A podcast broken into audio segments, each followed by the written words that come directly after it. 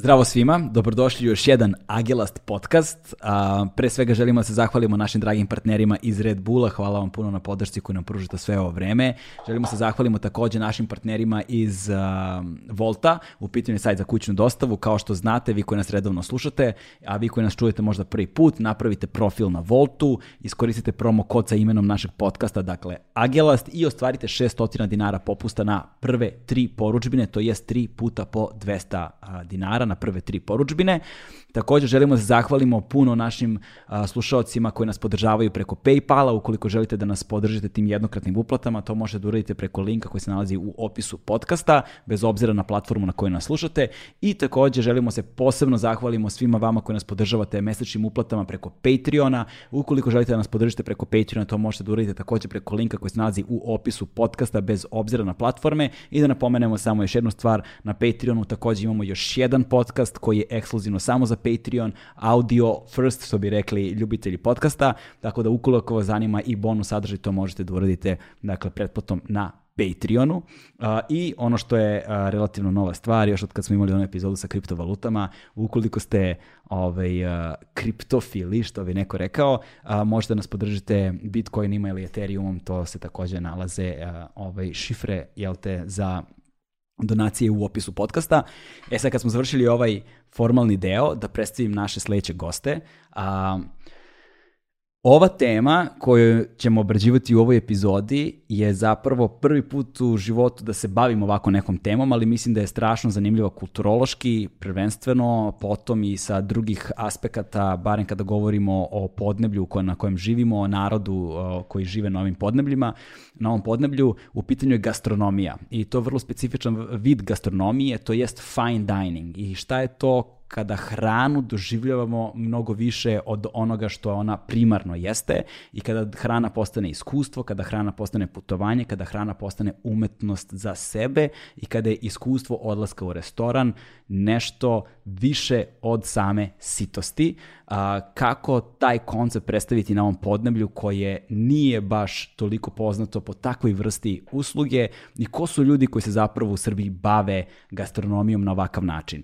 A, povod zašto a, radimo ovakvu epizodu jeste zato što je počela da se da kruže priča o inspektorima za čuvene Michelin zvezdice koji su najzad došli u Srbiju i koji su boravili ovde neko vreme i postoji priča da će Beograd, odnosno Srbija, dobiti svoju prvu Michelin zvezdicu, što će biti velika stvar, naravno ne samo za našu kulturu i za reputaciju naše zemlje u svetu, već i za turizam koji direktno ima posledice po ekonomiju. Čovek o kojem se govori kao jednom od najverovatnijih kandidata za Michelin zvezdicu je kuvar koji se zove Vanja Puškar i on vodi konceptualni uh, restoran koji nosi naziv New Balkan Cuisine poznati po fine dining restoranu Iris i po bistrovu koji se zove Iva i ovaj, on će biti jedan od dva gosta u današnjem podcastu, a sa njime će biti njegov kolega i prijatelj, biohemičar koji se bavi eksperimentisanjem i pronalaženjem novih ukusa i kako na molekularnom nivou hrana deluje na ljudski organizam. Njegovo ime je Luka Mihajlović. Luka Mihajlović i Vanja Puškar o klopi naš novi podcast. Uživajte.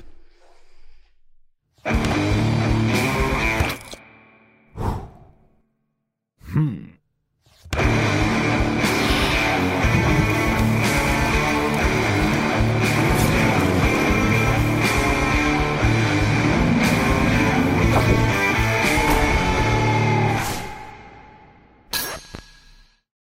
A, šta zapravo tu radiš sada? U suštini mi smo ovde aromatizovali čaj, odnosno aromatizovali supu pileću sa retenskim čajem. Ovo je jedna variacija na temu kako možemo da koristimo lekovito, lekovito bilje u gastronomskom delu, tako da one, mislim da je sjajna kombinacija, vidjet ćete posle prilikom degustacije, jer se rtenski čaj savršeno slaže sa tim umami momentom onaj supe koja je od mesa. Mm -hmm. Umami je taj, taj mesni ukus, da kažem, ta, to je ta, ta nota zemljana, mesna. Mm -hmm to ima dosta umami. Umami, da kažem, peti ukus koji je da kažem, poslednji otkriven. Ako probaš da shvatiš šta je zajedničko ukusu, na primjer, pečuraka, soja sosa i paradajza mm -hmm. sa mesom, e pa to je umami. Ili kupiš aj šio lepo kod kineza i to je umami. Šta kupiš kod Kineza? Tako, tako, Aishio je japanska reč za, za to isto, znači to je samo glutamat, znači molekul koji u stvari je umami ukus. Kao što je so mm -hmm. za slano, glutamat je za umami. Za umami. A šta znači reč umami? Odakle? To zvuči Uf, kao Japan- japanska. Ne, japanska, japanska reč, toga se sjećam i oni su ga prvi provalili i to baš u nekim onim algama, ali sam zaboravio šta znači. Uh, umami znači konkretno Da, u bukvalnom prevodu dobar ukus. Slasno. Aha, aha, to, Što to, je to. potpuno ono kao smešno. Legit, pa ja mislim da je legit, jebote. Mislim. A koji je, šta, kad kažete posljednji ukus koji je izmišljen, šta to zapravo znači? Mislim otkriven, kao u smislu definisan, kao takav. Pa, malo ga nije lako provaliti jer ga ima u gomili stvari, ima ga ono samo u puno hrane. Uh, I uglavnom stvari koje su kao ukusne imaju puno umami, ali nam je, da- trebalo nam je dugo vremena da provalimo. Ne, ne znam zašto je to istorijski tako. Manje, manje je jasan nekako. Većina ljudi, pa većina ljudi zapravo to, kao ne zna baš i tek ono u Evropi ga svakako nisi imao da kupiš to kao kesu umami soli, nego si ga kao proizvodio u hrani da bi bilo ukusnije, ali nismo provalili da se to zove i da je to ono odvojeni receptor i odvojeno čulo ukusa do pa 20. vek sad. Aha, znači mi imamo poseban receptor za Da, da, da, umami. da, da, da, da. da. E, pa to, koji pa imamo čulo ukusa za umami, čulo ukusa za umami, zvuči Pa malo da, u, glupo. to, u tom smislu je poslednji otkriven, mislim, pošto ovih za miris imaš nešto carski, ono, 7000 gena, znači besmisleno mnogo receptora za mirise, ali samo je pet za ukus. A, znači umami je poslednji otkriveni. Možda da, postoji ni- još neki, a da ne znamo. Pitanje za naučnu stranu. Da, da. ja sam praktičar. tako A da- kada je, čekaj, kada je, kada je otkriven taj umami ukus i koga je otkrio? O, pa u suštini to japanski... Zaboravio sam, naučnik. japanski je naučnik je 20. vek, ali sam zaboravio tačno sada ce, celu priču oko toga. Ali pomislio sam da nije ovaj uh, što drži u Nemačkoj restoran koji je trenutno kao ono groundbreaking kada je u pitanju otkrivanje uh, nove vrste kuhinja, ukusa i tako dalje. Kako se zove?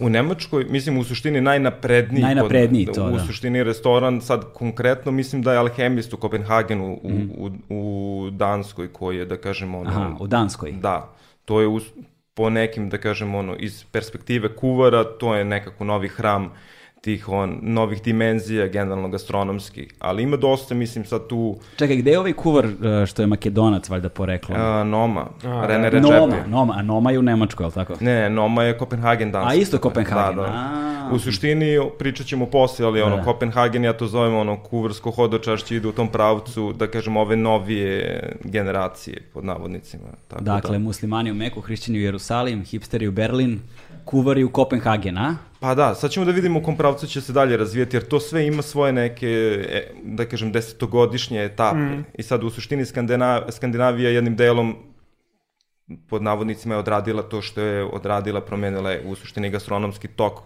u, s- u smislu modernih restorana i kako stvari funkcionišu i zakucala taj segment lokalne namirnice i moderne tehnike spremanja i istraživanja, da kažem šta je to u mom direktnom okruženju i kako to da plasiram da to bude zanimljivo, interesantno i da privuče pažnju jednog sveopšte, da kažem, globalnog gastrokonzumera. Aha. Da kažem, ljudi koji putuju samo da obilaze restorane i traže taj kik u smislu onaj, doživljaja, kombinacije ukusa, mirisa, celokupan u suštini doživlja. To je malo izašlo iz sfere samo tanjir onaj, i ono što konkretno jedem već ce, od storytelling uh, i organizacija. Pa da, da. to je baš ogromno iskustvo i mislim, me, moja lična dva iskustva najveća se baš vezuju za Skandinaviju. Aha, dobro, pričat ćemo o, o svemu tome, pošto je to sad onako napredniji deo razgovora, nego čisto da probijemo led početkom. E, jako sam loš u počinjanju razgovora iz nekog razloga. Nikad nisam u potpunosti komforan i ne znam kako se to radi. Divim se profesionalcima koji to, ume, koji to umeju, ali meni, meni je nekako najjednostavnije kad uđemo ono, što bi u književnosti rekli in media res, u sred, u sred radnje, pa onda odmotavamo film. Ovaj, u svakom slučaju da vas predstavimo prvo za, pošto vas je dvojica, a da, ovaj, niste pretrano javne ličnosti, barem ne u onom širem kontekstu, ali u svetu iz kog dolazite, svakako ste zvezde. Dakle, sa moje leve strane Luka Mihajlović, a, biohemičar, je li tako? Jeste. Ti si biohemičar, doktorirao si napravo na biohemiji. A, da. Tako je. A sa, a sa moje desne strane, a, dragi prijatelji, naš cenjeni kuvar, a, Vanja Puškar, a, koliko sam razumeo, a pričat ćemo i o tome, to će biti poseban segment razgovora, ti si nominovan za Michelin zvezdicu.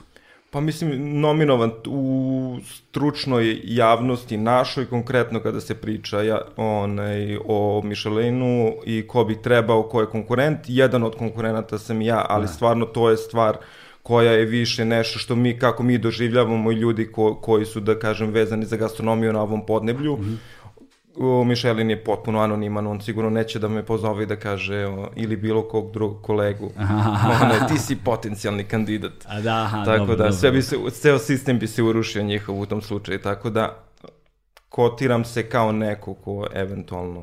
Može da dobije Mišelina. Da, A, okej, okay, dobro. da. Dakle, sad A smo... o tome ćemo, mislim, svakako da, posle. da, e, ovaj, da bismo mogli da govorimo o gastronomiji, da bismo mogli da govorimo o kuvanju, da bismo go, mogli da govorimo o kuvanju prvenstveno kao umetnost, umetnosti, da bismo mogli da govorimo o hrani kao umetnosti, imamo ogroman put da pređemo, da bismo stigli do te tačke, jer negde na sreću, a negde nažalost živimo tu gde živimo, tako da imamo ogroman potencijal s jedne strane, ali nažalost imamo ogromnu prazninu u, u kulturi, u tradiciji, u obrazovanju, kada govorimo o opštoj populaciji. I razumevanje nečega ovakvog je a, veoma teško zato što su prve stege na koje nailazimo elitizam, ono snobizam s jedne strane kao jedna, jedan stereotip, a drugi je ovaj cena, znaš, naravno, cenovnik je to kao koliko si jeo za toliko para, znaš, koliko ja mogu da jedem za, ne znam, 100 dinara i onda prevazići taj nivo razmišljanja je nešto što je ovaj što sa čime treba prvo da se uhvatimo u koštac, zapravo ne da prevaziđemo nego da objasnimo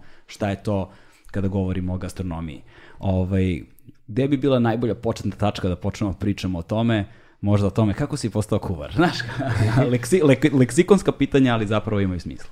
Pa u suštini meni se ljubav ka kuvanju rodila jako rano i mislim da je to uticaj televizije bio Aha. generalno, što je zanimljivo, jer, jer ja sam iz jedne klasične porodice u smislu naš fokus na hranu i više bio orijentisan na, na nekako taj element da zajedno nešto jedemo, mm. ali ne toliko kao sad da eksperimentišemo, da, sad, da smo inovativni u samim onaj, recepturama. Više je taj, taj događaj kao nedeljom ručamo svi zajedno, budite u to, to i to vreme više taj fazon nego konkretno sad određena jela, pa sad kao nešto nijansiramo, probamo sa ovim, probamo sa onim. Što je bilo jako čudno da sam ja onda u trećem razredu osnovne škole rekao ja želim da budem kuvar i to se nije promenilo do kraja. Tako da ono bile su male oscilacije ono u smislu želim da budem ne znam detektiv i kuvar, znači ili ili ono potpuno te klasične ono kl, mislim klinačke fore ali je poprilično kristalno jasno ostala ta ideja da, da budem kuvar i kad sam se prebacio u mod da želim da budem kuvar, onda sam sam krenuo generalno da, da ono, probavam se, srušio sam onu barijeru sebi u glavi kao mm. uh, klinac, on, da jedem pet namirnica. Znaš, ono, ne jedem spanać, ne jedem ovo, ne jedem ono. E onda kad sam, kad sam se prebacio u mod, želim da budem kuvar, e onda kao, ako želiš da budeš kuvar, moraš sad da probaš ovo. Aha, aha. I onda sam ja kao baš rano krenuo da to eksperimentišem u nekim banalnim formama omleti na razne načine sa raznim dodacima, ono što sam mogao jeliti da spremam ono, u tom nekom uzrastu i to se posle samo razvijalo. Da. I da. onda se u suštini taj, pošto nije onaj, ovo, ovaj prvi input televizijski bio samo mali prilog uh, o nekom klincu, da li on iz Srbije ili iz Bosne bio, koji je to tako kuvo za svoju porodicu. I nije to ono kao neki reality ili neki, o, neka televizijska ono, emisija velika, nego nešto tako. I meni to bilo simpatično gdje on kao nešto sprema, ali sam osjećao sve vreme tu privlačnost ka konkretnim stvarima, da ti kao nešto odradiš, kreiraš i stvoriš sa, ono, da možeš sam to da, da. da. To me uvek privlačilo. Bi, hteo sam da budem i stolar jedno vreme. U smislu paralelno to, kuvar, stolar, mm. muzika me privlačila. Znači uvijek je nešto što je jako konkretno, da onaj finalni proizvod je jako pipljiv. Tako da on... Ti si zapravo brat punker, ono, da otkrijemo to ljudima koji te možda i poznaju, a ne znaju tvoju prošlost, jer o ovom krugu u kojem sam te ja između oslog upoznao, ljudi su te poznaju primarno i prvenstveno kao kuvara. Da, da, da. da, Ove, da. ali, e, ali nisi pomenuo, ti si iz Bosne u stvari. Da, ja sam iz Prijedora, iz Bosne. Da, ne. Tako da, tamo sam završio o, srednju školu i došao u Beograd na visoku hotelijersku.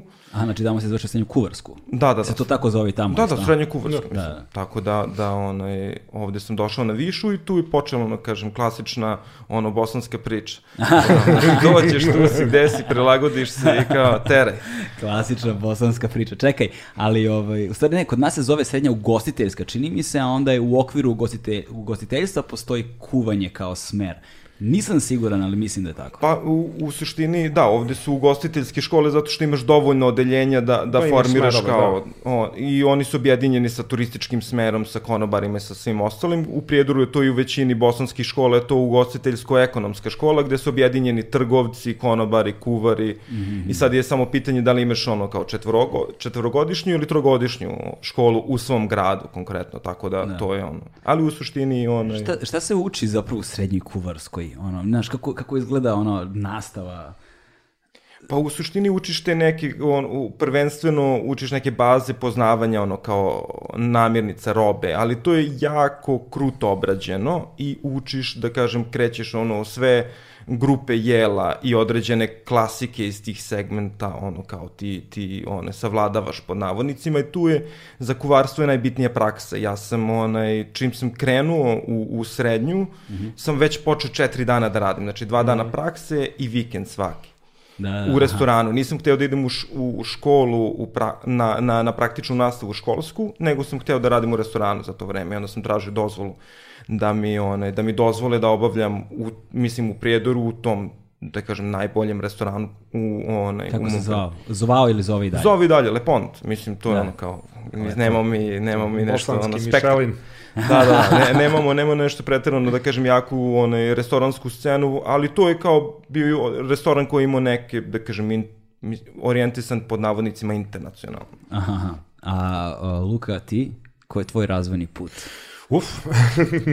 Jer sad, kad govorimo tebi kao biohemičaru, samo da naglasimo, a, zapravo ti se baviš, kad govorimo o kuvanju, a, ono, otkrivanjem ukusa, kombinacijama, zapravo kako na molekularnom biohemijskom nivou može da se dobije nešto. Ja sam u pravu. U nekoj meri, dakle, da. to jest, moj put je bi išao suštinski tako, da sam igrao slučaja, to mnogo rano morao da počnem sam da kuvam i i slične tog momenta, to, domaćinska hrana, pet sastojaka, gomila mesine, to, mm -hmm. srbijana. Uh, I onda nek na faksu sam samo shvatio da jebote to što učim i polažem neke silne ispite i čudesa i sve su to sad kao biohemija se bavi to kao ajde, kako radi živi svet hemijski, mm -hmm. koji se molekuli kako pipkaju, kako se ponašaju, koliki su va. Um, shvatiš da je to isto. Da ti taj živi svet jedeš, jebi ga, i dešavaju se neki on sad metabolički procesi i koje šta. I da stvari koje radiš hrani su u osnovi hemijske promene. Nešto što možeš da radiš bilo u kujni na ono šerpi, uz cecu ili u laboratoriji, kao u čaši na grejaču, vamo mm. namo. E, I to mi je bilo baš interesantno i ja sam tu recimo odlepio sa time i, i tu počeo da, ovo što mislim da je jako važno, da se probavaju stvari.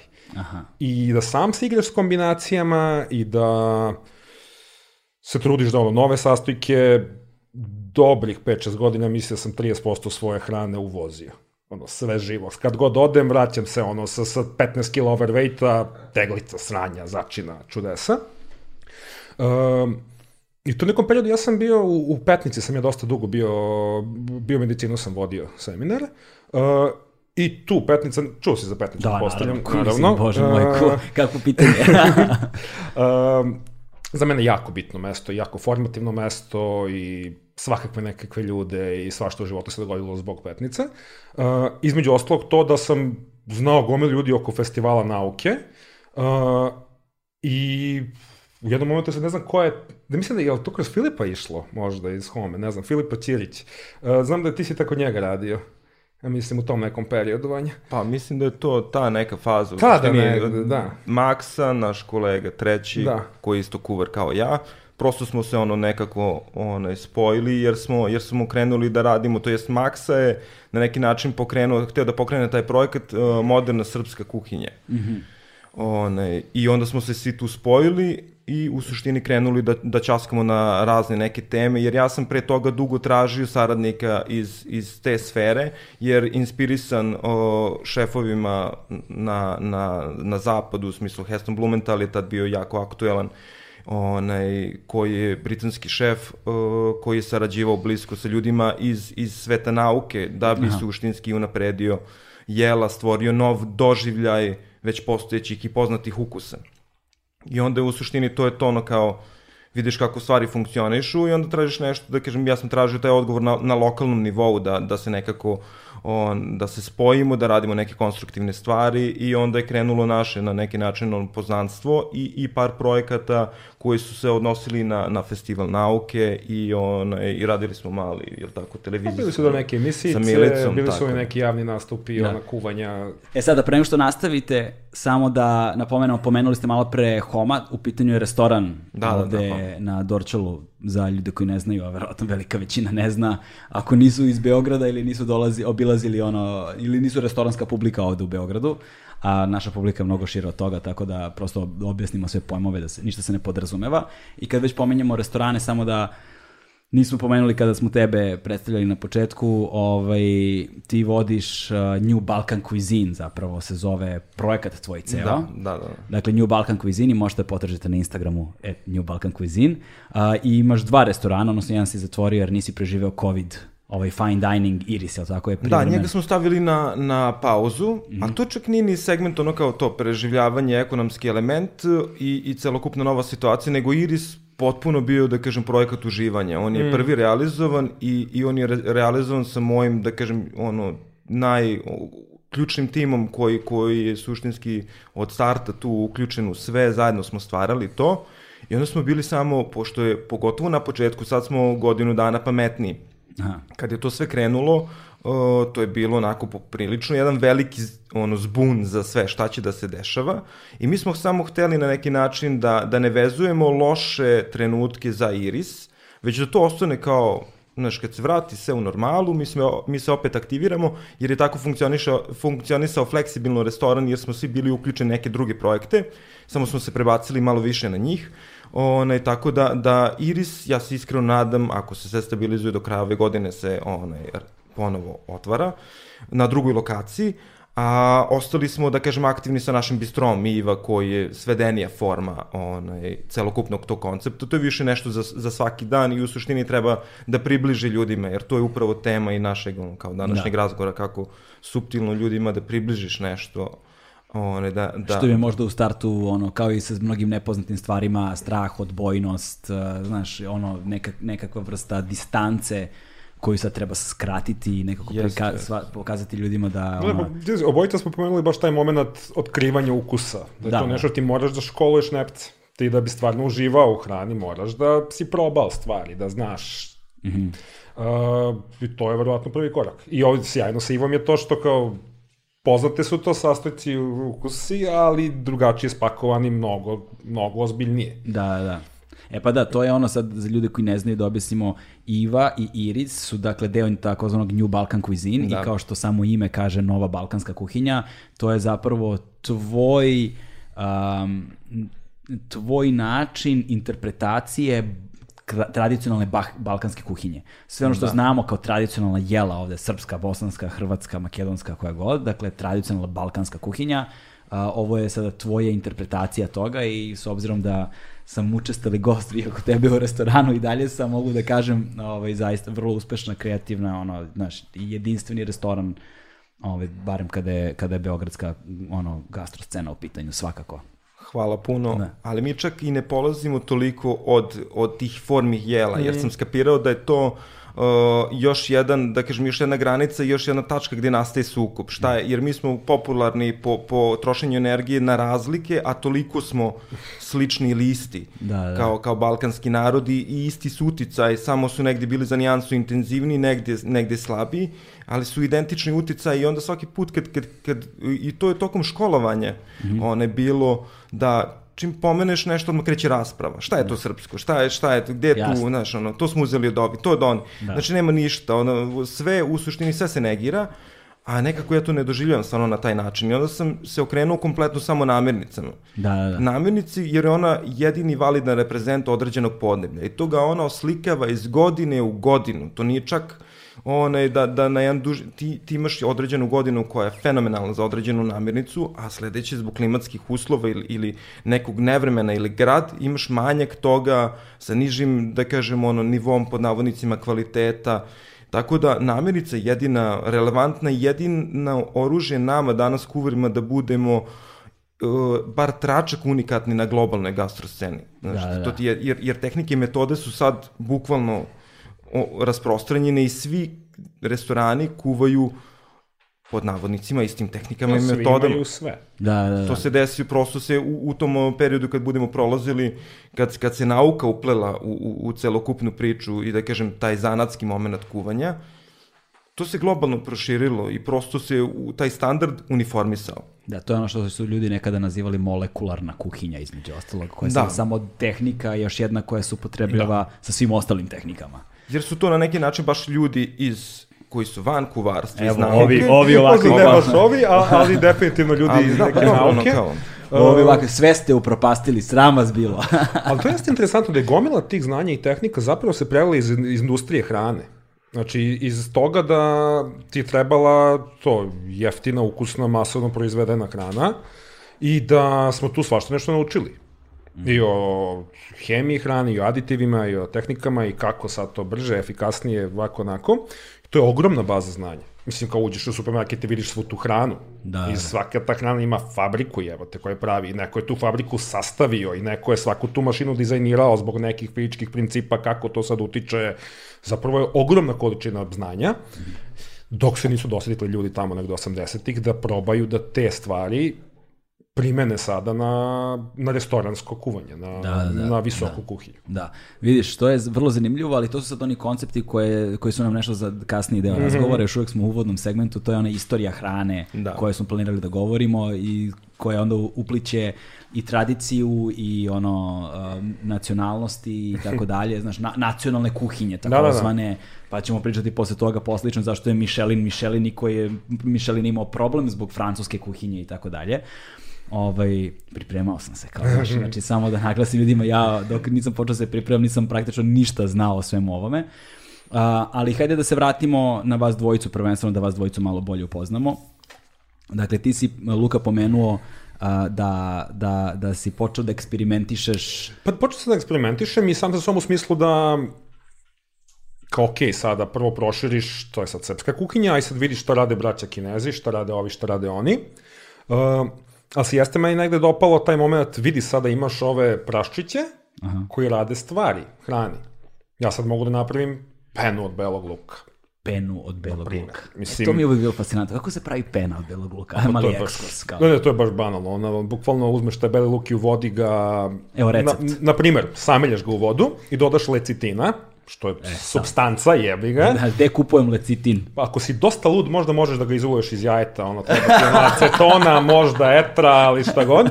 A, zapravo ne znam da li ima da se kupi taj. Ima sojin lecitin, on je mnogo omašćen za to. Ali eto, lecitin je nešto što kad pogledaš na nalepnice ima u maltene svemu.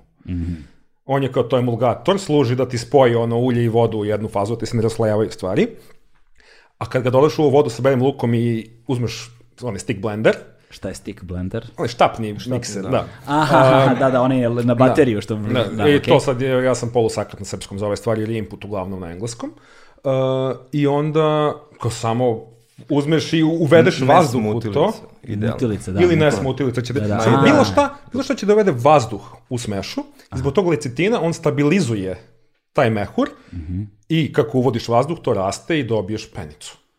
Koji ima vrlo intenzivan šmek na beli luk. Što recimo baš da jako praviš ono šot neke navrkane supice i kao ta pena, Zato što Šot, supa, da. supa u šotu. A, Mare, a, Mare, supa u šotu, brate, gde si ti rasto, brate? Znaš, i, to, i kao, kapiraš koliko je to već kao, imaš standardnu, ono, spanać, čorbu sa belim lukom, isto to samo je potpuno drugačije. Sada imaš to gde je to neko full predjelo, kašika, bla, bla.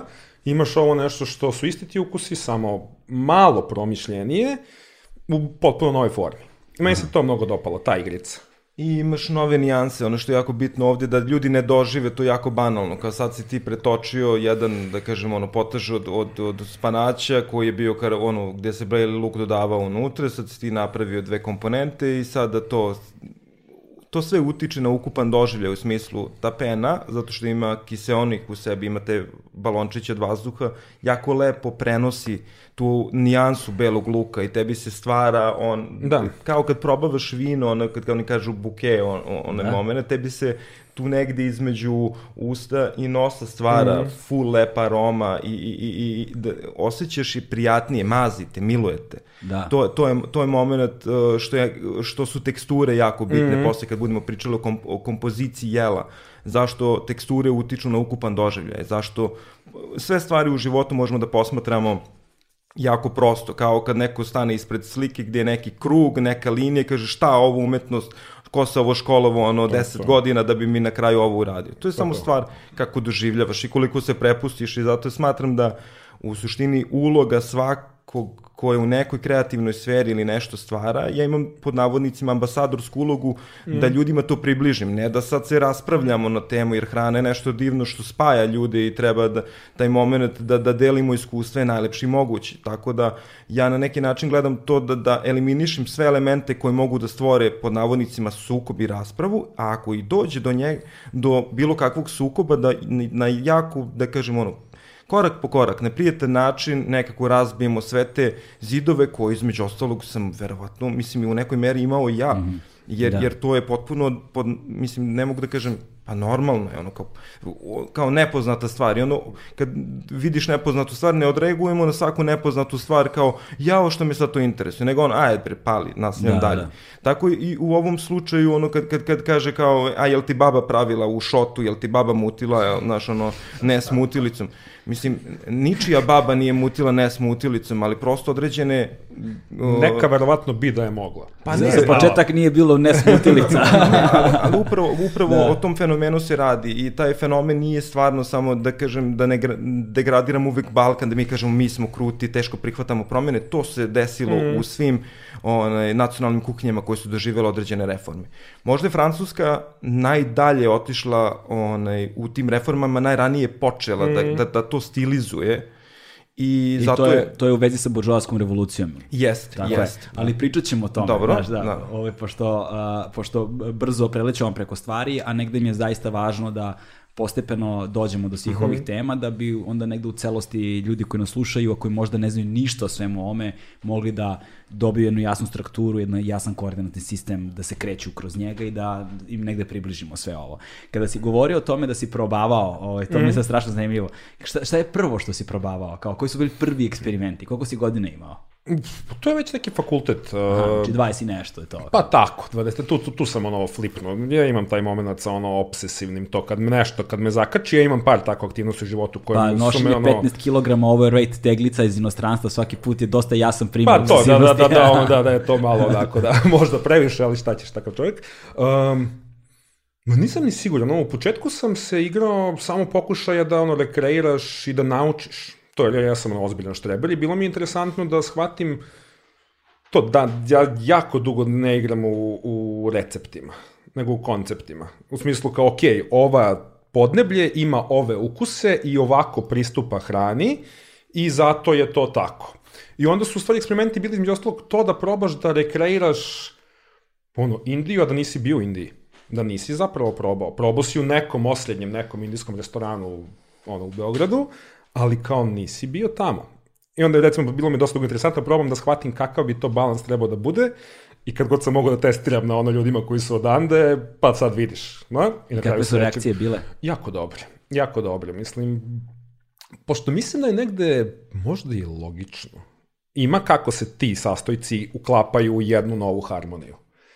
I mislim da je to relativno konzistentno. Znači da sada ako imaš, pa to, lupam, kari, da on sad treba da ima ovakav šmek, onakav šmek, onakav šmek, imaš prostor za variabilnost, ali treba da bude nekog ukusa i da jela treba da budu to nekog ukusa.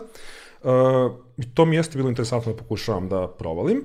Uh, a tek u stvari kada smo, znači taj neki festival nauke je bio, što mi, to mi mnogo zabavna priča, zato što ti si se prvo sa Vojnom. Znači Vojn je moj ono veliki druga prijatelj koji je sada u Norveškoj. Uh, koji se bavi čime? Koji je isto bio hemičar. Aha. Uh, on je, to je i, i slična priča, isto bio u akademiji, pa se otišao na industriju. Uh, ali je vojna osoba koja je ono najmanje na svetu pošto je hranu, znači to je samo carski, koliko je to čovjek koji jede tri stvari, ono, to ono, sa onim rečenicama ne jedem biljke.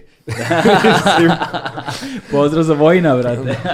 um, E, i on je meni u stvari rekao, ko je ovo, to Vanja je sjajan lik, treba Neko se me vas... smara, kao, molim te, ovo je za tebe, pa Ne, ne, ne, kao je, vas dvojica treba se upoznati, kao super je što su, njih dvojica su odradili na to festivalu nauke, kao ne znam ni šta je bilo. Šta ste radili? E, pa ja se ne sećam tog, tog sad, Ima godina, popularno, da, ima ima, to konkretno, ja se sećam u, u skrcu, ono, kad smo radili, to, to je već Da, sa tobom, da, onaj veliki da, da, da. sto sa, tu smo se igrali teksturama, tu je poenta bila da prezentuješ, zato što je zanimljivo bilo deci da skapiraju onaj, igru tekstura na stolu, da kažem i sve je jestivo, sve forme što su se nalazile na tom stolu, koje smo mi, dok je Luka pričao, kolega Max i ja smo servirali to na, na jednom velikom stolu, onaj, posle su ljudi prilazili onaj, i kašikom to onaj, probavali, to bi sad bilo nemoguće, da šerujemo stvari u ovo vreme, tako da onaj, bilo je jako zanimljivo da približiš u suštini, jer to su sve, opet da, da, da ne odlazim mnogo napred, ali to su sve opet, pričamo predrasudama, znači, jer se i taj uplit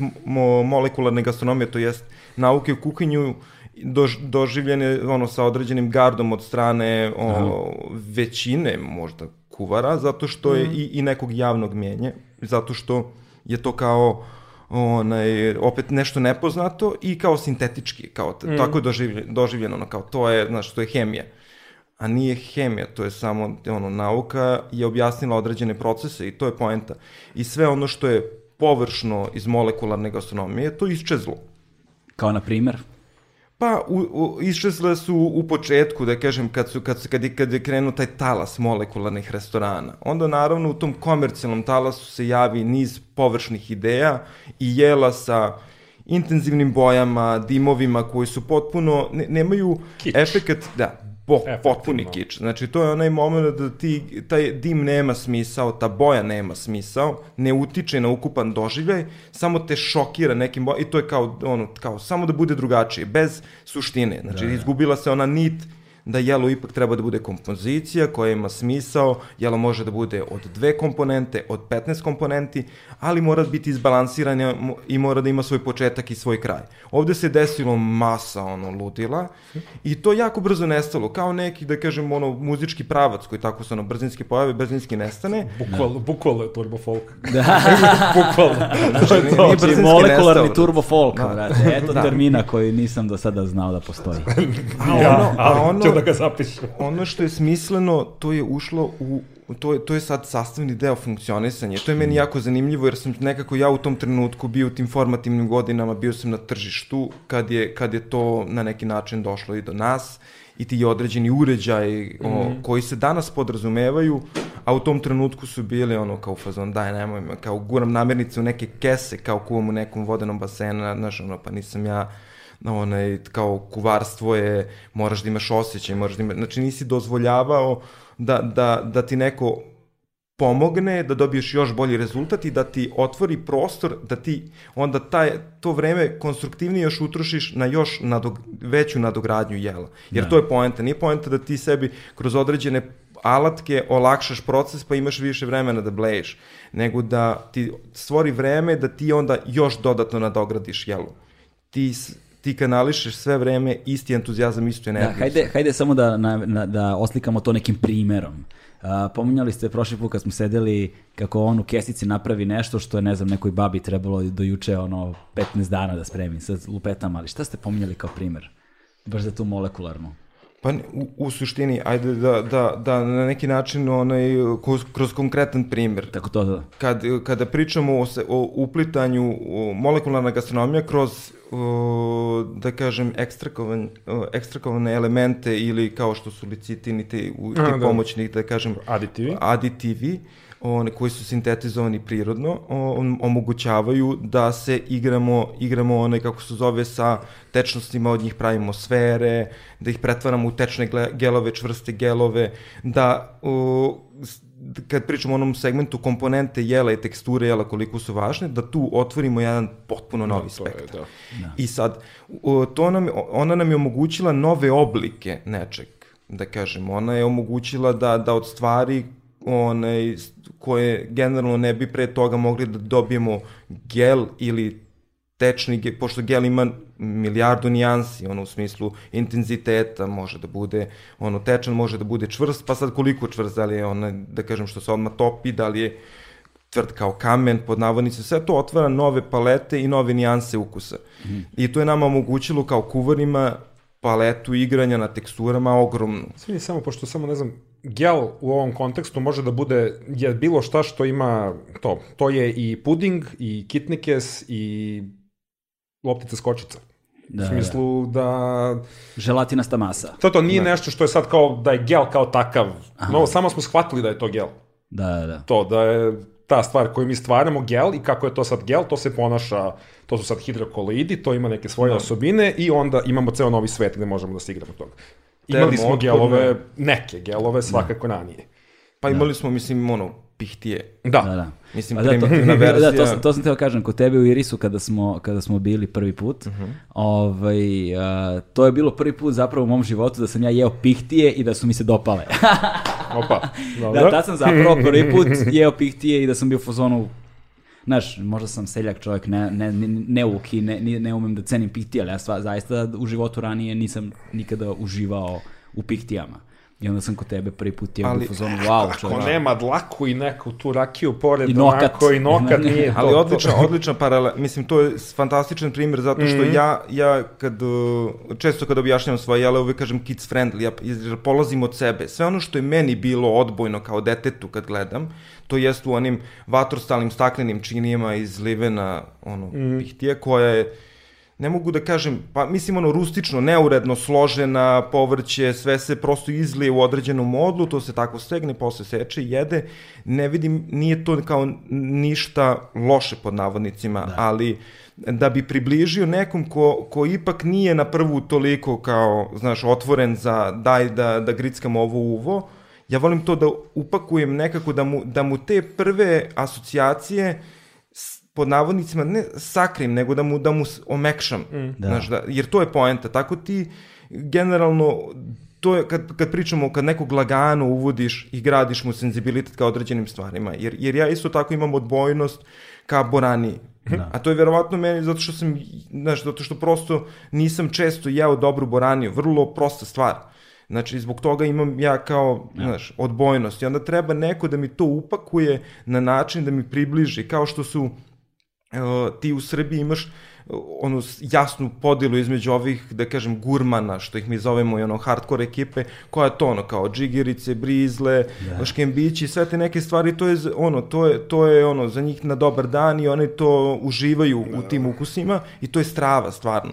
Ali imaš niz ljudi koji su ove druge strane, koje bi takođe uživala, ali samo daj mi malo nešto, mm. znaš, daj malo mi upakuj to, malo, malo ga na neki način ono oblikuj da nije toliko na prvu ono kao mm. kao opet se vraćam na muziku kao paralel, znaš, imaš te ono tvrd zvuk na, i onda ti kao čuješ sviđa ti se, ne sviđa, onda je podela. Onda imaš na, masu tih bendova koji kao kombinuju više stilova, da. pa su oni ulazna karta za buduću publiku nekog radikalneg pravca. Isto je to da. i u umetnosti, i u kuvanju, i u svim sferama. Da, tako znači, je meni bilo kad sam prvi put čuo Converge, bio sam fazon, what?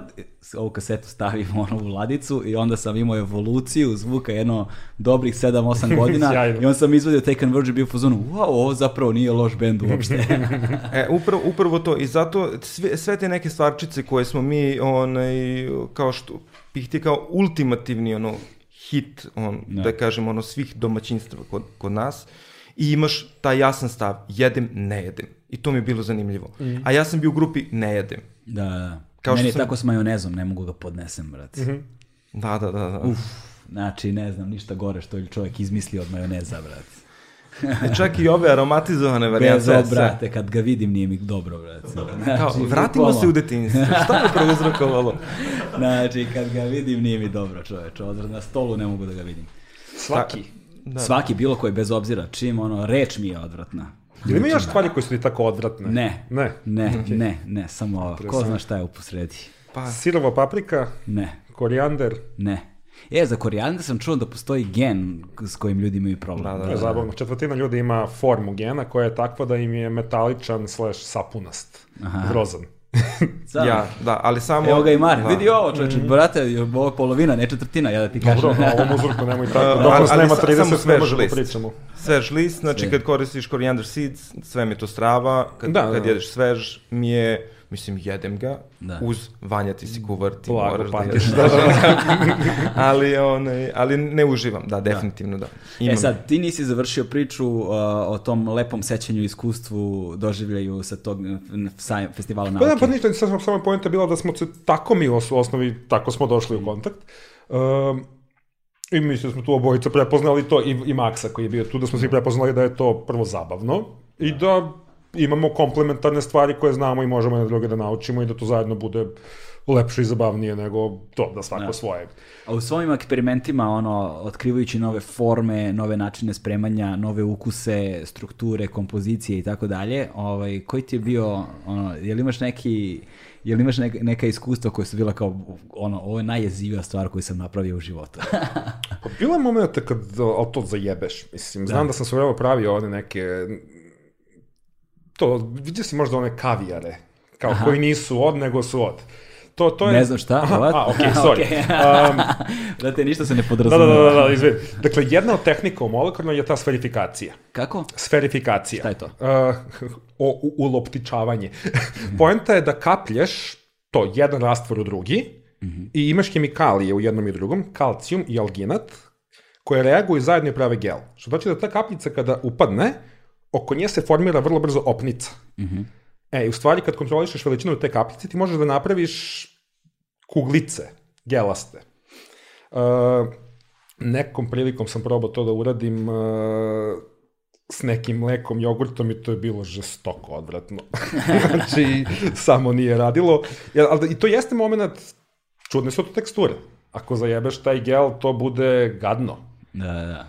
Znaš, ok, i tu ima nekog skila, svakako nije sve linearno, mislim, mora da se Nije, i to nije navežba, mislim. pogotovo što opet sa aspekta one, tvoje struke, u smislu pH vrednost, Da. da, kažem, one, namirnica od koje praviš sfere, ne možeš, da kažem, kavir da praviš, to jest, imaš dve uniformisane, da kažem, one forme stvaranja sfera. To je kavir koji je sitan, Mm.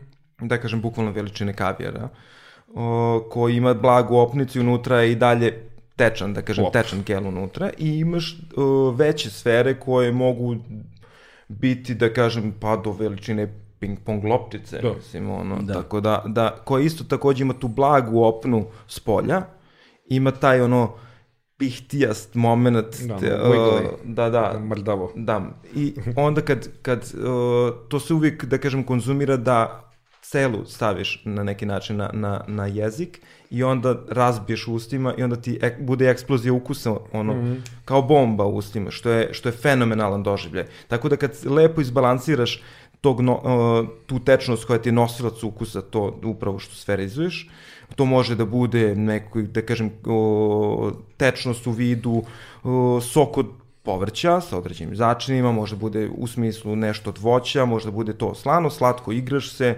mašti na volju, da kažem. Samo je jako bitno, Da, kad to pričamo pH o toj sferizaciji onaj, koja, je, koja je veća, koja se radi uz pomoć on, tog gluka i, i algina, možeš da radiš od svega. Da, da, da. A kad radiš kavijer zeznu, to je moraš da, da, da, da menjaš proporcije, menjaš dodatke kada radiš taj sitni kavijer, kada je nešto kiselo. Aha.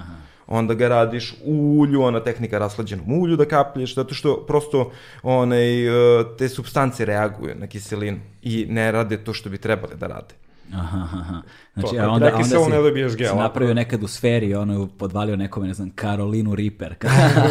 ne, ali na primjer sjajno ono, da radiš onaj, u, u tim velikim sferama, pogotovo za, za neke događaje, da radiš ono Bloody Mary koktel, Da. da radiš te neke infuzije, infuzije paradajz sa, sa, sa ono uljem od bosiljka, da, znači mnogo, prosto ti ono, to je čitava paleta što, što možeš da, da, radiš. to su onda neki univerzalni ukusi koje svi vole. Pa ne, Da. pa, de, ukusi su stvarno tu kompletno na možemo- tebi šta će da bude, ali jeste kao to je još jedan od to alat u- od Da, tehnike da, nego moderne govorim kad kaže kad radiš o masovne žurke, na da, A primjer. ne, naravno da tu sad ne, ne ideš sa to, nećeš... Dođe ti- 200 ne, ljudi neće- koji uzima nećeš- neki kanape sa stola. To, to, to, znaš, ne, nećeš piktiv na corporate event većinu vremena, Znaš, pretpostavljam. da. Tako da, koji ima eksploziju korijandera u sebi, znači ono, otpišeš četvrtinu publike. da bude E, ovaj, sada, pošto si ti bio hemičar, ovaj, hajde da govorimo malo o tim nekim osnovnim uh, pojmovima Mhm. u, i, i naravno to su pitanje za tebe u kuhinji, jer sada uh, problem sa hranom i prednost hrane je u tome što uh, su svi pozvani da sude o hrani. Znači, to je nešto što, ali da kažemo, ono, prosečno, prosečna osoba tri puta dnevno jede i verovatno sebi u određenom procentu sprema od neku hranu. Tako da... Tri svi... jede i ima sud o tome, šta je ima, pojao. Tako, tako, ima sud o tome, zato što to je nešto što je na svakodnevnom, osnovnom, elementarnom ljudskom nivou, znaš. I, ovaj, I onda se negde svako osjeća pozvanim da sudi o hrani. Posebno što se mi onda kroz odrastanje vezujemo i porodično i emotivno, iskustveno na ovaj onaj način sa kuhinjom koja nam je u kući, s kuhinjom koja nam je u društvu, u tradiciji, istoriji i tako dalje. I onda su te emotivne veze dosta jake. Razbiti te kalupe, te modele, a, i izazivati tradicionalne oblike klope je vrlo zeznuta stvar. Tu ćemo doći do istorije da. hrane i do do, do, do sučeljavanja s tim predrasudama sa kojima ste se vi borili i borite verovatno negdje dan danas. Ali prvo da počnemo od osnovnih pojmova. Koji su ono osnovni pojmovi koje svi uzimaju zdravo za gotovo, niko ih ne razume? Naprimer, a, šta je, brate, kalorija? znači, ne, ozbiljno. Da, da, okay. znači, to, ljudi govore stalno o tim stvarima, ali šta je kalorija? Ok, dakle, jedinica energije, a energija je nešto što može da se iskoristi da se izvrši rad.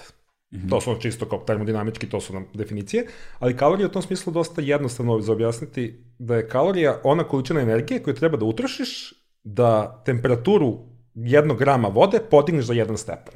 To je jedna kalorija. Što je to? Ona kilokalorija, krcal koju vidiš, Aha. je u stvari to isto za litar vode. Aha. Tako da ako si imao litar vode na 25 i zagreo si ga na 26, potrošio si jednu kilokaloriju. E, znači, to je to. Eto, eto, eto objašnjenja.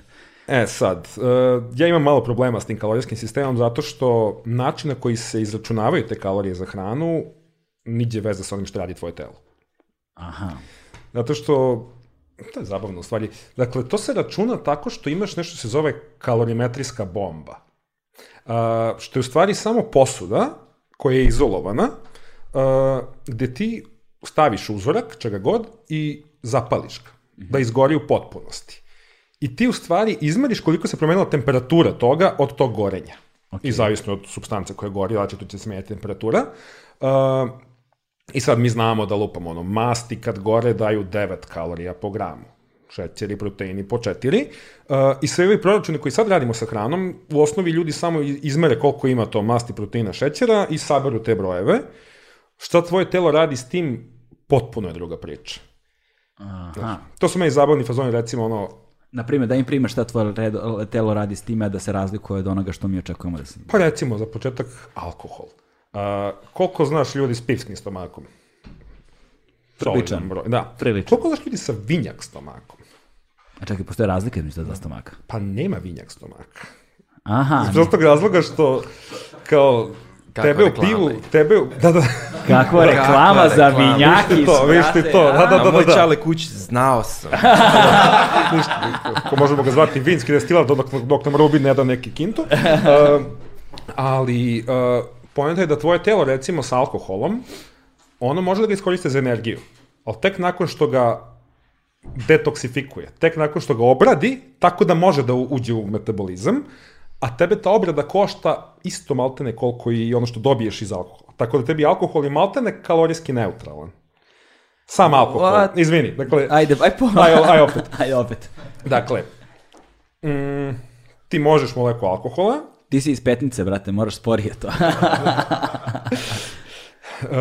ok, dakle, alkohol, etanol, mm -hmm. uh, kao svi ga znamo, mahom ga volimo, uh, je nešto što je za tebe otrov. Znači, nismo predviđeni da, znači, truje nas. Tebi okay. je ono par procenata u krvi, gotov si. Uh, telo ume da ga učini bezopasnim za tebe i tu bezopasnu formu čak ume da iskoristi za, da napravi energiju. Mm -hmm. Znači, dve neke hemijske reakcije to sad ide u metabolizam. Uh, Koje dve hemijske reakcije? Uf, um, ide u aldehid, a onda ide u acetat. Znači, ide jedna pa druga oksidacija. Okay. Um, Samo testiram. Samo testiram, okay. Mogu ti crtam, mogu ti Nećemo da crtamo. Na ovaj podcast je na neki način zapravo sinestezija, jer mi sada rečima moramo da pojasnimo ukus, yes, znaš, tako da doći ćemo. I, I ove stvari pričamo sam ja hardcore vizualni tip, meni je dosta pakao da pričam ove stvari. E, I vidiš da sam savu... Da, da, slobodno pomeri malo taj mikrofon kako želiš. Man, ok mi je ovde kao da se okay. čujemo. Um, poenta je da tvoje telo potroši skoro isto energije da učini taj alkohol bezopasnim, koliko i dobije iz njega. Mm -hmm. Tako da je ono, vrednost kalorijska samog alkohola, etanola, praktično nula, skoro nula. Ti se od piva gojiš zato što si stukao 2 litra hranljive supice. Da. Na primjer, mislim, to, to, to ima nešto carske kalorije, 200-300 kalorija. Ječ, 200... Ječmene supice. Znam da otprilike jedna čaša piva oko 350 kalorija. Naprimjer, ono mislim govorim pola kile. Ja znam za broj 230, ali će zavisiti od piva, Od stila, hmelja, sve, ekstrakta, da, da. stila, I od tebe Ako je, kolika ako, si svinja. Ako, ako, je od tebe koliko si svinja, ako, ako je neka uteha, ova naši lageri će biti najdijet piva, realno, naspram onih koje kakvih zapadnih ludila. Uh, tako da, da, ne, ne znam ni gde smo posle pa, pa, ali po, po point, Fora je tome da, da, da od vinjaka nema stomaka. Da, poenta je da- Wow, vidi, to Opa! još i rima, bat, od vinjaka nema stomaka. Evo, bre, Rubin, Da. daj pare. a. Mislim na stranu, ok, sad jetra i te fazoni, šta, ti uradi drugo. Uh, ali, eto, kao jedan primjer da te kalorije, kalorije su onako, Mhm. meni je ok da ih koristim kao neku smernicu, ali ideja da sad kao fanatično brojiš kalorije je samo netačna. Znači, niko se već jako dugo ne bavi time da izmeri zapravo tu vrednost ozbiljnije nekako. Aha, aha, To. dobro, dobro. Zato, I zato što ono, ono što se kod tebi dešava nije u osnovi proces gorenja. Znači, dođe to negde na slično, ali mnogo drugačijim putevima. Znači, kad ono, hrana koju jedeš, kad uđe u metabolizam, na koje sve načine razni elementi toga moraju da se ono obrade pre nego što postanu korisni, samo nije isto kao kada, kada izgoriš u kalorimetrijskoj bombi. Da, da, da, da. Ok. Ovaj, e sada, a, kada govorimo a, o, o, o, o tome kako izgleda saradnja između zapravo vas dvojice, u kom trenutku vi počinjete ono, saradnju i kako izgleda taj moment um, hvatanja u koštac sa, aj nazovimo to tradicionalnom kuhinjom i izazivanja forme i sadržaja ono, tradicionalne kuhinje i kako percepcije njene u javnosti. Pa sad u suštini naša interakcija, pogotovo što, što sad i, i, i, i ova stvar koja, pošto smo mi par godina bili, ni- nismo, da kažem, Luka nije bio u Srbiji, bio na nekom drugom projektu, sad u suštini ovo sve je sjajan povod što smo se, da kažem, na- nas dvojica opet spojili i planiramo sad neke, da kažem, dalje zajedničke aktivnosti na tom nekom putu sistematizacije i znanja njegovog pretočen na, na, na, na element, da kažem, sfere koje se ja, kojim se ja konkretno bavim. E sad, kad pričamo o segmentu da se o, pričali smo koliko svako od nas ima određen stav ka, ka hrani i na neki način doživljava to kao na nek, ono, kao svoje pravo, zato što svako je, hrana je toliko sveopšta da, da, da prosto svako iskomentariše. One, ja odrastam sa, sa, da kažem, ono, svakodnevno sam u svom poslu izložen na neki način sudu, svako jelo, svaka stavka koja izađe iz kuhinje je na neki način na, ono, kao na milost i nemilost neko može da oceni da kaže dobro, loše. To su zanimljivi fenomeni kad kažeš koliko porodica i to neko okruženje i ukusi na kojima smo odrastali, koliko utiču formativno na konzumera, jer tu uh, verovatno si ti mm -hmm. se susreo hiljadu puta sa nekim raspravama oko ajvara. Da. Nije to ajvar, nisi ti probao ajvar. Da. da vidiš od moje tetke, babe, šta god. Znači, ajvar kao fenomen, e, svako ko je na neki način prve dve kašike u svom životu ajvara, što je, po- to je ajvar. Znači, znači, što dalje implicira da svako od nas ima definiciju, jer, jer svako ima neku tetku i, i Neku tu je... babu, šta kevu, god, da. koju god. Čaleta, ujka.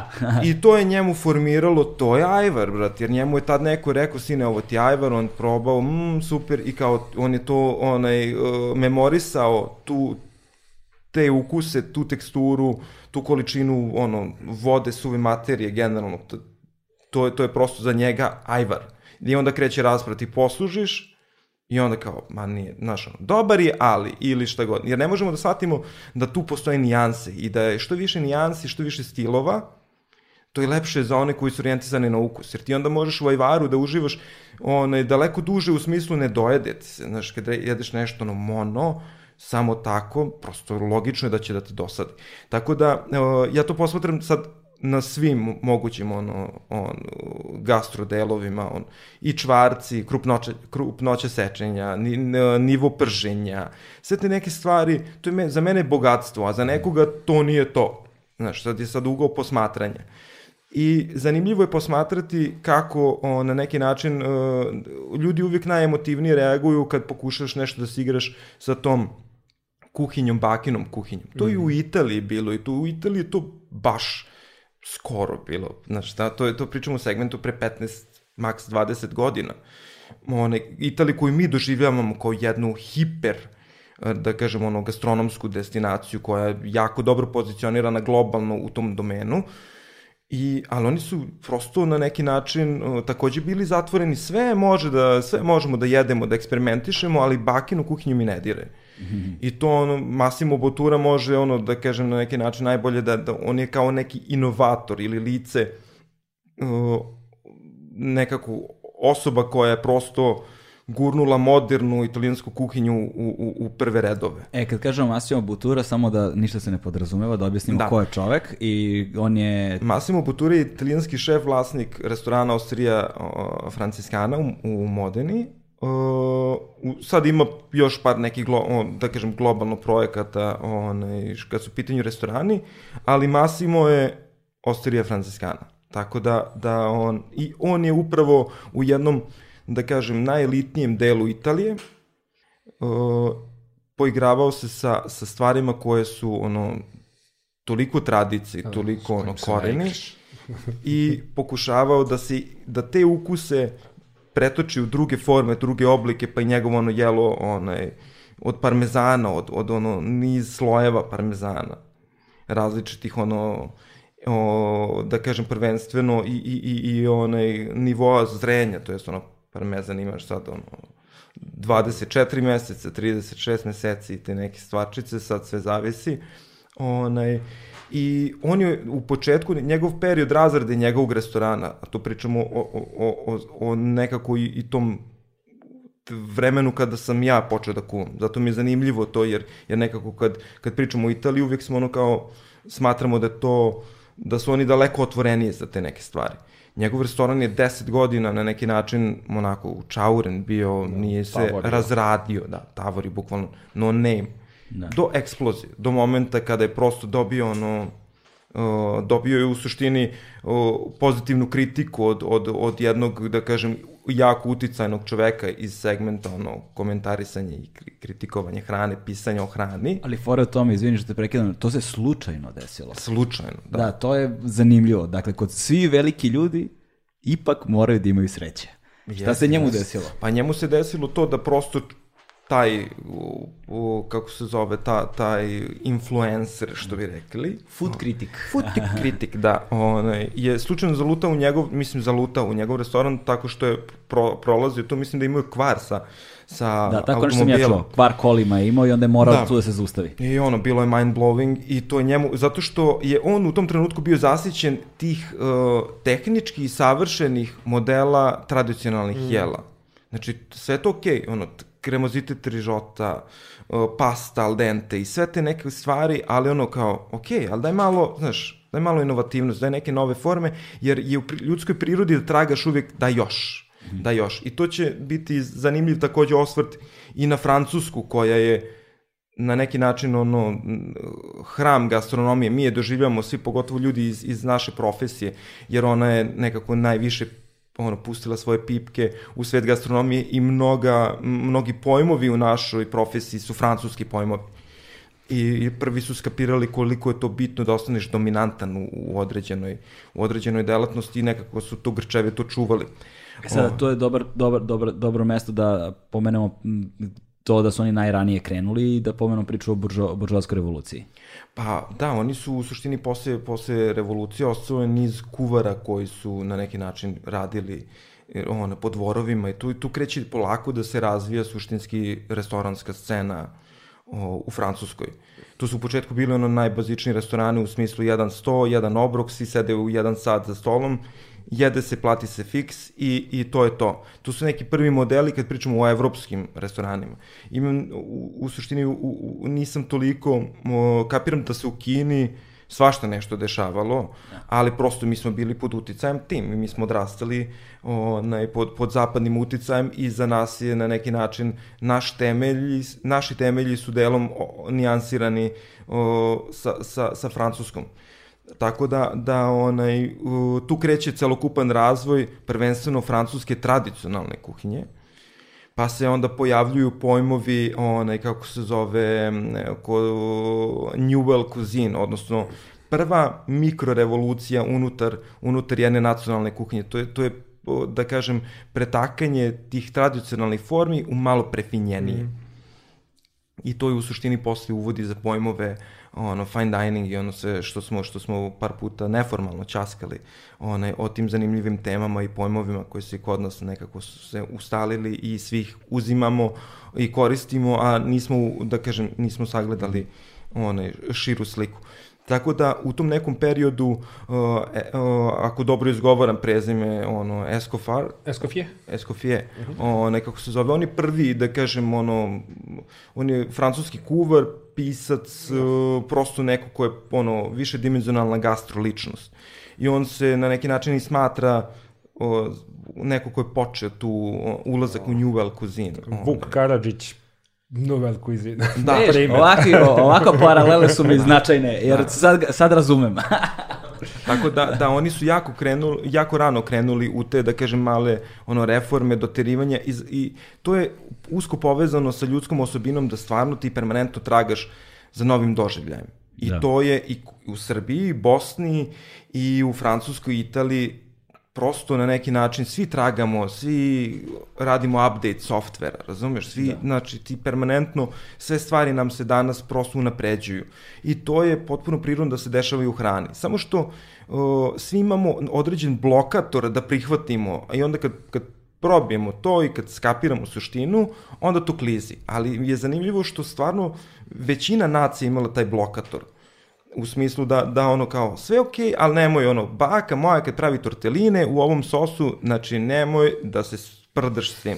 Znači, razumeš? nemoj znači, da se zajebavaš te, da ne bi letela glava. Da ne bi ono, da te ne bi prečešljao, razumeš? Da, da, da. Ono, tako da, da, ono, Gledam te šta radiš. I zato je bilo ovo jako zanimljivo, jer je to, uh, i, i, zato smo, kao što si pomenuo, sve te nekako promene i svi ti veliki ljudi se rode, ono, grčevito rade, prate svoj, na neki način, svoju viziju i samo odjednom, znači, to, to nije ono postepen, ono, rast, to se prosto desi, vum, ono, kao, da. verti, kao sa Masimom Boturom, znači, on prosto na neki način zbog tog, ne, ono, što kažeš, srećne okolnosti za, za, za, za tog food critica možda nisu bile srećne okolnosti što mu se pokvarilo pokvario automobil, ali eto, možda da njega nije bilo, možda bi ono trajalo još nekoliko godina da se otkrije Massimo Botura i njegov rad i njegov da. uticaj. Jel on ima sad povlačenu poziciju kod njega kao tipa ti kod mene da, da, da, imaš džabe to. da jedeš da, to, da, da. koji će nositi tvoje ime i džabe jedeš do kraja života. to je onaj uh, to je to je jako zanimljivo zato što je to na neki način to je to je to je bukvalno kažem pre 15 godina scenarij. Da, da. Da. Tako da, da onaj, Francuska je stvarno jako rano počela da, da sistematizuje procese u kuvanju, da, da vidi šta, ono, da, malo su sistematičnije pristupili. Ali sve nacije o, i sve nacionalne kuhinje su se, da kažem, razvijale, o, svi smo mi u onom, u, u, da kažem, u tom periodu kuvali od namirnice koje nam se nalazi u okruženju. Da. I zato je, kažem, mislim, kad mi neko kaže ne postoji kao balkanske gastronomije, ne postoji kao onaj, ne postoji neko nacionalno jelo kao srpsko. Meni, meni ili, ili bosansko ili makedonsko.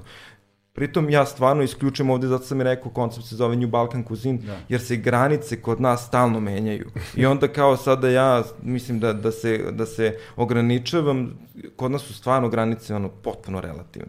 E sad, kada govorimo o, o tim razbijanjima kalupa u tradicionalnoj kuhinji koju zapravo svaka nacija doživljava i doživljavala je, mi zapravo govorimo o jednom stalnom procesu razbijanja, jer ti kad raz, srušiš neke zidove, automatski se dižu neki drugi, sad moraš njih da srušiš, jer nije moguće kao sad sam srušio i nema ih više. Naravno, to je naravno. prosto svaka sledeća generacija se suočava sa nekim novim ili se čak jedna ista suočava sa više različitih, zavisi koliko je progresivno društvo i koliko je spremno na eksperiment, na inovaciju i tako dalje. Ovaj, I sad to je, to je zanimljiva stvar, zato što je onda gastronomija u tom pogledu, kao i mnoge druge stvari, ono, oblasti kulture, a, u svom najširem mogućem smislu, zapravo dvosmerna ulica. Znaš, jer a, a, publika je važna koliko su važniji ljudi koji kreiraju nešto za tu publiku. Znaš, ne možeš ti da kreiraš nešto ako ne postoji osnova i publika koji ćeš to nešto da prezentuješ i nekakva publika koja je spremna da dođe i da plati. na primjer, znaš. Sad su to ono, to su sad neke stvari koje su vrlo uh, uzročno posledične naime i onda i narod mora da dođe do jednog stepena, ne znam, obrazovanja i razumevanja stvari, nekog minimuma koji je neophodan da bi se nešto razumelo. Sve ima svoje ono minimalne zahteve za jedno, i svoj, sve može bude najjednostavnije moguće, ali ne jednostavnije od toga. Znaš, kao, da. sve ima svoj minimum zahtevnosti da se razume.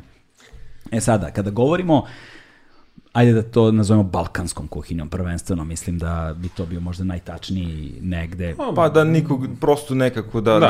da, da, da svi budemo cool i da imamo širok spektar namirnica, dakle. imamo more, imamo planine i, onaj, i na neki način prosto dug vremenski interval možemo da ostanemo kreativni i da nadograđujemo i svoju Imamo kilometražu. bosanske piramide, imamo naša... sve, pa bukvalno, sve obidne. Znači ima piramida, na, na kraju će ono da se ispostavi da je ovo bukvalno... Napraviš tamo, bre, šumski, Egipat ono, pre Egipta. Da. E, ovaj, kad, ajde da pričamo malo uh, o istoriji hrane ovde. Hm. uh, Koja je pa dobra početna tačka? Pa ono što je bitno razumeti u smislu kada je, kada je, kada je naše podneblje u pitanju, jeste mi imamo dosta nesistematizovanog znanja i zapisa. To kod nas prosto nije obrađeno jer se na neki način nije našlo u fokusu. Nismo mi došli do to, tog blagostanja pod navodnicima da se, da se šire plasira, da kažem, taj put razvoja i, i, i na neki način nismo ni dug vremenski interval bili u blagostanju. Mm -hmm. Jer kad se, ka, kako funkcioniše generalno razvoj univerzalno, ono, globalno gledano. Ti, znači, kao jedinke krećeš da, da konzumiraš ono, na, ono što te okružuje, pod navodnicima. Uh, koristiš te namirnice i onda, da kažem, kretanje migracije i, i na neki način uticaj drugih kultura kroz, kroz to kretanje, ono, mic po mic ti ubacuje određene stvari, jer je to, to je, to je proces koji ne može da se zaustavi. Uticaj kultura na kulturu je nešto što je, ono, ne, to se samo to, dešava. To se non stop da. dešava. I, i, I prosto na neki način, a pritom taj, kad povežemo sve sa onim prirodnom, ono, ljudskom osobinom, da uvijek želi više, jače, bolje, ono, da, da očekivanja rastu, potpuno je prirodno da, da je to jedna igra koja je jedan dinamičan proces. Tako da, kad je u pitanju naše podneblje, mi prvenstveno, kažem, nemamo dosta sistematizovanog znanja, znači nemamo nešto obrađeno i ti, nis, ti zapisi nisu grupisani. Ti kad kreneš kod nas da se, da se baviš sa namirnicama, one, kako se zove, to jest sa, sa, sa uh, lokalnom kuhinjom, to je, uh, to je stvar koja na neki način mora da se, ti se baviš sistematikom, kao da radiš neku polustudiju, kao neki seminarski rad za faks, ti, ti moraš dokopaš, što nije upakovano i plasirano jednostavno, kao što su o, određene, pod navodnicima, razvijene, razvijenije zemlje u tom sektoru, ona je sistematizovala znanje i plasirala kroz, kroz različite medije I tako, ti, tako se ti na neki način osjećaš daleko konfornije kad komentarišeš italijansku, francusku, kinesku kuhinju, jer su ti namirnice poznate, pod mhm. navodnicima. A Jer to se meni desilo. Ja sam tako odlučio da, da onaj prelomni neki trenutak da se osvrnem na lokalno je bio moment kada sam skapirao da suštinski ja zbog jednostavnosti dolaska do informacije o određenim namernicama koji su iz uvoza, onaj, skapirao sam da ništa ne znam o stvarima koje me okružuju. I zato, ovo što si pomenuo, to je zajednički proces. Publika i mi koji se bavimo ovim poslom. Znači, mi kroz New Balkan Cuisine prvo sami ono sami saznajemo stvari da bi uopšte ono plasirali tu dalje širili, širili tu ideju i to je to je jako zanimljiv proces zato što onaj nekako zato ja često zovem to su isto mišljenici to su ljudi koji mi delimo iste vrednosti o hrani to nas povezuje sve oko te platforme i onda neovisno toga što ti dolaziš kao gost u restoran ja kao kuvam onaj mi imamo temu imamo isti na nekako, iste, na istim smo talasnim dužinama što se tiče pogleda na hranu. I, onaj, I onda kad kažemo, ok, mi smo jeli o, svako podneblje na Balkanu, je na neki način koristilo profilisano određene žitarice koji su uspevali na tom podneblju, određene proteine i mesa koja su bila u tom direktnom, onaj, kako se zove, okruženju, povrće, voće i kako, se, kako su se dešavali, pošto smo mi ono često to spomenjamo i, i kroz ono neke bitnije istorijske događaje, mi smo nekako bili na toj tranzitnoj trasi I to je za mene iz perspektive kuvara ogromno bogatstvo. Znači, mi smo imali, mi smo sa nekim stvarima se susreli prvi pod navodnicima, zato što smo mi bili na putu. Da. Kad nešto krene sa istoka na zapad, to dođe prvo kod nas, pa ode na zapad. I obrnuto. I onda tu ima niz nekih ono stvarčica i za, za, za mene je to, ja to posmatram sa vedrije strane, ne, ne gledam to kao gubitak ono, identiteta. Ja to gledam kao bogatstvo, zato što si kao u, suštini uzimao stvari koje su se opet na neki način uklopile u našu prirodu, u naš su- pogled. A koje su to stvari? Daj primere neke. Pa, u suš, ajde da kažem, o, prvenstveno možemo da pričamo o o putu začina koji još za vreme rimskog carstva i, i onaj o, koje, mi smo bili suštinski takođe jedna, da kažem, trasica kopnenog tog puta, kada su se e, Morski Oračić, Karanfilčić, Cimet i sve te neke stvari, kada su išle iz onaj, uh, Indije i Kine, kad su putovale, onaj, kako se zove, kad su putovale ka, ka, onaj, ka zapadnom rimskom carstvu, onaj, ta, mislim, u, u suštini, uh, ja kapiram da je i u tom nekom delu su neke stvari ostajale, ok, začini u tom periodu su bili čuvani, bili izuzetno vredni i, i ono prosto kao novac s njim se trgovalo. Tako da, onaj, kako se zove, tako da o, to, to je, kapiram, nije, nije u širokoj meri našem seljaku bilo dostupno da jede začinjenu hranu. Znači, mi smo jako dugo jeli ultra basic stvari sa minimumom mesa. Znači, mi sve ovo... Sirotinje. Pa da, istinska sirotinja i, i mi generalno, ja i naše današnje manire posmatram kao samo to kao ti želiš sebi svaki dan da dokažeš da si izašao iz toga. Da. Znači sve ono kvantitet, kvantitet, kvantitet, to kao da svaki dan sebi želim da kažem, e, strava mi je, brate, nisam više gladan.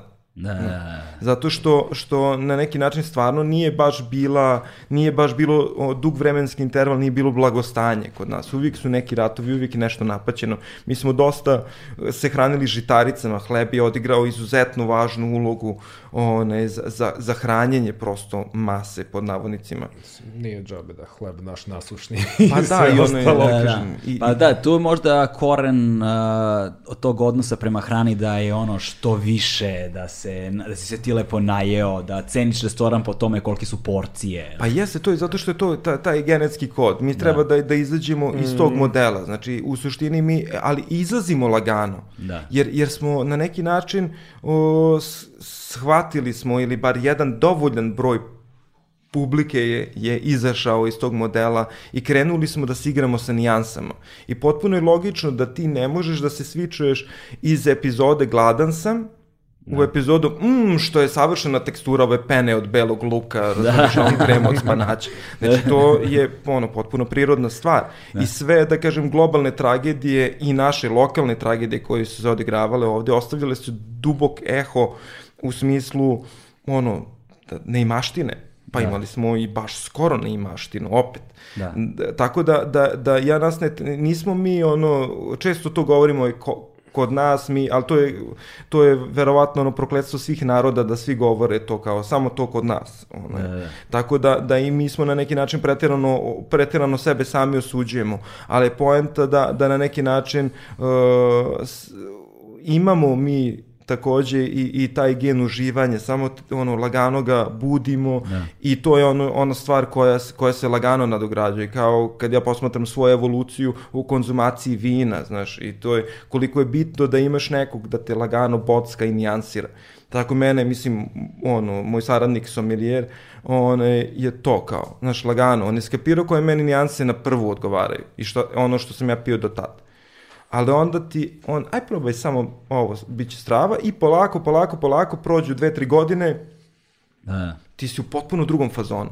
E, tako isto i ovde kad konkretno slikavamo, znači, mi smo jeli kaše ovsene, a to mi je zanimljivo zato što ono kao svi kažu, jel ti, pošto je sad popularno opet kaša, jel ti baba spremala? Jeste, spremala kašu, zato što smo stvarno jeli ovsenu kašu, jer je to bila ono kao sirotinska hrana, pod I ono, obrok nije bez leba.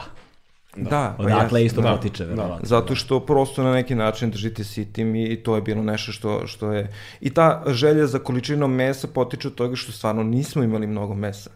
I o, sad, uh, pošto je uvijek pipljiva tema kad, kad uzimaš ono nerelevantne pod navodnicima izvore na netu što možeš da nađeš određenim stvarima, onaj, ne znam uh, da li je to kao, ne mogu odmah se ugrađujem od toga, ja prosto ono, prenosim na neki način ono što je meni nailazilo prilikom ono, mog bavljenja, onaj, uh, kažu da su da naše da su se slave i da kažem taj taj fenomen uh, koji i danas na neki način ono živimo sa tom bogatom trpezom slavskom, da se u suštini slava u početku i ta bogata trpeza o, namenjivala samo užim članovima porodice, znači za, za masu i za ta, tu, te ljude koji cirkulišu one u toku dana i koji ono kao i danas, ono ja obrati imam tri slave danas, one, oni su imali neki basic paket, razumeš, koji se služio njima i oni su samo na neki način onaj, jeli ili kolače i posluživali se jednim profilom profilom one, pića, idemo dalje. Znači, nije to ono kao mora za svakog.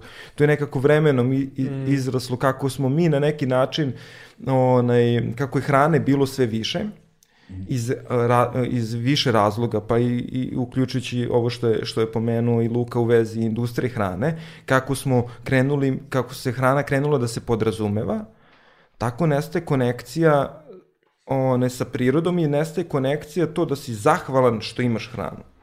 Da. Već ono, krećeš da podrazumevaš stvari, otuđuješ se i u suštini tu se javlja taj global, globalni fenomen da onaj... Čekaj sekund. To, e, ljubavi, moj telefon. Smrdljivi, nisam ga stavio na sajno. A, sigurno je Beko, daj on mu po... Da. Čekaj, mislim da javljam na telefon. E, daj samo da stavim na silent. Pa, da, da. Ja, to A, je burner, to je to.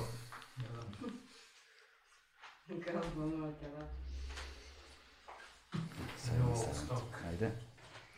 Okej. to. Koja je las rečenica bila? Uh, ovaj, da se otuđujemo od... Da, podrazumevamo. Podrazumeva se hrana, da. Podrazu, po, prosto na, na neki način počeli smo da podrazumevamo hranu i počeli smo da jedemo više, konzumiramo više hrane nego što nam je objektivno potrebno, pa se zato globalno javlja gojaznost kao, kao, kao problem. To je globalni fenomen. Ali nije samo zbog toga, gojaznost se javlja i zbog industrijske revolucije, znaš, to ćeš ti mnogo bolje reći, ka, i, i to, i, to, je, to nam je... Pa zbog negdje- hiperprodukcije te i Nije da samo kažem... hiperprodukcija, ali- ima tu gadna je stvar. Ja bih rekao da je to malo i onako Pa, mračne strane kapitalizma, da je Hajde da- hajde da užasno čujemo. jeftina, užasno dostupna, užasno loša hrana. O tome To, se radi, mislim, znači, mi- mi- dostupnost hrane i To. njena niska cena su... Da ti kupiš Ali- ono za 100 kinti nekih ono grickalica, budi bog s nama, sve prazne kalorije, nula nutrijenata, gomila Sad- e, sad tu- soli, tu je ono što je uh, za- zanimljiv savremeni fenomen. Ovo je prvi put u istoriji čovečanstva da je sirotinja debela. Da, da, da, jest. Znaš, jest, jest. ovo je zaista prvi put se to dešava. Ovo, e sad, to je, izvini, ovo, mala digresija, ali mislim da je važna. A, kako je industrijska revolucija, odnosno industrializacija hrane promenila njen kvalitet, sastav. Znaš, sad tu dolazimo, do, ono, sad tu dolazimo do Da. onoga što sam zapravo želeo među osnovnim pojmovima da objasnimo. Kada vidiš ono malo pisano slovo E na kesici, šta to znači? Da. Okej. Da objasnimo te p- da, pojmove jasno, i te jasno, jasno, aditive jasno. i tako dalje, koji šta rade. Otprilike daj samo neku ono osnovnu podelu Mhm. da bi ljudi mogli da se sami kad pogledaju kreću kroz Jasno. Da se opismenim. da se opismene na nekom osnovnom nivou nekakvu ulaznu tačku za Da. razumevanje toga. Ok. Kao, pr prvi disclaimer koji moram da dam je to da lični je stav. I naći ćemo literaturu i jednu, i drugu, i petu, dosta sam se bavio ovime. Aditivi za hranu su verovatno najsigurnije substance koje su eksterna substanca koju koristimo. Znači to, to je značajno proverenije od lekova, jer, si, jer ga puštaš ga u milijarde ljudi. Kao jako je loš potez u kapitalizmu da izbaciš substancu koja ubija bilo koga. Znači to je samo loš biznis potez, kao batali moral, batali sve to. Um, današnji supermarket bi izgledao potpuno drugačije bez aditiva, uh, iz prostog razloga što dodaju osobine proizvodima koje nemaju prirodno. Dakle, sve živo će, na primjer, da oksiduje u kontaktu s kiselnikom. To uvek ide u neke onako brownkaste boje. Presecite jabuku pa joj dajte 15 minuta, mislim. Pa to sad ne izgleda baš tako privlačno. Da. E, isto to samo na sve živo. Da li ne želite da imate ono kapljice masnoće, da li želite drugačiju boju, da li vam nije dobar ukus ako ne dodate malo neke substance koje će to da promeni pH, ako je bazno malo vam je sapunasto pa ga učinite kiselim da ne bude takvo. Dakle, to je ono kao tweaking proizvoda i šta je gadno? Igrate se s biologijom. Naše telo vrlo jasno želi masno, slano, jako. Jer kad tako jede, preživljava. Da. Evolutivno. Uh, I onda industrija hrane Dobro, to sad čak tam nije, nije sad industrija, nego industrija i proizvodnja hrane je, je užasno odmakla. To je nešto što to kad su bili tamo 70-ih ono zelena revolucija, kada smo naučili kako da iz zemlje izvučemo mnogo više, to je bio ključan korak koji je zapravo vrlo važan bio globalno, da se, na primjer, ono, da sad imamo beskrajno manje stotina miliona stvarno gladnih na svetu. Kina je evo sad izašla, javili su pre par dana, da su 100 miliona ljudi izvukli iz extreme poverty, znači iz ekstremnog siromaštva, ka nečem boljem. Uh, to je direktna posledica toga što možemo da proizvedemo hranu i možemo da proizvedemo puno i jeftino. Međutim, tržište je takvo da nema se vremena, radi se puno, treba imati sada tu, ići u markete, kuvati, zajebavati se, prati sudove, koje šta. I nekako smo prihvatili ono što je lako, a to je da odeš i uzmeš neku kesu nečega, a ta kesa nečega je proizvod kapitalizma u smislu da će to biti i za proizvođača najjefti, ono, neki odnos kvalitet cena, šta će on tu da stavi, šta mu je okej okay i šta može da bude. Uh, I to se radi od sorti i od to, od proizvoda koji su izabrani možda ne nužno zbog ukusa. Ja još nisam iskreno u Maxiju kupio dobar paradajz. Zašto? Jer mora da sedi dva meseca u magacinu. Da bi funkcionisao globalni lanac, da bi imao cijele godine paradajz, da bi to moglo tako. I mislim da smo tu dosta izgubili sa, sa, sa industrijom hrane. Da se jako smanjio broj to sorti i raznolikosti zapravo prirodnih proizvoda koje koristimo u hrani. Uh, I da se zbog ove igrice da su nam ukusnije stvari koje nisu tako dobre za nas, uh, a proizvode se na toj masovnoj skali od tih jeftinih suštinski osiromašenih ukusima i nutrijentima proizvodima, imamo to da imamo to, jeftinu, nezdravu hranu. Da, e sada, koji su to neki osnovni, najčešće upotrebljivani aditivi? Da, da dakle, i... aditivi su gomila substanci, to je, zaboravio sam brojeve, ali recimo da ima 200 registrovanih. Uh, E sad, zaboravio sam opet da pogledam onaj E, od čega je skraćenica, ali kad pogledate na, na etiketi, vama je proizvođač dužan da izbaci sastav celokupan sastav prema sma, ono, prva substanca, to je prva, prva, prva stvar koja je napisana je ona koja ima najviše. Mm -hmm. I kako ide do kraja to opada koncentracija, nisu dužni da, da kažu koliko ima čega, zato što je to trade secret, kao to je receptura. Uh, aditivi su podeljeni praktično, po, imaju svoje brojeve, trocifreno je, mislim da su sada morali da izbace za neke klase i četvrtu cifru, ali je poenta da prva cifra vam označava kojoj grupi pripada. Mm -hmm. Pa je, ne znam, sad E105, to je sad tamo neki, na primer, regulator kiselosti, pa je E407 tamo neki uh, emulgator, pa je E605 neka boja. Ali i to, i 612 i 615 će biti neka boja. I to je nešto što zapravo možete pogledati na internetu ako vas zanima šta je konkretna substanca. Uh, pojedinačno su sve te substance apsolutno sigurne. Mislim da je svaka od njih takva da može da, da, da, ono, da je jedete kašikom i da on ne bude ništa. Možda će se proserati. Ali to nisu nešto što je otrovno ili toksično i na mnogo nivoja je nužno i na mnogo nivoja je doprinalo baš ome. Konzervansi su isto tako aditivi. Što konzervansi je nešto što užasno znači. Da kao produžite rezervu hrane, da može da vam stoji ne mesec dana, nego da može stoji godinu, dve, da putuje, da se prodaje negde drugde. Um, to aditivi su u tom smislu jako neophodni za, za, sve, za, za to, za, za pristup industrializovanoj hrani kakav danas imamo. Uh, ali jesu interesantni toliko što menjaju osobine hrane na poznat način i to jesmo mi hakovali, to je oteli iz te priče za ovu priču koja se sada bavi neče drugim. Da nije ideja da imamo najekonomičniji ukusan proizvod, nego najukusniji proizvod. -hmm. Da, da, da. E sada, e, u kontekstu toga, nužno moramo da odirnemo organske proizvode. E, da, da, da. Znači kao, mi I sada imamo... organske i GMO. Da. I da, i organske i GMO. Dakle, to su ono dve vrlo bolne tačke da. našeg društva, generalno globalno, mislim, posebno GMO. Da. jer uh, pitanje je, koliko sam razumeo, koliko je GMO zapravo štetan, a koliko je koristan. Znači da, Da. Ima, da, da imaju ono pro i kontra, dakle u, argumenti za, za, u obe strane. Ali pre toga, znaš, mi ovde recimo svaka druga radnja nam je sad postala organik. A da, ali jeste, pitanje je jeste, šta je dosta. tu zapravo organik. Jer ja uđem i deluje mi da ono 80% stvari nije organik, ali se tako zovu, pa kao ajde, ipak je pomak u odnosu na tradicionalni supermarket.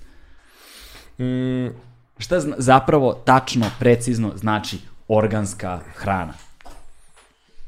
ne može biti jedna definicija, jer će svako da malo lobira na svoju stranu. U osnovi se bavi time da imate hranu koja je proizvedena bez upotrebe hemijskih sredstava, a onda naravno da ima, ali su dozvoljena tradicionalne, za neke stvari tradicionalna sredstva. Tako da je recimo dozvoljeno da imate organsko grožđe koje je tretirano plavim kamenom. Ono je dalje organsko grožđe. Da, šta Iako je plavi kamen je jedinjenje bakra, ono je intenzivno plave boje, bakar je pomalo toksičan. Ne strašno i nije to drama i oprećete grožđe, ali nije da niste iskoristili neku hemiju. Samo nije, ne piše pesticid Da, da. na njemu. Uh, I generalno ideja organske proizvodnje je baš to da nemate dodatih stranih materija, nemate hormona, nemate pesticida, nemate antibiotika, znači u proizvodu. To čini proizvodnju skupljom. Uh, teorijski, da, to, to sad, ovde je malo problem što ja, ja sam ozbiljno biased prema organskoj hrani, zato što mislim, to jest imam određeni otklon, iako mislim da je to sjajan pristup da imamo prilike da svako od nas ima bašticu od ono 30 kvadrata, da se igra sa svojim biljčicama, to može. Jer tu možete rukama da skupljate bubice, možete rukama da prekopavate i slično. Uh, I igrate se za sebe. Ako vam treba da proizvedete ono hiljadu tona paradajza da nahranite narod i, i hiljadu go, govečadi, jako je neefikasno. E, ono što je interesantno je, skoro je izašla, ono, da kažemo, finalna studija. Mm -hmm. Neko je seo i skupio uzorak carski, 2 miliona ljudi. Uje, dobar uzorak. Da, da, da. Znači, Dobar ono, u- uzorak. Uzeo je neke ono meta, studi, meta studije, znači uzeo je nekoliko studija i sabrao rezultate i ispade da nula je razlike u zdravstvenom statusu ljudi koji se hrane organski, koji se, to jest koji se hrane organskom hranom i koji se ne hrane. Tako da ispade da je kinda trend. Da, da, da, da. E sad, ono što je to donelo je možda to što ljudi koji proizvode to organsku hranu, se često igraju sa sortama, sa autohtonim sortama, sa drugačijim, sa vidi šareno, pa vidi onaj hibrid, vidi ovaj hibrid, to je nešto što ne radiš u industriji. Kad u industriji imaš ovih 100 hektara i zaseješ ovu svoju sortu paradajza koji će da, da ima to tvrstu glavicu i da tri meseca može da živi u magacinu, i to pravite. E, a u organskoj proizvodnji, i to je nešto što se lagano vraća, kroz taj narativ, se vratilo u ovu malu proizvodnju, to da kažemo green market, kao proizvodiš iza svoje kuće i iznosiš kao na neku pijačicu, što je u Americi trend koji je prilično širok sada, sa cijelim ovim pokretom što smo pominjali pre par dana za Urban farming. urban farming, da. Ti si zainteresan da se za urban farming, je li tako? Pa mislim da je interesantno, meni je to simpatično koliko smo sad napravili taj kao, kao čovečanstvo, praviš Da. full Da. krug, vraćaš se opet u svoje dvorište. Opet seješ iza kuće, I naj- kao i pre 8000 Da. godina. Da. Da. I kao najfascinantnije su mi ono projekti koji su u Njujorku, ono, koji su... Ta, Oni samo to zbog brenda. ta, tamo je najveća, kako se zove, ta, tamo je najveća, da kažem, e, on, u suštini taj vertikalni, ono, farming, tamo je najveće postrojenje za, za vertikalni, ono, farming unutar velike industrijske hale i to je, mislim, da čak tipa nešto gleda na Manhattanu. Da, da. Onaj, e, mislim da se kompanija zove Air Farming, a može da se nađe i koncept uh, Square, uh, s- da, Square Roots, koji u suštini to radi na, na manjim površinama u industrijskim kontenerima, je to kao po kvartovima. Što je jako zanimljivo. Znači, opet smo se vratili u jednu hiper, ako, ako je nešto na sinonim za hiper urbanizovano i užurbano, i onda kao imaš vrt koji se sad proizvodi koristeći opet ono nauku, jer tako sad smo ono saznali koje svetlo treba i, i te neke stvari ono da biljke uspevaju one, bez, bez pod navodnicima sunčeve svetlosti ali smo se vratili u koncept da proizvodiš za svoju mikrozajednicu. Da. Da, smanjuješ ono, emisiju štetnih gasova kroz transportne troškove i, i, i sve te neke stvari koje su, na nek, koje su ogromni zagađivači baš zato što smo ušli globalno u model da je sve dostupno 12 meseci u godini i čak se iznenadi ono, starija žena, jo bože, bila sam pro nema. Znaš, a, a nismo ni shvatili koliko smo brzo odmakli od toga. Sad, pošto je ovo jako pipljiva tema i, i, i da kažemo, onaj, e, ovo koju baš Luka priča u vezi aditiva i, i, i generalno organske hrane i svega, ja se ono, slažem da je to u suštini jedan i drugi pojam je ono tvorevina kapitalizma i sve na neki način želja da se nešto proda. Da. Tako da, e, ja sam uvijek polazim od toga da budemo ono kao normalni, racionalni i da budemo, da koristimo hrane onoliko koliko nam treba, da se možda, da ne budemo do te mere konf, ono, u, težnji, da budemo u tolikom komforu, već da se malo iscimamo i da imamo, o, nekako se da raduckamo nešto i da, mislim da to ukupno energiji životno je mnogo znači, da, si, da, da razumeš proces nastajanja hrane i da se ne otuđiš od, od tog prirodnog, da. ona, od, od, od, od prirode i prirodnog elementa ono, u smislu i okruženja. Mislim da, bi se, da, da će to uticati stvarno na, na sve one naše loše navike, da se, da se promene, jer, jer mislim da dosta naših loših navika u smislu ovih banalnih, da bacaš đubre i da nemaš uopšte ono stav ka, ka kontaminaciji vode, pa koliko sad ta voda kontaminirana šta ona sve zagadi na svom putu. To nije znači ono samo mikrozagađenje na tvojoj mikrolokaciji, već da. tera ga do... A posebno ova priča sa antibioticima koje onda ulaze u zemlju, da, završavaju rekama, to, je to je ono... To su to baš je... priče, ono... to, to su, da, mislim, ovo, to, to je ekologija, su hardcore priče, stvarno, šta se sve tu dešava i to, mislim, od DDT-a, da. što je bio svoje vremeno skandal, mislim, i realno smo ga ukinuli tek kad smo shvatili da kao imamo problem sa, sa kao trudnoćama, DDT je katastrofa za, na primjer, vodeni svet da. za to ribe, rakove, čudesa, mislim. Uh, koristio se masovno i dalje je legalno u nekim zemljama. Baš onako toxic fucking shit, kao loša je, da, da, da. kao raz, e, jako je dobar pesticid. Ali, ali kod urban farminga se sad postavlja pitanje, o tome smo razgovarali relativno skoro, kao, znaš, sad... Uh, znaš, kod nas postoji ono, ne znam, sa pešterske visoravni, da, sa da, da, ovoga, da. sa onoga, a zamisli se kao jedeš paradajz u prodajz, paradajz dorčola, znaš, kao kako. E, to je, to je ono, to smo se čak i tad dotekli, ono, to je meni uvijek zanimljivo kad ja sam sebe uhvatim u tim nekim, da kažem, ono, pa predrasuda klasična, ono, ne, ne znaš, mislim, meni je to sad zanimljivo da ispitam. Mm -hmm. Zanimljivo mi je da, da, onaj, da raduckamo, da, da, da, da, i ako ne, pod navodnicima čak i da, da ne uđe u, u komercijalnu upotrebu, zanimljivo mi je da, da oplemeni naše okruženje, zanimljivo mi je da se stvarno popularizuje onaj uzgoj bilo da, koje da. bilja, iz prostog razloga jer, jer ulepšava i na neki način oplemenjuje naš životno okruženje. Da. I ako pričamo o modelu, o, sad trenutno jedne jako aktualne teme, to je ono kao zagađenje vazduha u Beogradu, sve, mislim da su to ono kao pionirski poduhvati da svakog od nas kao pojedinac može bar nešto da doprinese. Da, da, da. Jer to će opet na neki način da, da, da, da one, ne kažem da, da rešavamo problem, ali ajde da, na neki, da ne čekamo uvijek sve nešto sistemski, da. nego da krenemo i sami, pa će ja sistem... Da, e sad, a s druge strane, postavlja se pitanje, ono, a, da li je to predrasuda zato što ti neko rekao, ali kao kada bismo na slepo probavali paradajz i kao da li je ono... Blind da, tasting. Da, blind tasting, znaš, pitanje je koliko bi ljudi razlikovalo dorčolski od... Da, to ono... jeste baš dobro pitanje. Da, da. To, to je interesantno. Mislim, da li svodi se na, između ostalog i na to koliko su, si trenirao?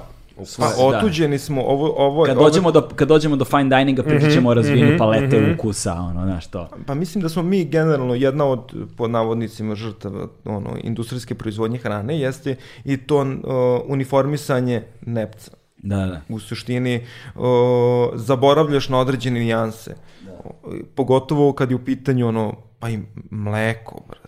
Da. Znaš, mleko je meni naj, najjači ono utisak u smislu zato što kad sam ga pre 5 6 godina opet probao mleko, mleko, ono, direktno, mm -hmm. ono, da, kako se zove, to mi je bilo, jer, jer kao, da, ajde, jednim delom je to iščezlo iz moje neke svakodnevne no, onaj, ishrane u smislu kuvam s mlekom, ali nisam, znaš, kad si zadnji put sipao šolju mleka i kao pio. Ovo mi je bilo zanimljivo kod, kod, kod onaj, jednog od na, meni ono, na, najcenjenih ličnosti ono, u, u segmentu onaj, biodinamičke poljoprivrede u Srbiji kod, kod Zorana Petrova, kod njega kući, ono, kad mi je nasuo mleko onaj, njegovih ono, krava, njegov, to, to je znaš, bam, ono, šamarčina. I Da. ti tek onda skapiraš, protiš, daš, ono, koliko sam se otuđio od, od, od tog. I sad, ima tu sad, sad na to se kače milijardu stvari, verovatno gde smo mi, znaš, malo, pored ovog segmenta da podrazumevamo stvari, da podrazumevamo krastavac, paradajz, luk i sve u svako doba dana i godine. E, tako isto, o, prosto neka su nam čula Da. otupela. Nisu nestajala, ali su otupela i ti doživiš ponovo šok kad probaš ono f- pun ukus. Punoću, da. Ono što je kod nas prednost, zato sam ja ne, ono, izuzetno se komforno osjećam kad, kad, kad kuvam na Balkanu nekako, zato sam i opredelio se da ostanem tu. Ja mislim da mi nismo toliko daleko otišli od, od znaš, nismo se toliko otuđili. Kod nas ipak je dostupna, one, vrlo lako, pod navodnicima, dostupna i jako kvalitetna hrana Da. Bar moj subjektivni ono doživljaj. Nije Mislim, to ne baš toliko da. ono kao cimanje. Ti ovdje samo samo da vratimo kult da razmišljaš uopšte o namirnici koju unosiš u sebe, ti si već na pola puta. To što smo se mi otuđili uopšte da razmišljamo, nego samo poenta, ono, gladan sam, daj da budem sit. Kako ću da budem sit? Tuk, tuk, tuk. Znaš, ono, daj šta god pod ruku, cap, i nastavljam da radim, da gledam film, da šta god. Znaš, hrana je nekako i Evo, taj boja osjećaj- se, gledam u tebe, brate. Kralj toga, brate. Pa u, u suštini onaj kako se zove prosto neko posmatra to kao teret bukvalno kao neku dnevnu pojavu koja Nešto brate što- daj da je da je da je da je ono ugasimo što pre. Da, da. I onaj i kad ako ako se vratimo opet da da uključimo bar malo onaj svoj mozgić kad razmišljamo ono šta unosimo u sebi da to objektivno pazi koliko je to banalna ono stvar znači ti sve što unesiš u organizam logično je da to nekako ostaje to se procesuira u tebi Ono si što jedeš, bukvalno. ali bukvalno. I onda, znaš, kad, kad, kad tako ra... i onda si kao u fazonu, čekaj, čekaj, čekaj, čekaj, čekaj. A to je to, to samo, samo da, se, da vratiš fokus, na to, jer ti je fokus otišao na milijardu drugih stvari koje je doneo savremeni svet. Da. Fokus ti je na milijardu stvari, a otuđio si se od korena. I, i ne, ljut, ne treba niko na nikoga da se ljuti što se to desilo, to prosto je, Da, znaš, zbilo se. ali je super da kao napravimo rez, i da se u nekom modelu vratimo, kao što smo imali onaj, u svim kulturama, pa i u našoj, ono odumiranje kućnog kuvanja. Da. Bio je status, ono kao u fazonu porodični, da, ja nekom kući. Hrana smrdi, smrdi mi bre sve na hranu u stanu. Znaš, odjednom hrana smrdi čoveč. Znaš, odjednom odiće, fuj, brate, znaš, ono, Osjećam se na zapršku. da, znaš, na to Kako to- ću na sastanak, osjećam se na zapršku. I, i to, to su sve neke stvari koje, ajde kažem, više manje kao, ok, objektivno neke sitne problematike, ali mi smo do tog nivoa, ono, d- o, pro, stanovi su projektovani sa čajnim kuhinjama, razumeš? Znači ti nemaš više kuhinju kao centralnu prostoriju, nego ma daj, nemoj zajebaš stavi to. na- Svakako je sve, pogotovo sada ovo, delivery, onaj, kako se zove, restoranska ishrana, svakom, svakom koraku je ono neki restoran, onaj, kako se zove, tako da, da uh, jedenje van kuće je prosto onaj, postalo novi način života, gde onda smatram da to je u suštini možda i dobar put, zato što, ali je samo veći, neka, veća odgovornost na nama koji se bavimo Mm. ovom delatnošću, da onda mi brinemo o tim stvarima. Da. Jer ok, to ono kao, ne mogu da brinem da li će neko da mi ubaci virus u komp, ali platim antivirus, razumeš? Tako je, da. E tako isto, neću da razmišljam da li sad ovo, ono, bla, bla, bla, ali ću da konzumiram ako,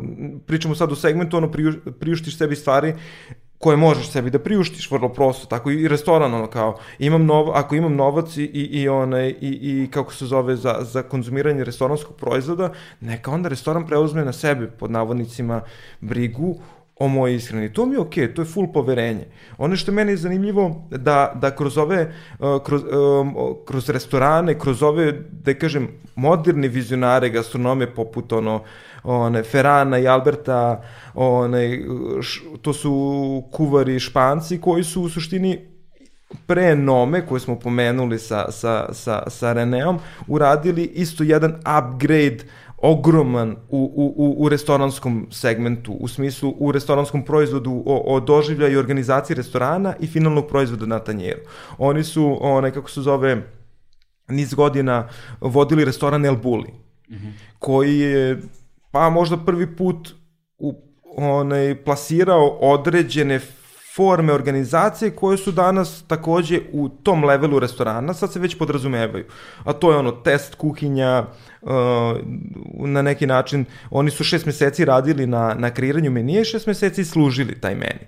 Uh, restoran je, to, to je prvi put da, da, da se bar, ono, da kažem, u nekom uh, široj publici plasira taj fenomen da restoran radi ograničeno i da ima, znaš, da nisi dostupan to 12, 12 meseci u godini, već da radi, i onda se napravi ceo taj hype, uh, s jedne strane, ono, svi ti, sve te stavke, stavke su donele onaj, uh, neko dodatno interesovanje od publike, jao, šest meseci, jao, rade šest meseci istraživanje menije, pa se namenja, on, oni su generalno i, i tvorci i, i, i neko koji taj, na najbolji mogući način uh, možda implementirao nauku u kuvanje. Da kažem, u tom, ono kad smo pričali na temu molekularne gastronomije, po meni kao čoveku koji dolazi iz sveta kuvarstva, molekularna gastronomija je suštinski taj upliv nauke kuvanje koji je potpuno bio prirodan i trebao je da se desi da. i to se on op, to isprilo i to je sad postao kao modern way of cooking, razumeš? Da, ono, da, prosto da. uniformisan globalno način kuvanja.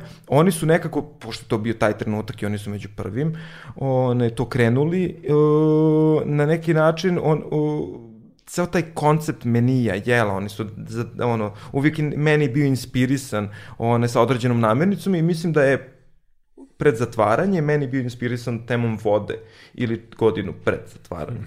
One, koje kao, ok, danas imaš, na primjer, uh, uparivanje hrane i vode ili ono water tasting, razumeš, ono ti sad kad bi kad bi nekom rekao, brate, da imaju nijanse u vodi, bilo bi u fazonu, Šamarčina. Šamarčina, da, idi kući. e, pre nego što nastavimo, pošto sad ovo otvara sijaset nekih tema, ajde da se pozabavimo ovime što je na stolu, da ono ne preotekne baš previše vremena. A, ovo je, si rekao da je ono, učbenički oblik fusiona. pa mislim, ovo je, ovo je u suštini naj, uh, najbolji, kad pričamo, pričali smo na temu ono, uparivanja vina i hrane. Mm -hmm. I ovo je kao prvo studio friendly, onaj kako se zove vrlo vrlo vrlo lako na neki način da da se da se onaj testira vrlo jednostavan način i kombinuje stvari ono kao kor naše namirnice ono što mi na nek, ono doživljavamo u smislu mladi kajmak uh, sitno seckani čvarci. Mm -hmm. Znači, kajmak nam je tu kao masnoća, kao krema, kao čvarci preseckani, da bi imali ujednačen nivo hrskavosti. Mm -hmm. Mogu da se koristi u celo čvarci, ali ovo je prosto, ne, ovo ti uniformiše svaki zaloga i onda Aha. ti kao na neki način uh, svaki gutlje vina, svaki zalogaj ti je uniformisan. Jer kad bi u, koristili onaj, ceo cele čvarke, onda imaš jedan krupni, pa ti onda čvarak izdominira, pa ti vamo izdominira kajmak, pa onda kao nemaš full pairing. To je jako bitno kad pričamo o kompoziciji jela i na to ćemo se osvrnuti, koliko su ti elementi bitni da ti neko objasni kako nešto konzumiraš. Da bi, da bi imao taj full doživlje. Ali ovo je kao ono piknik da. varijanta, ono uparivanje penušavca, onaj, i, i, i na neki način uh, kajmaka, čvaraka i ovog, da kažem, on, kad si pomenuo Fusion i italijanske fokaće, tako da, da. onaj, imamo... Ajde, ajde da probamo, momci. Voja se, Mare, ajde da uzmete malo komad, poslušajte, znači ti da otvoriš ti da ubiješ tu. penušavu, a dok ti, da dok, dok ti to radiš, tebe sad da se vratimo malo mm -hmm. na tvoju delatnost i da pomenemo ono čuveni GMO. E da, uh, ok. Dakle, GMO, ili ti genetski modifikovan organizam, je Pa suštinski svaki organizam u kojem si veštačkom intervencijom promenio njegov genetski kod, onaj DNK. Tu sad ne znam ono koliko da se zaločim, ali ajde. Uh, za DNK smo, za, za DNK dok se, smo... Dok se, dok se ovi najedu. Da, da, da, da. Za DNK smo svi kao čuli i sad znamo ona kao neka slovca, je li tako? Uh, DNK je molekul koji se nalazi ono u jedru svake ćelije i taj molekul u, slov, u redosledu slovaca Aha. To su one, to ste sigurno vidjeli po filmovima, po ATGC. U redosledu tih slovaca se krije informacija o tome kako treba da izgleda organizam. Da. Šta treba da radi. To, plave oči, veliko dupe, loša koža, sve to u genima, u tom DNK. Uh, naučici su u nekoj meri skontali šta šta radi, mm -hmm. I sada imamo mogućnost da se igramo. da ubacujemo gene Da, koji nam trebaju tamo gde nam trebaju. okej. Recimo, želimo paradajz, ali ne želimo da on mrzne. Šta radimo? Ubacimo gen koji je zapravo pronađen u nekoj ribi koja živi u Arktiku, tamo negde on to ledeni okean, koji je takav da čini da se ne mrzne. Ej, ubaciš ga ovde i dobar si. Um, u osnovi, kao kako je različito od, od na primjer, to se sećate možda iz škole, kao prirodna selekcija, veštačka selekcija, velika većina, maltene, ja ne znam sad ni za jednu, za hranu odobrenu životinju koja je genetski modifikovana. Da. Dakle, ali maltene sva soja na svetu je već genetski modifikovana. Šta to znači? Znači da je neko uzeo tu soju i u nju ubacio, znači u laboratoriji, promenio je na takav način da ona radi sad stvari koje prirodno ne bi nikad radila. Da. Znači, koliko god bi ukrštali sada hibride soje, ovaj je krupniji, ovaj bolje drži sušu, ovaj, eh, nikad neće imati gen iz ribe. Da, da, da, da, da, da. ne ide tako. Um, e sad, Izvini, molim te, tu sam se sad setio, tipa, neke nevjerojatne podatke sam saznao kada sam svojevremeno istraživao te stvari, tipa ne postoji više banana. Ono kao... maltene ne, ne sterilno je, da, Cavendish je crko, Da, da, bananu, originalnu OG bananu smo izgubili, kao globalno. Ćao, ne postoji više banana. Čak ni u bankama, onda što smo je ti spominjali, no, biodiverziteta, nije sačuvano. Mislim da nije. Mislim da nije, mislim da je oni da su imali problem da ih je napao neki ono nešto Neka, nešto, čovek, nešto, se de- nešto se desilo, a sad imaju problem sa time će banana u potpunosti nestati, jer su uniformisali banane globalno, Jest, jest. sad je krenulo, krenulo nešto da ih napada i ne mogu da se izbore sa time. Ono. I kao, previše mi je ono genetski pul postao sužen. pa sužen, to je to, imaš taj jedan Da. soj banane i kad, sad kad ga napadne bilo, š- to je nešto što ga, zapravo što ga uništava, uništit će ih sve do jedne. Da, da, da, da, da, da, da. Što se E, dešava i u raznim nekim drugim E, populacijama. sad, sad, se, sad se vrati na temu, molim te. Uh, U stvari ćeš da se poslužiš prvo. lagano. Lagano. Uh, u svakom slučaju, dakle, genetski modifikovani organizmi su nešto što je, jasno je, zvuči to dosta korisno. Mm -hmm. Hajmo da dodamo ove osobine ovim organizmima koje koristimo. Uh, neki od njih su jebeno bitni. Tipa, ne znam, insulin, koji neki broj ljudi mora da prima, se pravi iz GMO bakterija. Ti si uzao bakteriju, ubacio si gen za insulin i ta bakterija sad pravi insulin.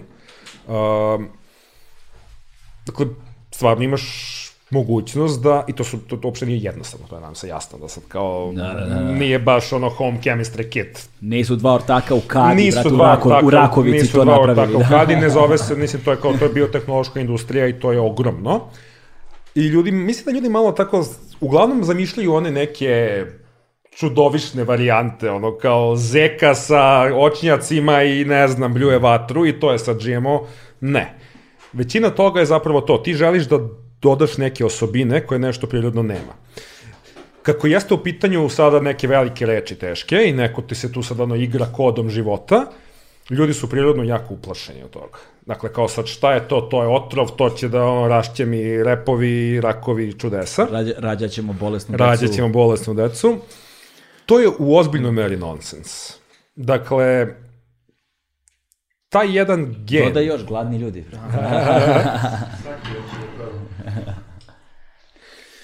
e, ali daju da proba sa penušovim da, da. vinom, to je fora.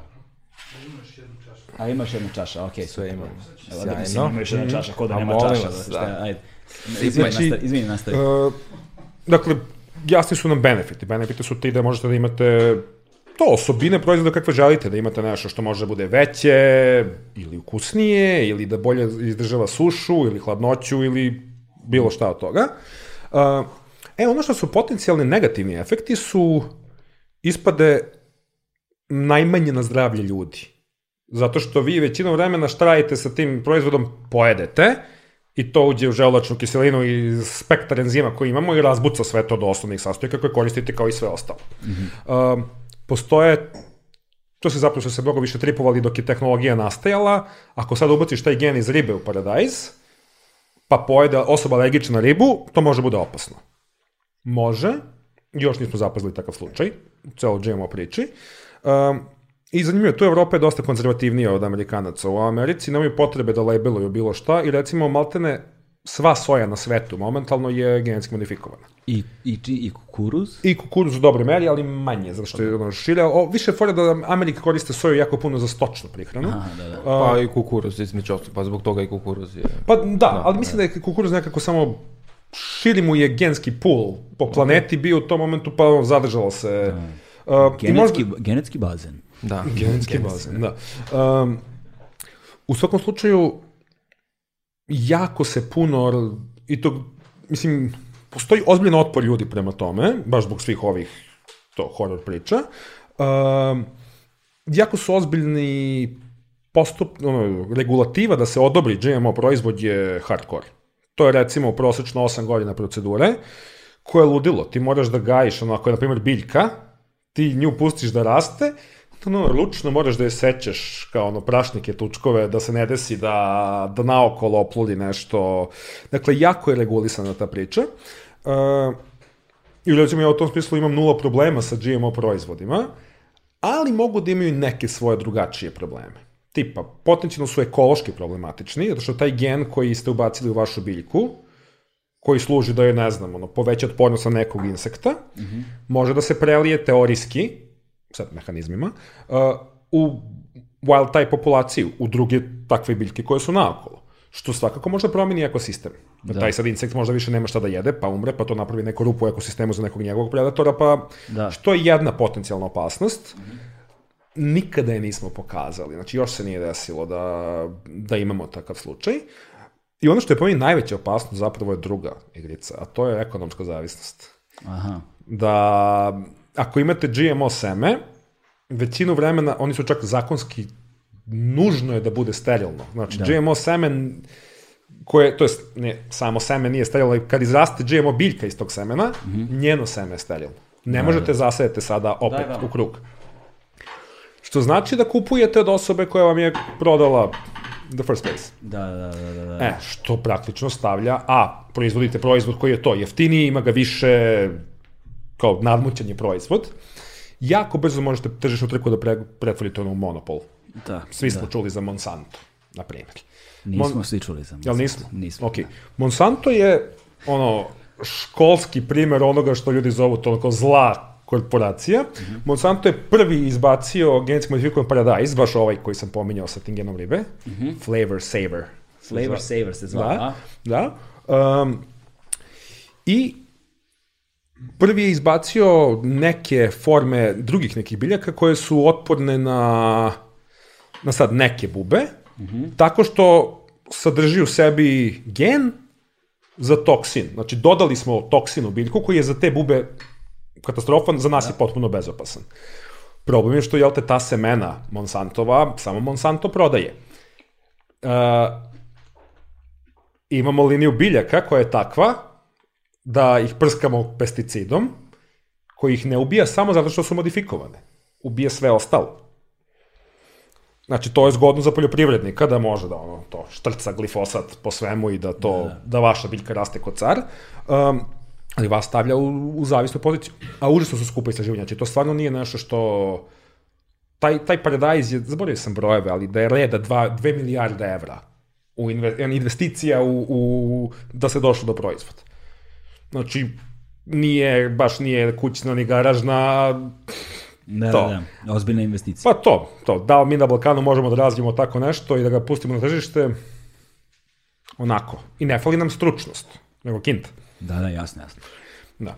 Tako da, ne znam. Ne mislim da je, to, ne mislim da je problem GMO-a GMO, nego sistem u kome proizvodimo da, GMO. Da, dakle, GMO je više ekonomsko pitanje pa, što nego sam, zdravstveno lič, Lična je stvar, znači ja, da. ja nekako bavio sam se time dosta dugo jedno vreme i samo nisam našao ni jedan ozbiljan argument A ona činjenica da recimo osim... stoka jede GMO, ne znam, soju i kukuruz, pa onda ono, to meso koje se jede bude, ne znam...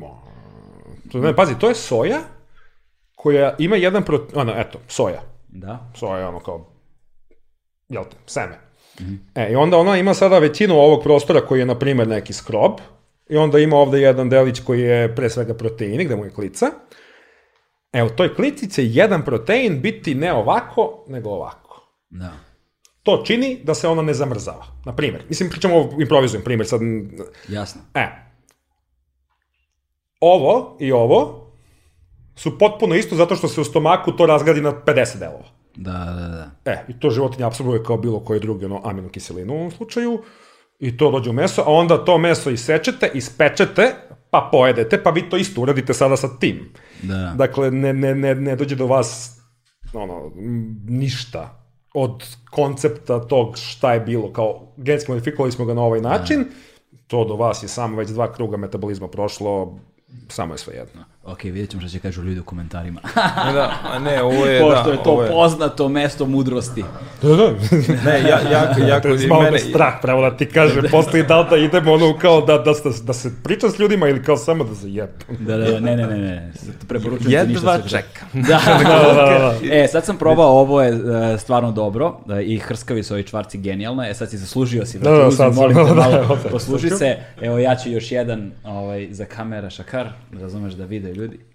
Ali onaj, da, ovo su jako pipljive teme i onda je kao jako bitno da pristupimo sa onim ne postoji ili ili, moramo da, razumemo sve. Da. Znaš, da, po, da pokušamo da ti neko prevede onaj, to na, kao što, što smo često pominjali, na razuman nivo, da ne moram ja sad da, da idem na dopunsku nastavu da bi razumeo suštinu.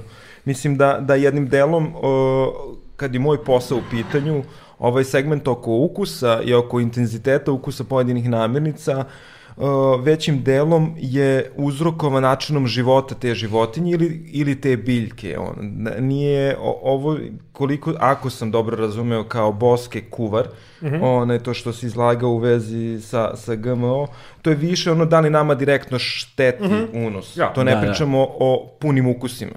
Da. Da. Znači mi svakako zbog, lupam, kad pričamo o pešterskoj jagnjetini, ono kao, sad pomenuo si pa je, pa je bilo. Jasno. Ili, ili staroplaninskim, onaj, kako se zove, o, jagnjićima, oni prosto, paleta biljaka koje oni konzumiraju u svojoj ishrani je toliko bogata, ta flora je toliko bogata da to ne možeš da sakriš ukusu. Da. I to je onaj, kako se zove, to je za mene kao kuvara pola posla.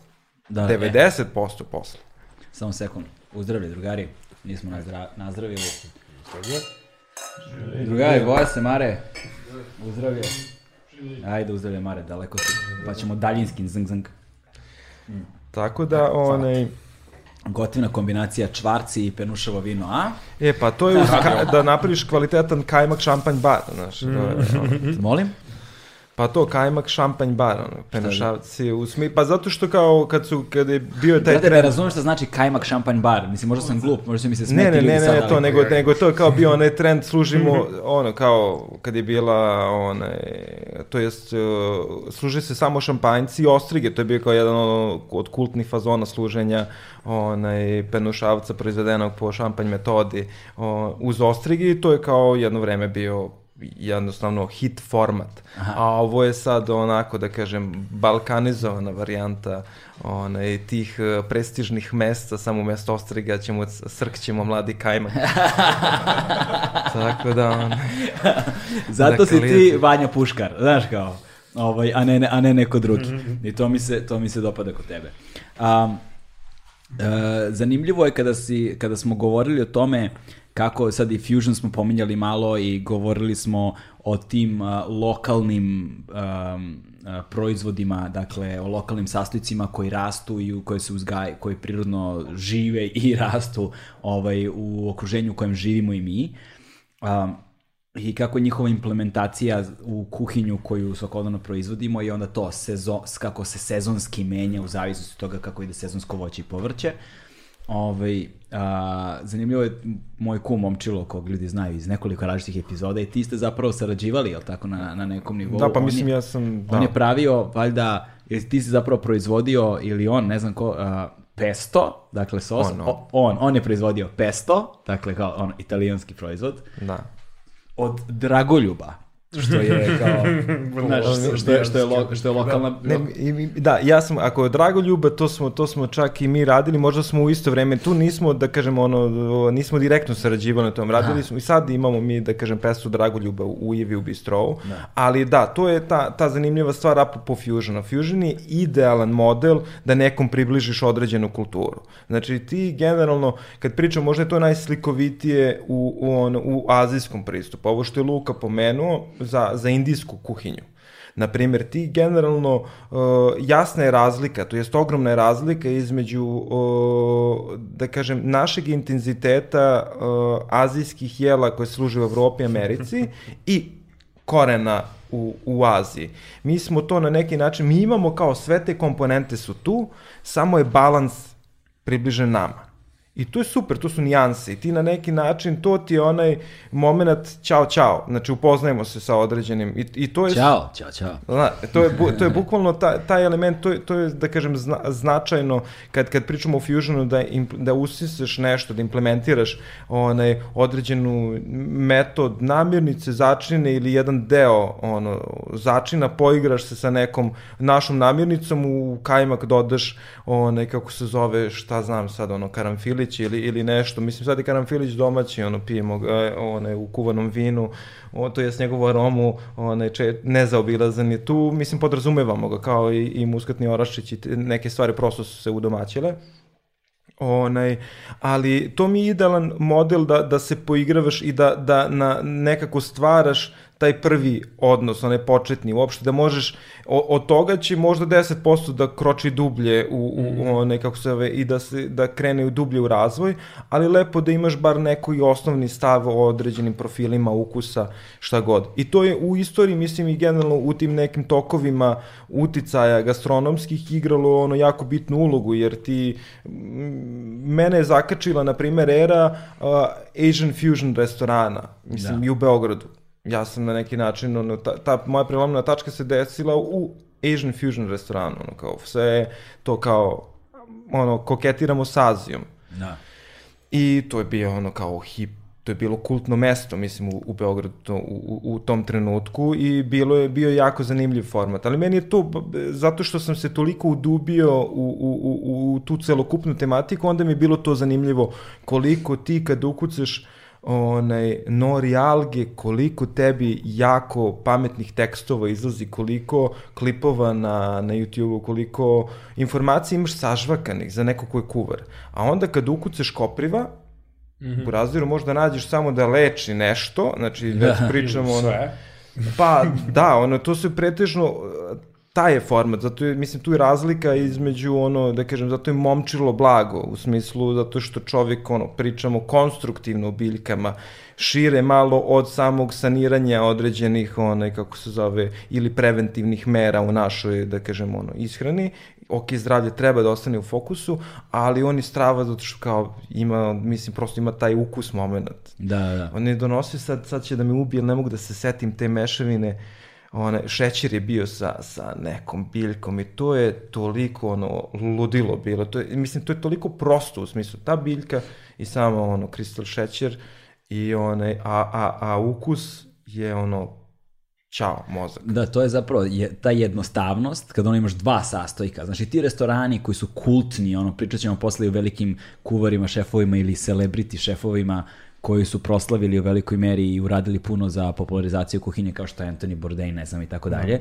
Znaš, gde ono odeš i kao jedeš, ne znam, mozzarelu tam, ono je mozzarelu nego napoli, ovaj, margaritu tamo gde je izmišljena, znaš, kao zašto je sad ta, ono, tri sastojka, brate, nema ništa više od toga, ali kao restoran koji proizvodi mali broj jela sa vrlo malim brojem sastojaka i koji to radi 60 godina unazad, znaš, kao, i, i vr- vrlo, vrlo ti jasno, ali ta jednostavnost se zapravo najteže postiže. Ono što ljudi čine da izgleda najlakše na svetu, brate, taj je mnogo radio da dođe do tog nivoa. Jeste, jeste, to se slažem apsolutno, pritom ti kad je ta jednostavnost u pitanju, ti imaš malo manevra levo-desno da sakriješ nešto, to je prva stvar, to su hiprezanatski proizvodi koji, gde tvoja veština dolazi do izražaja ponavljanjem procesa iz dana u dan, a pritom se boriš sam sa sobom, u smislu čovek traži uvijek da skrati nešto, brate. Da, to da. ti je urađeno u raziru, znači da ti sebi smisliš metod kako da preskočiš. To je uvijek borba, da kažem, to su one neke sve stvari s kojim se susrećem ja kao prvenstveno kao kuvar, pa šef kuhinje, pa vlasnik restorana, da prosto održiš tu disciplinu da, brate, ne može, razumeš? Da, da, da, da, Znači, da. ne može to što ti to misliš isto, nije isto, razumeš? Ima neke stvari koje ne možeš da skratiš. Znači tu molekularna otpada. Pa mislim zato što to je u ljudskoj prirodi ono kao da, da ulaziš u komfort zonu. Ideja irisa sa, sa svakim ono svakih mesec dana menjaš kompletan meni je taj da držiš sebe i svoj tim budnim da ste permanentno u nekoj kreativnoj fazi, da se ne vezuješ sa ono, dođe neki meni, brate, prođe super reakcije kod publike. I ti si već u fazonu, pa možda da ga produžimo još jedan mesec, znaš, i odmah si u fazonu, znaš, ajde, ne, da, da, da sad ne ulazimo opet u proces rada, kreiranja, ono, no, novih stvari, možda posle, možda ne posle pet godina, ali osmu godinu tamo, razumiješ, ti dalje vrtiš istu priču, ovo, ono, i možda će ti se roditi ideja, ajde mi sad to spojimo, znaš, da pravimo tromesečno. Da. Jer zato smo hteli konceptualno od starta, to je tako, ne, e, prosto da, da bi taj proces istraživanja i ne vezivanje za te neke stvari u smislu za finalne forme, nego za ukuse, teksture i sve. I onda mi, da kažem, i određene elemente iz jela nadograđuješ u sledećem, sledeći put kad dođu na dnevni red, ti onda imaš iskustvo iz ovog prvog puta i uvijek je ta evolucija u smislu, to smo na kraju skapirali, treće nedelje je sve selo na svoje. Da. Ali si već u dubokoj fazi kreiranja menija za sledeći meni. Znači ti taman si ono kao, ne gubiš lupam ono 8 sati na pripremu, nego si ga spakovo, ono, prosto znaš pokrete, znaš do kojeg trenutka se šta peče, Da. kako gde, spakuješ ga na, na neki operativni nivo, ali ti si već u fazi da ostali deo vremena radiš na novom meniju. Da, to je baš izazovno svakih mesec dana menjati celokupan jelovnik, pritom u fine diningu gde ono imaš koliko, 12 ili 9, koliko je beše bilo kod tebe? A, pa od 8 do 9, mi smo se Da, uvijek od 8 do kretali 9. i dva menije, meni sa mesom i vegetarijanski meni, na zahtev smo radili veganski meni. Da, Ono, da, da. Ali to je jako bitno da se 48 sati unapred najavi, jer Da. menja kompletno, onda, da kažem, i wine pairing i, i ceo taj segment one, doživljaja, prosto moramo da prilagodimo da taj čovek ne ose, da se ne osjeća uskraćenim. Da, da, Znaš, jasno. ne bude ono kao, a ok, sad ću da skratim, izbacimo ovo, izbacimo, ipak to mora da bude opet kompozicija za sebe. Da. I tu se onda, to je idealna sad paralela kad, kad, kad pričamo o segmentu koliko ti rada i truda ono, ulažeš u nešto, tu dolazimo do onog segmenta koliko to košta. Da. Znaš, kad kažu ljudi, jer, jer mi imamo često, u, opet, u- ali to u svim sferama, da banalizuješ, da kažeš, ok, vinar, brat, koliko je grožđe po kilogramu? Koliko mu treba za liter vina, znači ono, za buteljku 0,7, znači njega, brate, košta voliko, on mi tu prodaje to za 20 evra, 30 evra, pa onda oni sa ozbiljnom tradicijom i šta, ono, odlazi to u, i u hiljade, ali pričamo o onom basic levelu, pod Da. navodnicima. Znaš, jako brzo ljudi misle da je to tako prosto, kupiš grožđe, napuniš flaše, prodaješ. I sva razlika je tvoja. E tako isto i u kuhinji, u smislu ono kao, porediš sa koliko je kilogram bifteka, koliko je kilogram krompira.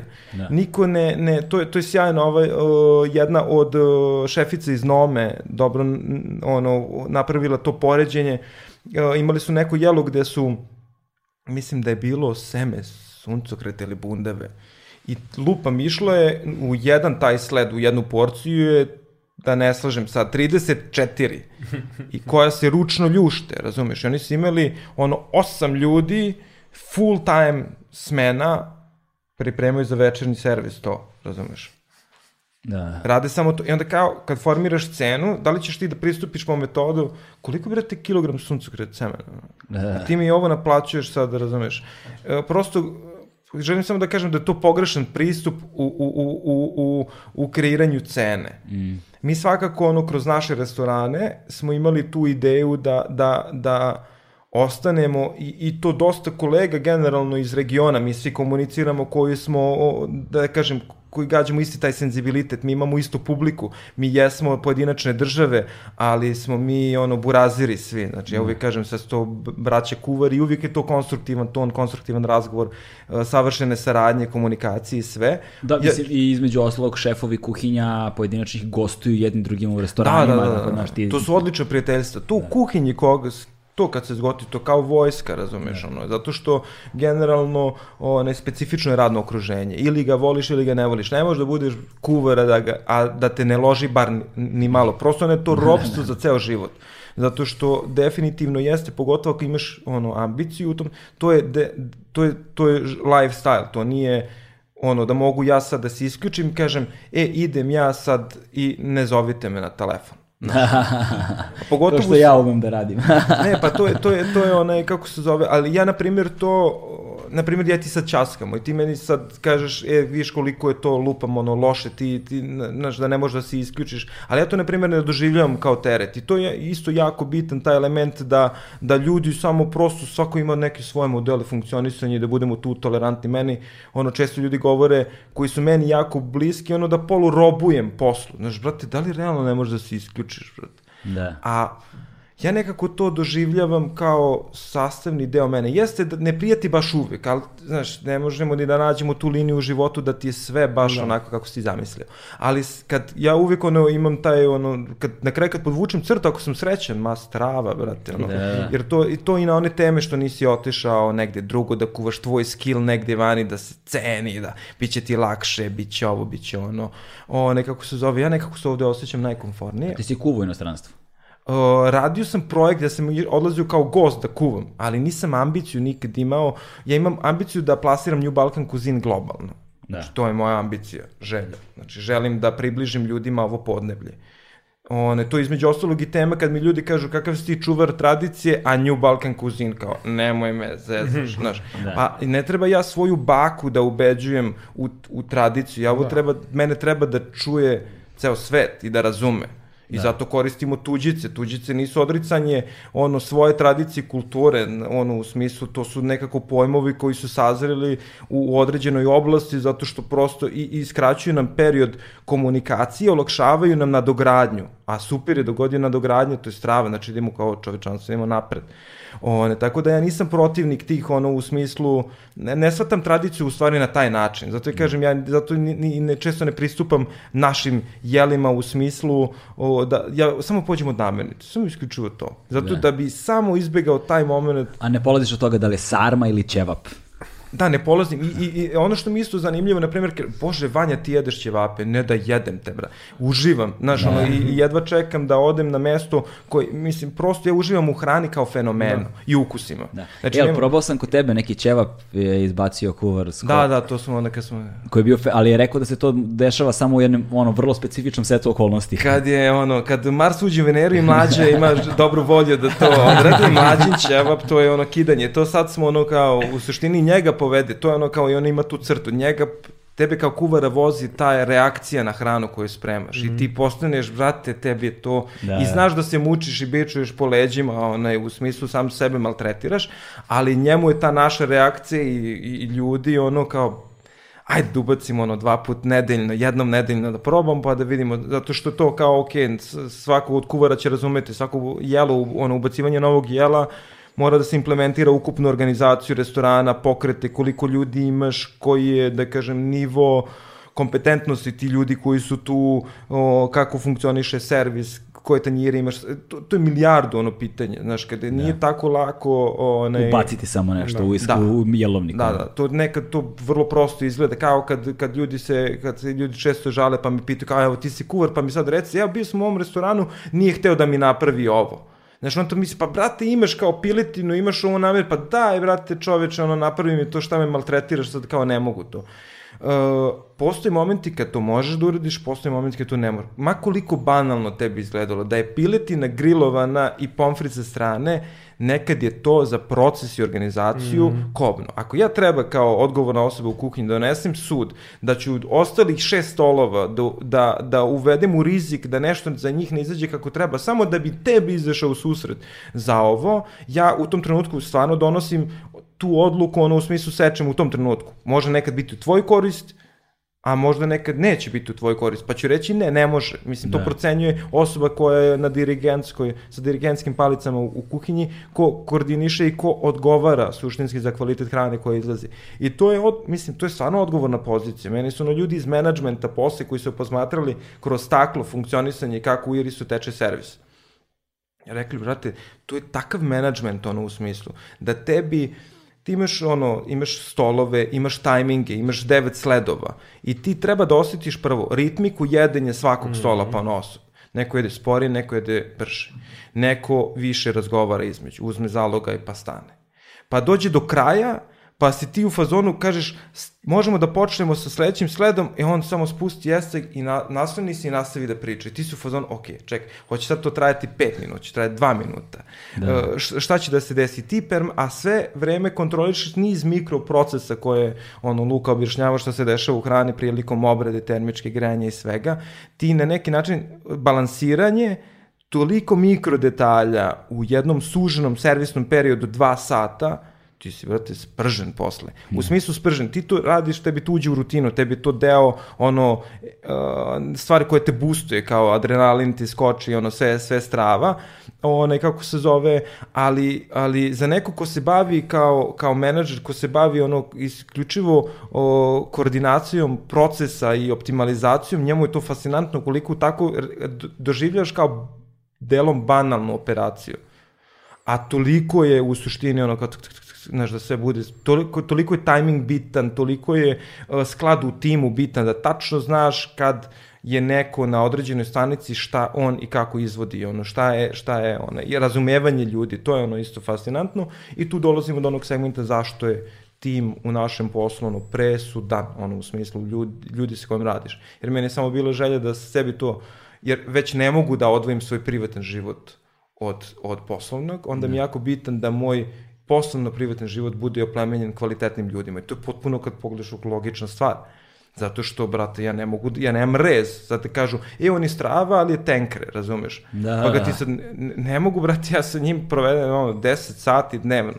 Razumeš, ne, ne, nema lufta baš za, za, za, za toliko ono, kompromis, jer onda sebi narušavaš celokupan balans sveobuhvatno ono u životu. Tako zato je ono meni predivna ta, ta, taj segment Irisa sa ono Branislavom koji mi je ono brat, brat, znači ne postoji čovek, s njim sam počeo da radim u Hayatu, na, posle dva radna mesta gde smo se možda mimo išli, ono, tad kao, to je brak u razviru, ono, najhardcore brak, ono, znači, to, zajedno smo non stop, Blanka koja je, ono, koja je iz mog, isto, da kažem, isto iz Prijedora, to jest iz Ključa, pa je došao Prijedor, ali znamo se iz, iz te sve, znači, meni su u Irisu stvarno ljudi s kojim jako znaš, vezuje nas mnogo šta u životu. I zato je lepo lepršavo i iz tih razloga smo mi presekli da ne radimo tokom ove faze kad niko ništa ne zna. Pogotovo što na početku to je bila ona faza da ti treba da proceniš da li želiš da ugrožavaš druge ljudi, jer, jer je prosto nešto se napravilo što niko ne razume, nešto se desilo,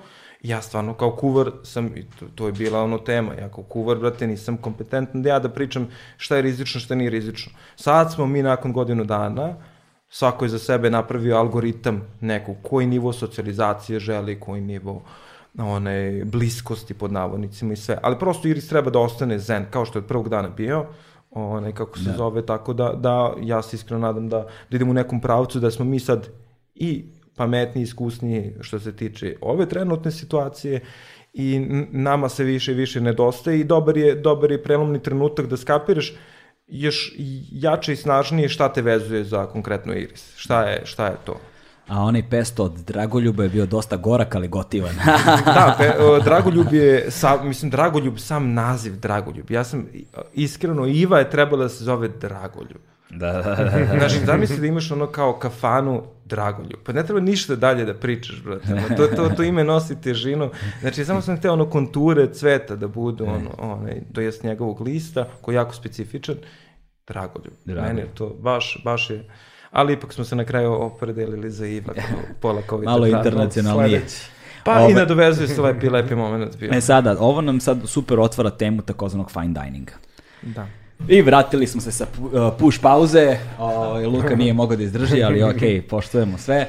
Um, priča, počeljemo priču zapravo o fine diningu i stigli smo najzad do te tačke. Mislim da smo negde istorijski, kulturološki um, uh, približili ljudima, naš, on, biohemijski, približili ljudima da je kuhinja značajno komplikovanija stvar nego što možda deluje na prvi pogled, iako velika većina ljudi zna prosto iz životnog iskustva generalno da kuhinja nije jednostavna stvar, ali smo možda dodali taj ono pomerili još malo granicu da shvate da je, posebno sa organizacijom posla koji, koji si govorio malo pre, da je ipak to jedna vrlo zahtevna stvar i da je to kombinacija da se briše odnos između profesionalnog i privatnog. Prosto, znaš, to ti je, kao, kao, kao za neke druge stvari u životu, ne znam, za, za, za, za duhovna lica, to je više poziv da, da nego da, što da, da. je posao, znaš, znači to doživljavaš kao poziv, bukvalno.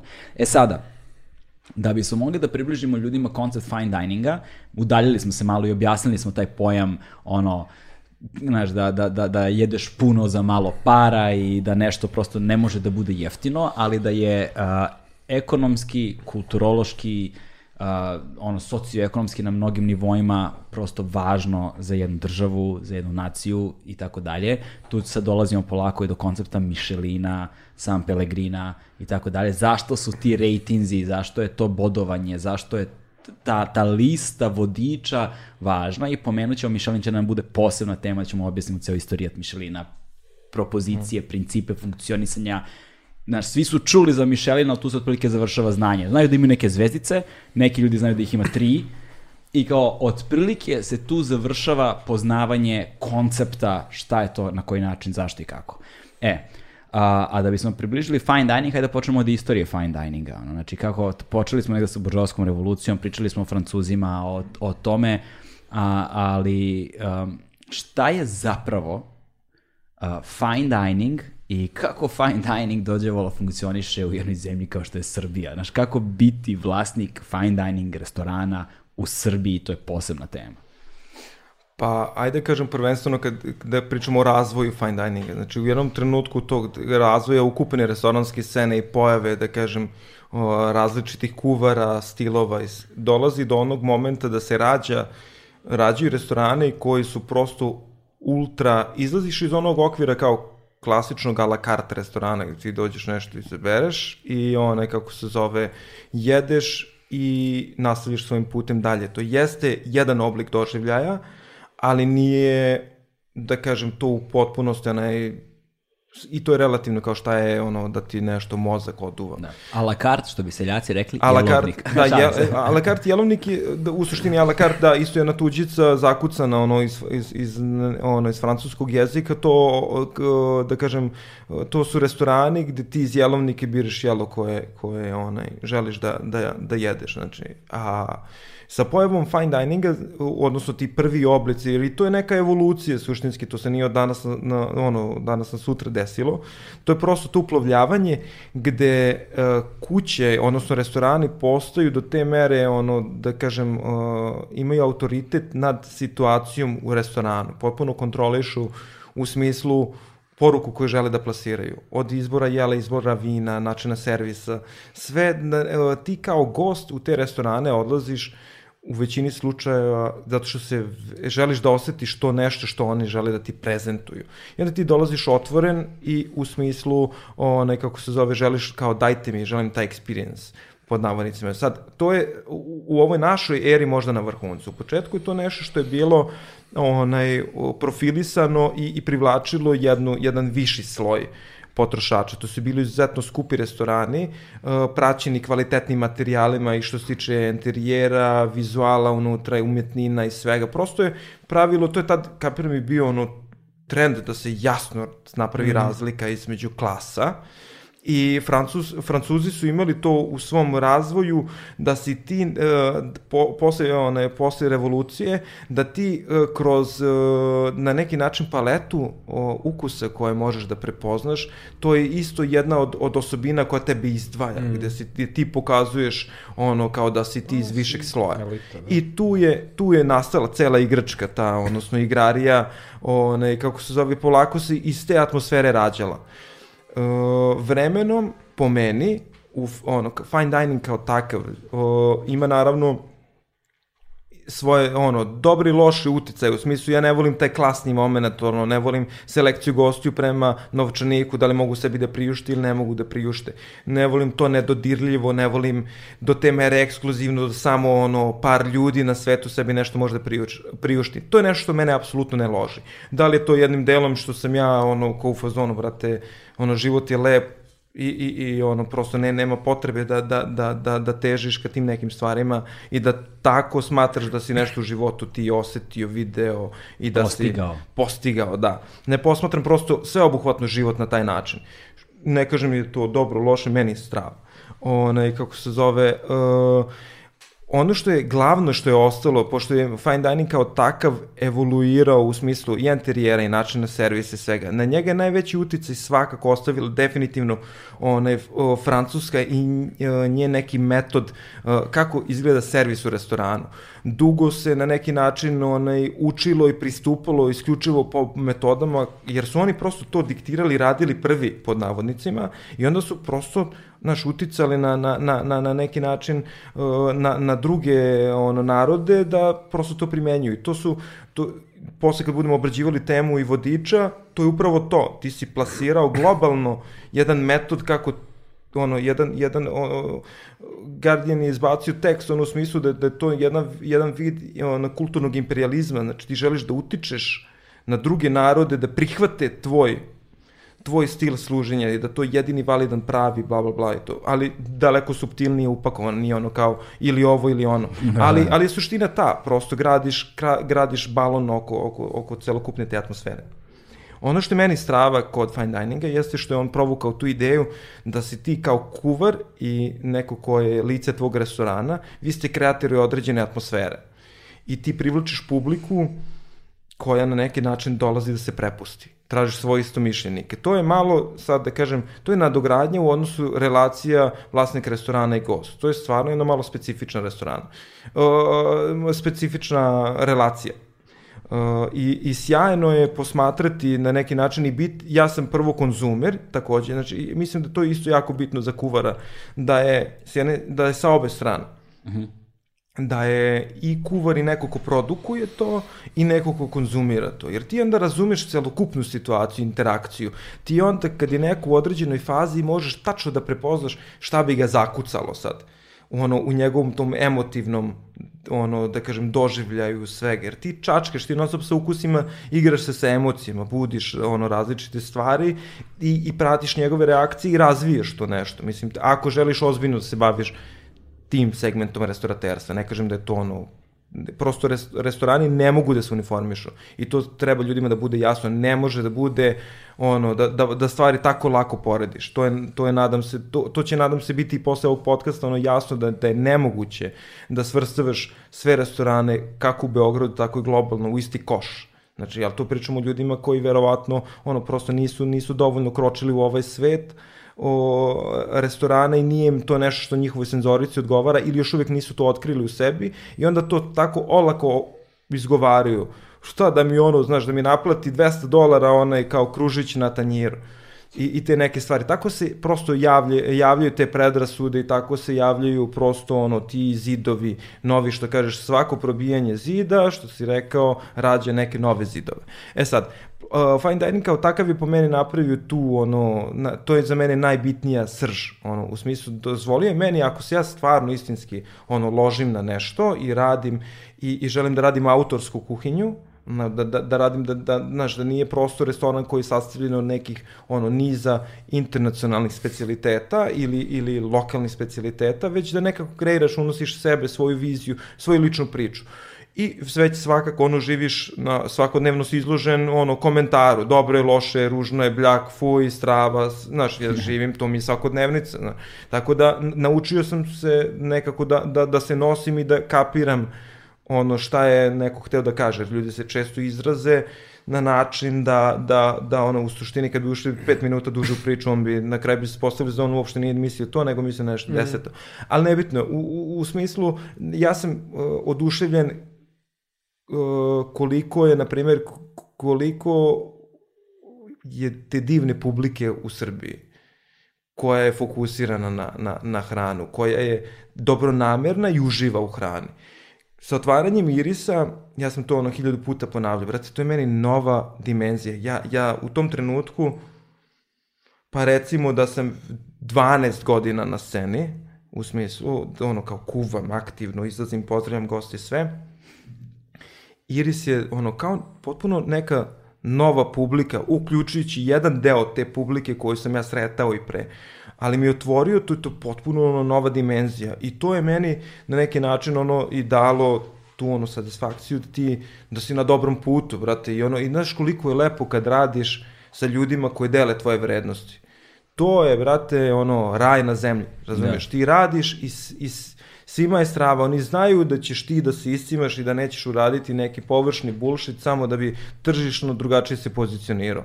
Ovo je full ono, brate, mi radimo to što radimo. Zato je često ono, kad smo, kad smo i pre tija komentarisali, jako je ta pipljiva tema, ono kako se po, po gen, ono, generički, kako da ljudi doživljavaju fine dining i da li se baš Iris uklapa u, u to po svim parametrima. Jer Iris definitivno, ono, bio si gost, sve, on je daleko od ekskluzivnih materijala iskorištenih ono, u interijeru restorana. Ali mi smo hteli suštinu. Da tvoj fokus ostane na, na samom stolu. I prosto taj projekat je trebao da se realizuje. I, I prosto on je na neki način reflektovao ukupnu situaciju nas kao tima, mene kao pojedinca, ljudi koji su oko nas. Onaj, uh, urađeni u pravoj onoj meri da, da, da na neki način može da opstane u Beogradu u, u, u nekom malo manje afirmisanom tržištu u tom nekom domenu. Znači mi tek krećemo u upoznavanje. Da. I to nije ništa loše, to je, tek, to je samo prosto, mi smo sad došli, trenutak i sazreo da krenemo u tom pravcu. I to je, onaj, jako je bilo, jako je bitno pro, ono, na, na ne, pravilno iskalkulisati koliki korak treba da bude. Da ne bi uradio preveli korak, pukao i onda rekao, brate, ova Srbija ništa, bre, niko ništa ne kapira, ja sam imao super, ja sam čovek van vremena, brate, živim, znaš, ono, 50 godina napred i to je ono tužni bluz, ja za šankom, negdje cirkam rakiju, podočnjaci, sve i ja kad sam ovo radio, znaš, niko mene nije kapirao.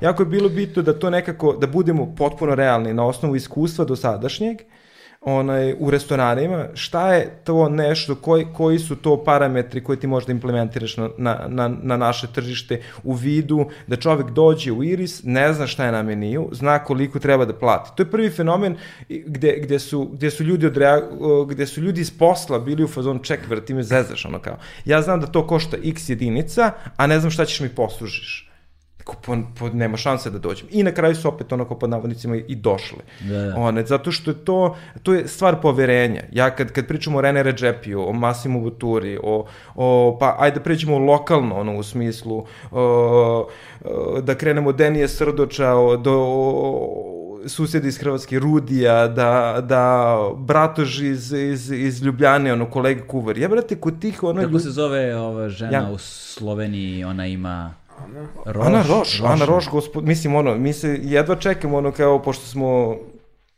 u suštini onaj kako se zove ovaj malo covid nas je omeo onaj kako se zove u, u, u, u, u tom da kažem putovanju u, u, u tom pravcu jer nekako ono kad smo probili taj ti si nekako kao prvo hteo si svoje dečačke snove da da mm. da ostvariš razumeš da obiđeš ono neke hramove koji su ti urezane ono urezani od, od, od tog formativnog perioda one kuvanja i svega i onda smo mi da kažem ono kad kad se javilo slobodno vreme šibali u, u ono kao mes mesta koja, koja su prosto meni ono na spisku, to jest tom timu ljudi koji je na kraju Iris rodio, taj, taj, ono što je zanimljivo, ta naša mala gastrokomuna koja, koja putuje, ide i jede, to, to su gosti koje smo upoznali u Irisu, to je najveći, i mi smo sad, ono, super drugarije, te ljude izuzetno volim, juče smo se sreli, bili smo samo u fazonu, brate, kad ćemo da idemo da jedemo nešto. I sad onaj, Ana, Ana Roš je odigrala majestralnu ulogu za sve nas koji se bavimo na Balkanu ovim poslom, zato što je ona žena, prvo što je, jed, ve, redkost je da neko dobije dve zvezdice ono u startu. Znači, to je, to je, to ćemo onda kad budemo obrađivali, Mišljani. mislim, temu znači, ona je, ona, je, ona je prva i jedina osoba svojih prostora koja je odmah dobila dve zvezdice. Da, pošto na XU prostorima o, vodič trenutno funkcioniše samo u Hrvatskoj i Sloveniji. Prvo je krenuo sa Hrvatskoj, pa se nadovezala Slovenija i zato kažem idealan trenutak i stvarno je sjajna stvar da se nadoveže Srbija na to. Jer vraćamo se na to, mi smo jedno tržište. Ja kad pričam, mislim ja sam ono sa, sa kolegom Rudijem sam se sreo verovatno smo pričali dva puta po 15 minuta ili, ili 40 minuta, nebitno je. Ali smo imali ono kao, Znaš, kuvari smo, on je meni ono, fe, on, on, vodi Pelegrini u Šibeniku, on, restoran. Uh, Koji ima uh, koji ima jednu zvezdicu. Da, Onaj, kako između, samo da kažem, to, to, to je postoji izreka, jedna kaže, neki ljudi se upoznaju, a neki prepoznaju. Pa, zato što je naš tok, mislim, meni je bilo fascinantno koliko je taj čovjek bio ono otvoren u komunikaciji nekih opšte poslovnih stvari, kako da ti organizuješ to što želiš da plasiraš u svojoj zajednici. Jer je meni bilo fascinantno Šibenik. Znaš, ono, nije to sad prestižni neki... Da, da, da Nije ne, Dubrovnik. Pa, zato što ti daleko lakše je to nešto da uradiš u smislu, Šibenik se nekako nađe između Istre i onaj, kako se zove, i tog donjeg komercijalnog dela Dalmacije. Mislim, daleko toga da uma, nego govorim samo o fokusu i mainstreamu, kako turisti, gde se turisti slivaju. I onda je meni to jako, ono, meni to fascinantno da je kako je on istrajao u svojoj ideji i generalno u tom trenutku taj tim ljudi koji sam upoznao kod njega, osetio sam jednu divnu energiju između njih sam sretao i posle i, i čak je drugar ovaj Marin dolazio do nas ono kao i u Iris bio je par ono bio je dva dana ja mislim kod nas u kuhinji prove vreme samo došao sa svojom devojkom. Mislim rodila su se neka druženja ono u smislu ma, onaj konstruktivnija od samo ja sam gostovao na festivalu koji oni organizuju u Šibeniku, onaj, ono, chef stage i da održao neko predavanje i zapalio. Znači, nije, ono, prosto na neki način prepoznali smo se kao i kolega Denis Srdoč, onaj, kako se zove, Marka Gajeskog, ono, znam, mislim, znamo se iz Beograda, on je čovjek dolazi ovde kad, je- kad, su, kad su svirali ono, i TBF i, i, i, i dječaci, bio onaj splitski džir, on je kuvao na određenim događajima, znali smo se iz tog perioda, I to su sve ono, da kažem, idealni, savršeni ambasadori ovog podneblja, ono, u smislu, da. ono, svako od njih nosi neku specifičnost, Ana Roš je uradila u smislu, imala mislim, njena uloga je pod najvećim pritiskom, zato što prosto, prvo ona izašla u serijalu pre, Mišele, ono, pre samog vodiča, ona izašla u serijalu Chef Stable, onaj, na Netflixu, koji je, ono, ozbiljno ispraćen, ono, pogotovo tu u početku. I meni je to bilo ono, kao, bilo sjajno, zato što neko, brate, neko će u, u Mongoliji ili onaj, u, na najrazmaženijoj tačci u Americi da, da, brate, dođe uopšte u kontakt sa, kao Slovenija, brate, znaš, Da. Balkan, pa kao nek, ne, prosto to sve od, to je stvarno sve bitno za, za afirmaciju celokupno, celokupnog podneblja. Znači, po meni tu nema prostora da li ovaj zasluži ovo, da li onaj zasluži. Pošto je hrana u pitanju i sve su nijanse. Ja sad da mi neko pita koje je razlike između dve zvezdice i tri zvezdice, to ljudi treba da raz... Znaš, ne, znaš, brate, kako da znam. Da. Da. Znaš kako, zato što to, to je prosto ostavljeno na milost i nemilost malo i inspektoru. A ti sam znaš kad konzumiraš jelo da Brate, nekad ti je ono, plako bi od sreće, a nekad je sve to isto tako, ali Ne dodirujete. Stvar je trenutka, stvar sve je je milijardu faktora. ono, zeitgeista, E, duha to, vremena. To, to je da. onaj element, naravno, oni imaju, kako se zove, ja, jasna, jasne instrukcije koje prate i koje ocenjuju, sve to meni jasno, ali taj finalni, onaj kao gde ti srce i leptirići, ono, srce poigrava leptirići u stomaku, to je, brate, moment. Da. Znaš, to je ono, mislim, To je ono što mi se meni dopada kod hrane, ta efemernost, ta, ta, ta, što, što je to umetnost koja traje trenutak. Da. I, I, ostaje obeležen, ja to zovem ono duševna tetovaža. Ostaje ti negde Aha. ono memorisana, ti nemaš, znaš, ono, nemaš više to da pipneš, da probaš, da, da, da Nije vidiš. uramljeno da ti stoji na Da, zidu. da, da. E, to je meni sjajno. Ja to, mislim, meni je to fenomenalno što ti samo to su tas... I kad prepričavamo, kad se, znaš, i onda te opet to pogodi, brate. Da. Kao ono stvar kad čuješ, ono, je, znaš, nisam je čuo 20 godina. Da, da. Tako da, isto je to i kod, i kod hrane. Tako da, u tom nekom domenu, onaj, kako se zove, uh, jako bitan, pričali smo na temu kad, kad ulaziš na tržište koje nije, da kažem, ne, ne dočekujete pod navodnicima ni raširenih ruku, ni nema ni neki gard, nego ti sad lagano. Ne mogu ja da kažem da je Iris dočekan sa gardom. Ne mogu da kažem da su ljudi osjećali odbojnost. Mi smo krenuli toliko skromno i to je ključ. Da. Da kreneš skromno i da kreneš normalnim tonom i da kažeš ja radim to što radim. Dođi, probaj, brate, vidi, sviđa ti se, sviđa, ne sviđa, ne sviđa. Mi smo imali ono tu varijantu da stvarno kad vidiš da je neko, to smo dogovorili se u startu i onaj, kako se zove, ja sam ljudima iz osoblja, pošto znam kako to ume da izgleda kad, kad servis odlazi u pogrešnom pravcu, kad sede, ono, kad, kad prosto čovjek koji je došao ne osjeća povezano sa mestom. I on tebe kreće, tebra da tovari, sa nekim pričama i, i, i da ti sisa energiju i da ti upropaštava apsolutno celokupan vibe u restoranu. Imaš prosto te ljude. Nije mu selo, a on se osjeća, nije prosto proširio vidik, nije sagledao kao pogled levo, desno, gde sam došao i ne može da prihvati da kaže pa možda samo sam ja pogrešio, ja sam doživao ovaj restoran na drugi način, možda samo mene ne gađa, može račun, šta god. Mi smo se odmah rekli, kad, kad vidiš to, samo kažeš gospodine, ono, molim vas sve na naš račun,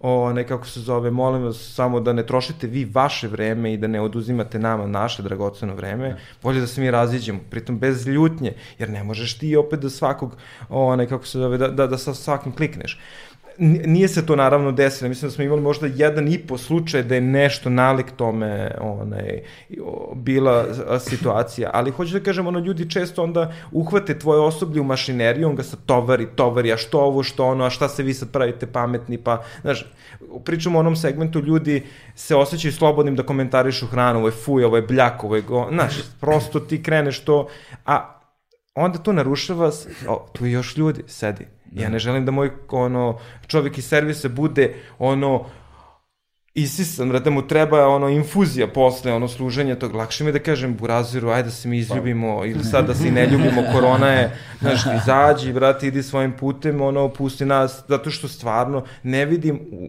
u, u 2021. ne vidim razlog zašto bi svi pokušavali da, da nam se svima sve svidi. Ne može, brate Znaš, to, to, to prosto kao, ono, slušaš jedan pravac muzike, odeš na koncert nekog desetog i kažeš, brate, vi nemaju pojma. To da. je bukvalno taj nivo, ono, brate, ili ne zanima me umetnost, šetam se galerijama.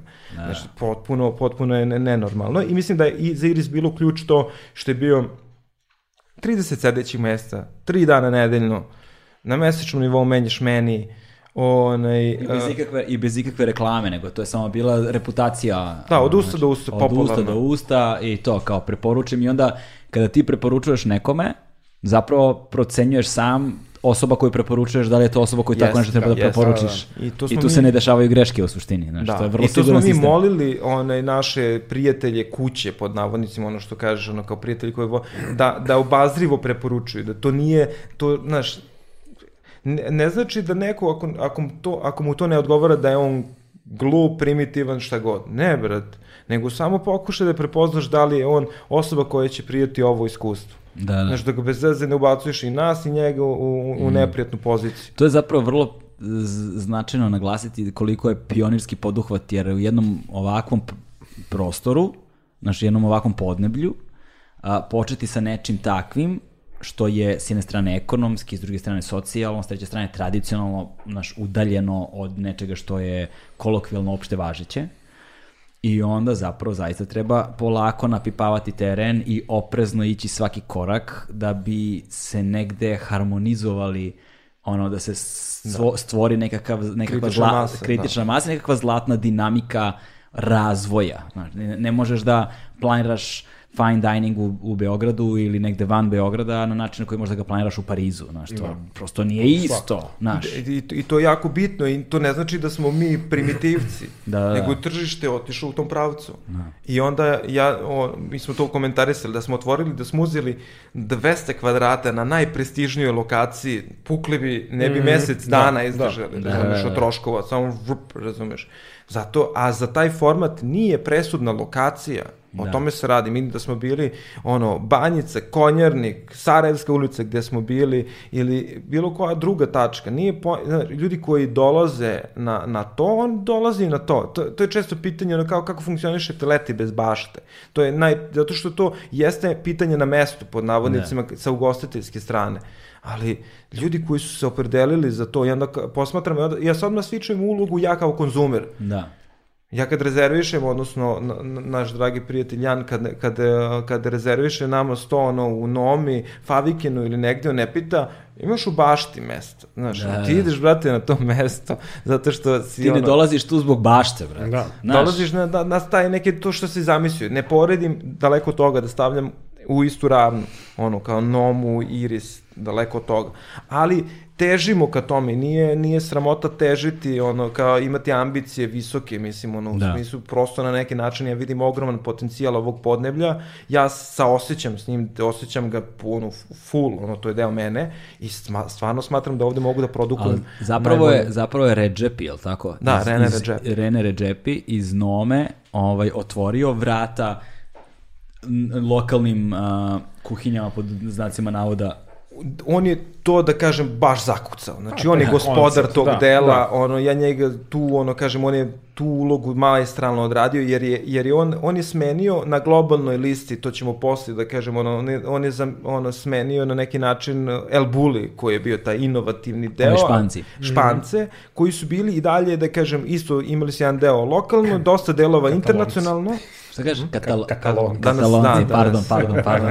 Da. Onaj, ali prosto on je otvorio jedan no, ja stvarno kad je El Bulli bio aktuelan, ja sam mislio da, da gastronomski gledano ne može, šta možeš da se desi pod navodnicima. ono, Zato što je to stvarno toliko napredan restoran bio, jedan specifičan metod i iznedrio je toliko svetskih šefova, pa između ostalog je Recep je bio u El Bulliju. Znači, prosto na neki način onaj iznedruju toliko kvalitetnih kuvara onaj iz tih pločica El Bulijevih je izašao stvarno ono niz virtuoza pod navodnicima one, ove profesije, ali Rene je onda odradio sledeću stvar. On je prosto taj o, on se osvrnuo apsolutno i samo lokalnim namirnicama, ono, skandinavskom podneblju. I to je bilo, i to je, na primjer, isto nešto što, što smo mi doživeli, u smislu to je u, u, našem životnom veku, gde tebi onaj, u, u filmu o Nomi, ono, jedan food critic izgovara ono, da je neko pre pet godina meni rekao da će neko u Kopenhagen da sleti, da kaže da je zbog hrane sletio da, da, da. i došao ovde da jede, ja bi bio u fazonu da li je to stvar. A mi u tom trenutku kao mladi kuvari živimo realnost da je Skandinavija i da je Kopenhagen hram Razumiješ? Znači, to je jako kratak vremenski interval za koliko su oni uspeli da setuju to i da zaokruže i da napravi jedan karakterističan, jedinstven proizvod sebi svojstven, onako da kažem, kon, kolorisan i dizajnerski i kroz ono umet, onaj, kroz te neki arti moment skandinavski, sve nekako proizvod je prosto bio izbalansiran i to je ona, onaj element kad fine dining odlazi od um, zlatnog zvona, mm -hmm. uh, srebrnog escega i svega, odlazi da ti kreira ukupnu kompoziciju podneblja gde ti konzumiraš hranu, što Da. bi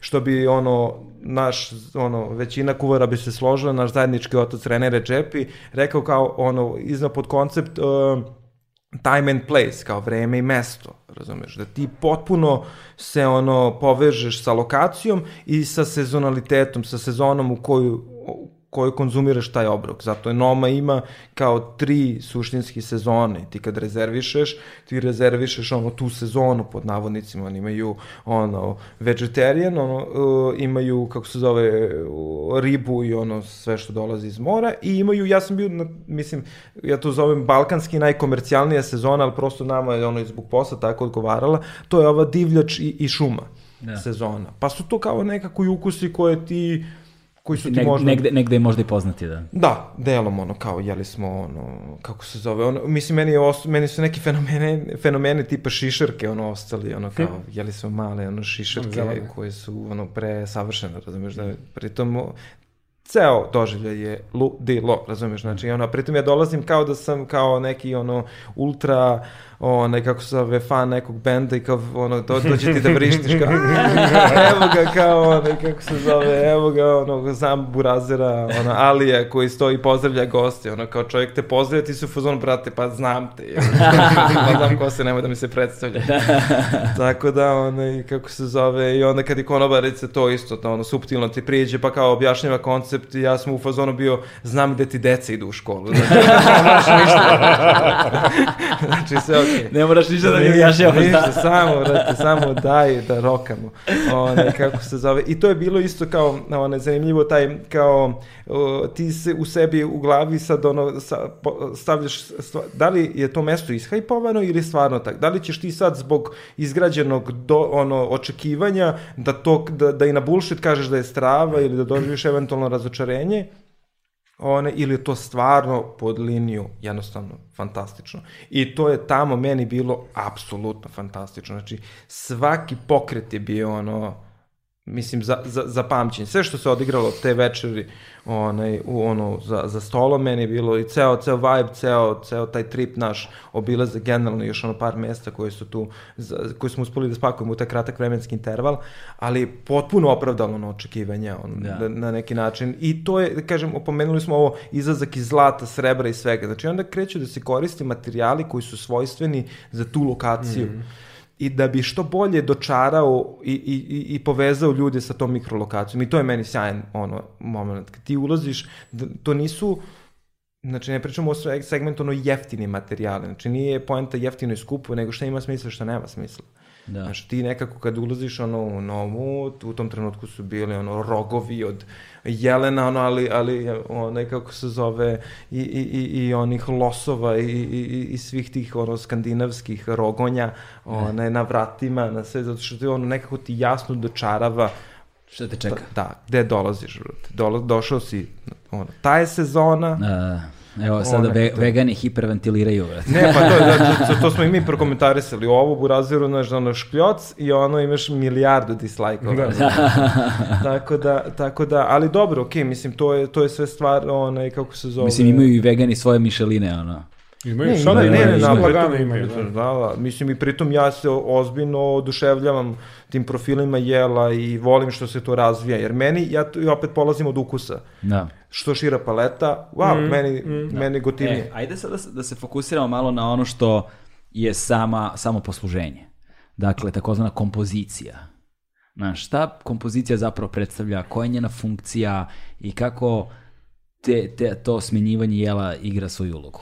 Kompozicija jela da. i da, da kažem celokupno ono, pa u suštini uh, to na neki način uh, kad kreiraš meni, sad, pošto često ljudi pitaju kao kako, kako, se, kako nastaje receptura, kako ti generalno, kako se to sad radi, koji je početni proces toga. One, u većini su, ja stvarno kad, kad vratim film unazad, u već, ono, uvijek je polazna tačka nekako, taj, kad krenemo da radimo meni, ti imaš, to je kao ono, high high, znači šta ti je prvo upoznavanje nešto, znači ti treba da se povežeš kao što je, ne kapiram, ono, ima ono izreka za, za, za, za film ili ono, produk, za video produkciju da moraš u par sekundi da, da se povežeš ili, brate, idemo na skip. Tako i ovdje kad, kad kreiramo, kako se zove, kad kreiramo degustacioni meni, ti pokušavaš na neki način, o, ti imaš taj uvodni zalogaj, to se zove, kao, i to je baš tim rečima to. Znači ti treba u jednom zalogaju da otprilike prezentuješ pravac, način razmišljanja i koji je vaš stil. Znači to je, po meni kad se jave stilovi kuvanja na određenoj restoranskoj sceni, to znači da smo mi ušli u tu završnu fazu, kvalitativnu, onaj, kako se zove, da, da prosto imaš, imaš, ljudi se vezuju odjednom za stilove kuvanja određenih kuvara. To znači da je, da je stvarno restoraterstvo napredovalo. I to je u ovom trenutku ja mogu stvarno, ne, ne slažu se svi sa mnom, ja, u, ja u Beogradu stvarno mogu da, da, da filtriram stilovi, da povežem, da vizualizujem sa, sa ljudima koji stoje iza tog tanjira i to je sjajna stvar, meni je to ono kao fenomenalno. E tako, znači taj uvodni zalogaj ti služi za, e, za to povezivanje ono sa, sa konzumerom, sa, sa osobom koja je došla. I onda ti lagano kreiraš, kako se zove, u suštini taj dalji tok. Kad pričamo koliko su teksture bitne, kad su, o, to je, da kažem, teksture, da li hrskao, kremasto, penasto, ovako, onako, one, to ima svoju ulogu, pogotovo što je jako bitno da proceniš ako je monotekstura, pod navodnicima, jela, ako je nešto kremasto, to jelo ne treba da bude više od dva zalogaja pod navodnicima ili dva i po, zato mhm. što ti je dosadno.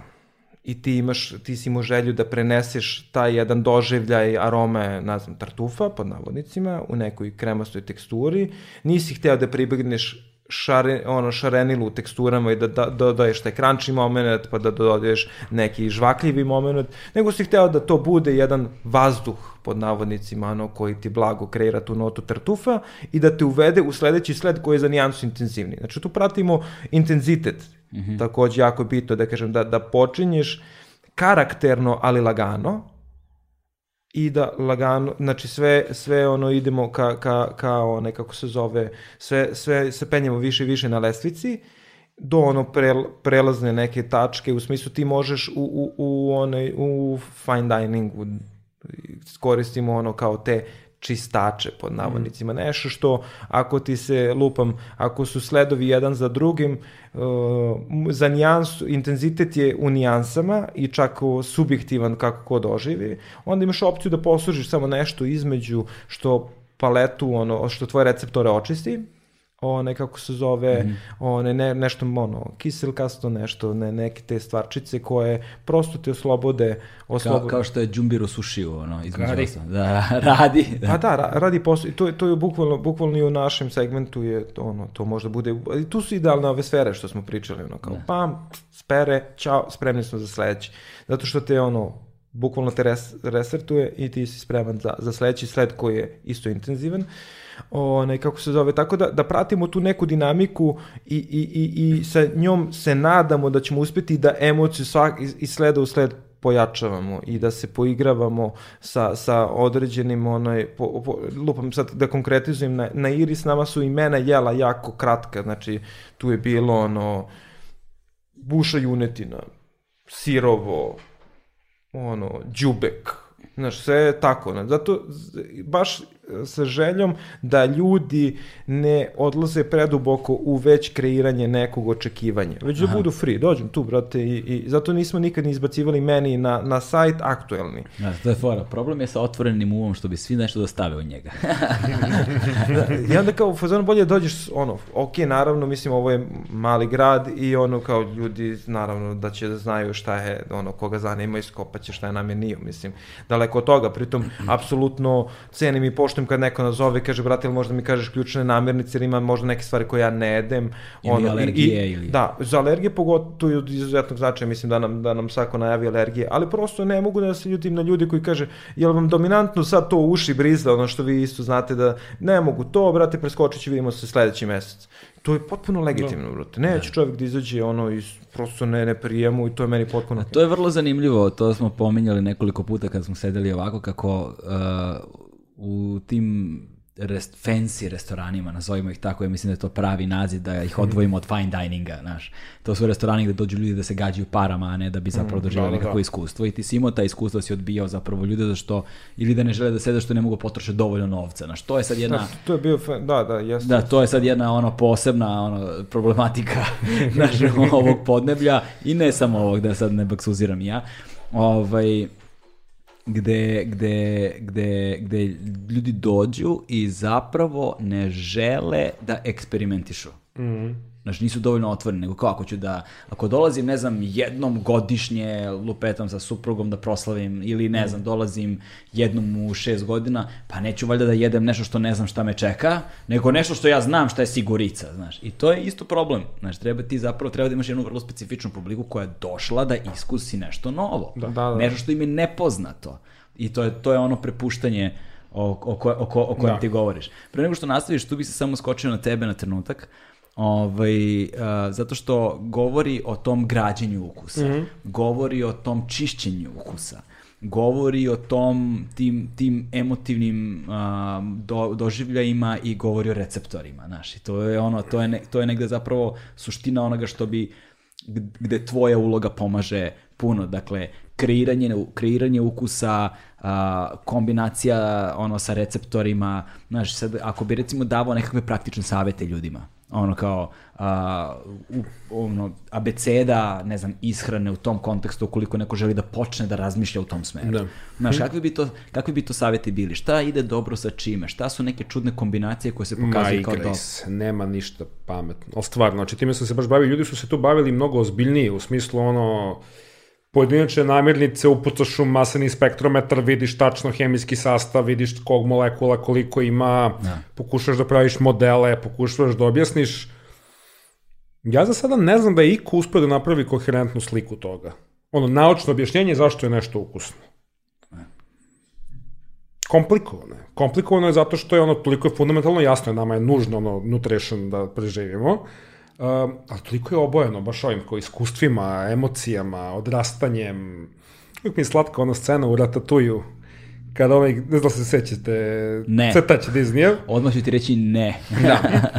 Ja mnogo gotivim taj crtanj, jako mi je šarmantan. Uh, uh, gde imamo, jel te, kuvara pacova i lika koji je tako whatever i pacov je njemu u kapici i pacov kuva u stvari.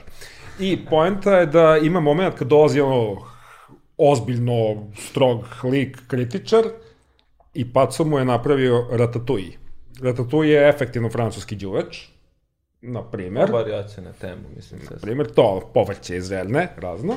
Um, I ovaj kritičar koji to uzima sad, to je ono high dining Francuska, uzima taj ratatouille koji je seljačko jelo i kao doživljava ono, to orgazme, ekstaze, ludila. I to potpuno mogu da razumem, to, to je to, mislim, da ljude odrade razne čudne stvari s hranom. To što je meni ukusno, baš ne mora znači da je tebi. Potpuno ista stvar. Meni je jako interesantno to koliko se razlikujemo subjektivno i čak do dana do dana. Meni se desi da mi ono rođena hrana danas taman slana, sutra preslana. Da. Znaš, kao isto, isto, isto, isto jelo, isti frižider, isto, isto sve, bez substancije koje mogu, ima stvari koje menjaju, tipa ako imate skroba, malo će da promeni odnos soli danas za sutra. Pokriva se. Ali Pasulj od juče. pasulj od juče. No. Ili, brati, prekliče. Već Sirotinja bata, znači nećemo se... Ali, ali, od četvrtka, pa sad. Da, da. Ima, i- a, tu, se, tu se krije tajna onih, znaš, uh, jela za mamurluke, znaš, kao... Kisela a, čorba. hladna pizza od sinoć. znaš, kao, to ima svoje, svoje, svoje lepote takođe. Uh, ima momenta gde juriš balans, ali to je interesantno da je ovde na, na našem podneblju jedan dosta čudno pa malo iskrivljen. Ne znam, recimo kod nas je dalje pola ljudi u fazonu slatko-slana kuhinja je op, op, op. Znaš, kao šta će ta kajsija u tom jelu od piletine? Da, da, šta će ta smokva u salati? E, ali to je opet naučena stvar, mislim. Da. To, znam da sam sve vremeno sam ono kuvao neku Indiju za ekipu. Ekipa to, a, ludilo, a, baš je dobro, bla, bla. I jedan lik koji je jadan nišlija, koji nije mnogo nima prilike da ono piče i putuje po svetu, kao bilo mu je gadno. Iskreno je, kao, kao dovoljno smo dobri da on to meni može da kaže, kao, brate, ne mogu ovo, jebi ga, znaš, kao, njom, njemu je grozno.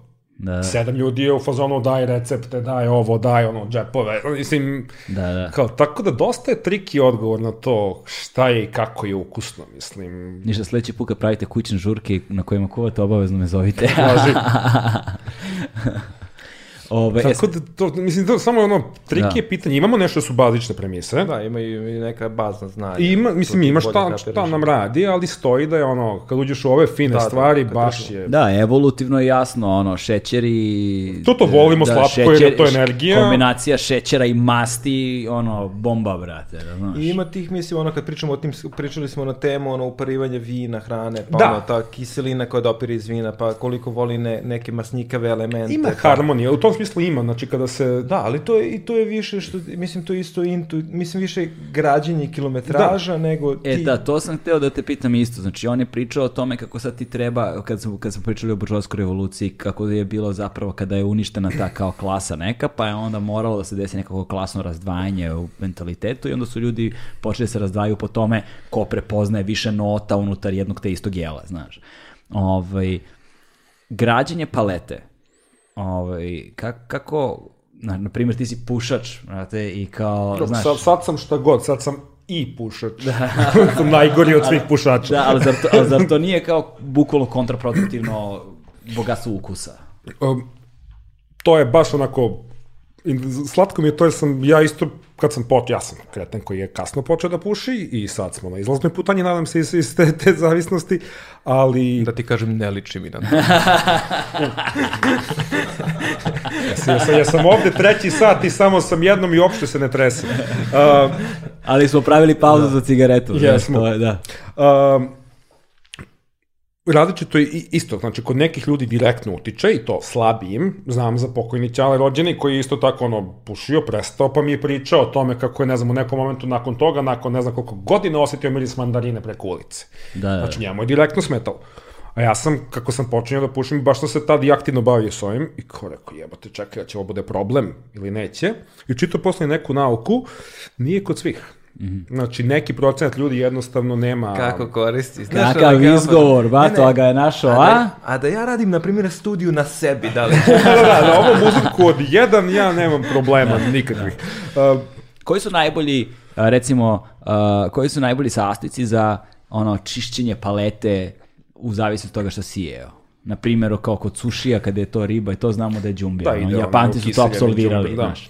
Ali šta su Um, generalno pravila neka za čišćenje palete? Ma da, to će biti nešto što je, pretpostavljam, to osvežavajuće, često Da, tako taj- blago kiselkasto. Bukvalno Uglavnom je ideja da ti ono skloni ono težinu. da spere masnoće, Masnoće i kažem, intenzitet. na recept, receptorima tog profila, tih intenzivnih ukusa, gađaš ga s kontrom koja daje tu svežinu novu kao pam, restartuje, i onda ti kad, kad opet kontriraš na tu svežinu sa nečim jakim, onda možeš da Da doživiš osjetiš opet celo, da. Da, a koji su to recimo ukusi za koje mi nemamo receptore, a za koje imamo ono doživlje, kao što je ljuto? Pa zapravo je... s- Ukus i miris su, jel te, samo su ono razdvojeni su, jebi ga. Da. Ozbiljan procent hrane je miris. Baš ozbiljan. Mislim, ne znam da ste probali nekad to kad jedete nešto kad ste prehlađeni, na primjer, ili samo probajte da zapušite nos i da jedete stvari, potpuno je druga zvetka. Da, da. Uh, ja znam samo za ljuto da je to nešto što je dodatna, Da, ok, nadražaj. toplo, hladno, da. definitivno. Ali to je sad zanimljivo, šta je sada, a šta je krckavo? To je između ostalog i čuješ. Da, Znači, to se kroz kosti sve prenosi, znaš, to je sve deo utiska. da, da. Tako da... Na Heston je radio te Da, on se baš igra, sve, čovek. To je ono što kad jedem dok gledam film ne čujem što pričaju. Da, da. Ne, ne, Heston Blumenthal je onaj britanski šef koji je ono, jedno, odzabele, isto je, da kažem, bio jednu eru obeležio definitivno.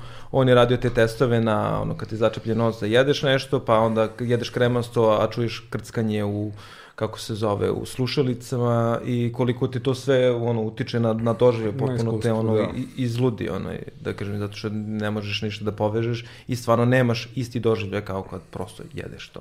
da, da. Tako da, onaj, jako... Tako da se u velikoj meri oslanjaš na negde iskustvo i kolektivno znanje kulturološki koje ti je usađeno, znaš. To je ono, verovatno, i zašto je tvoj prijatelj Nišlija Da, da, on sa- samo sa nije imao iskustvo sa, sa kao. Indijom, znaš, on je to, njegov default je Da, to, da. ovčija u maramici, šta će on sa ono nekim... E sad da se vratimo na fine dining ovaj, i na, na, na to služenje, dakle, kažeš, znači ideš, gradi se ta emocija, intenzi, intenzitet karaktera se zapravo pojačava i onda imaš taj, kažeš, prelazni period kada ide nešto što čisti Da. i onda, I onda u suštini ti generalno, pošto o, jako je bitan, o, kad služiš te čistače između sebe, to je samo iz prostog razloga zato što ti se, kakav god da je ukus i koliko god da ga ti intenzivno osjećao, kad ponavljaš, on prosto svaki put je sve blaži, blaži, blaži, blaži, blaži. E sad da ne bi gubio emociju, tok i građenje svega toga, onda ga ti vratiš na, na početno, pa opet nastaviš istim putem i u jednom trenutku radiš taj prelom, u suštini kad prelaziš na deserte. Da. Onaj, u suštini ta, tako generalno funkcioniše, da kažem, jedan uobičajen degustacioni menis. On može da bude dodatno obogaćen sa, sa one, uparivanjem sa pićem, pa onda može da bude u, u- sa profilisanim pićem, isključivo vino, isključivo pivo, pa ovo što smo komentarisali ima i, i voda. Onaj, kako, ja nikad nap- nisam, nisam iskreno bio na degustaciji vode i nisam, nisam si dopustio taj, taj doživljaj, ne mogu da komentarišem, potpuno mi ono kao, nemam iskustvo pa je glupo da, da bilo, Da. Onaj, bilo šta kažem u, u tom nekom segmentu, ali, onaj, ali to je isto pokazatelj da opet ljudi stalno tragaju za nečim. No, Da, znaš, I sad da. ima tu nešto je smisleno, št- nešto je besmisleno. Ovo je po meni samo prerano da ja komentarišem Mhm. jer nemam ni milimetara kamoli par kilometara kilometraže u segmentu degustacije vode, ali jeste fenomen koji Mhm. se pojavljuje, ono, koji je, koji je zastupljen. Možemo da, da pola milimetra samo da otmemo. Ne znam da li ste nekad probali destilovnu vodu. jesam. To da, jes. Samo je point, meni je bar interesantno koliko zapravo ova voda ima ukus. Ne, ne, ima. Kad probaš To kad destilovano, probaš destilovanu naspram ovoga, pričamo dosta je bitno kao nemojte piti destilovanu vodu, zato što je litar i po dovoljno da vas ubije. Uh, to samo crkne bubreg. Uh, kao ova voda ima ukus. Svaka ova voda iz česme će imati neki svoj šmek, mislim. Da. I okej mi je da je neko uzeo se igra sada, sada time. Pa ima i ova voda za bubrege koju kad piješ, ono, skroz drugačija. Ne, To ne, me- jest. meni, na primjer, ja sad, sad sam upravo to htio da se nadovežem, sve vode po meni imaju svoj specifičan. Da, da. Ko, ko, pričam komercijalno zastupljene na tržištu. Da, da.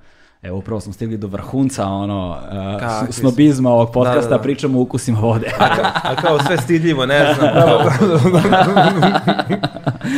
tako da, onaj, uh, u suštini da, to je, to je, to je taj nekako put gde, gde s- svi faktori su jako bitni, a to pričamo i o ovom segmentu, da kapiraš dinamiku stola, ko koliko jede, da ne, kod prezentovanja hrane presudno, mislim da osjetiš koliko rečenica treba da upotrebiš da bi, nekog, da bi nekom prezentovao nešto, jer neko je došao stvarno da jede i nije nešto naložen da sad pretjerano sad sluša o tome.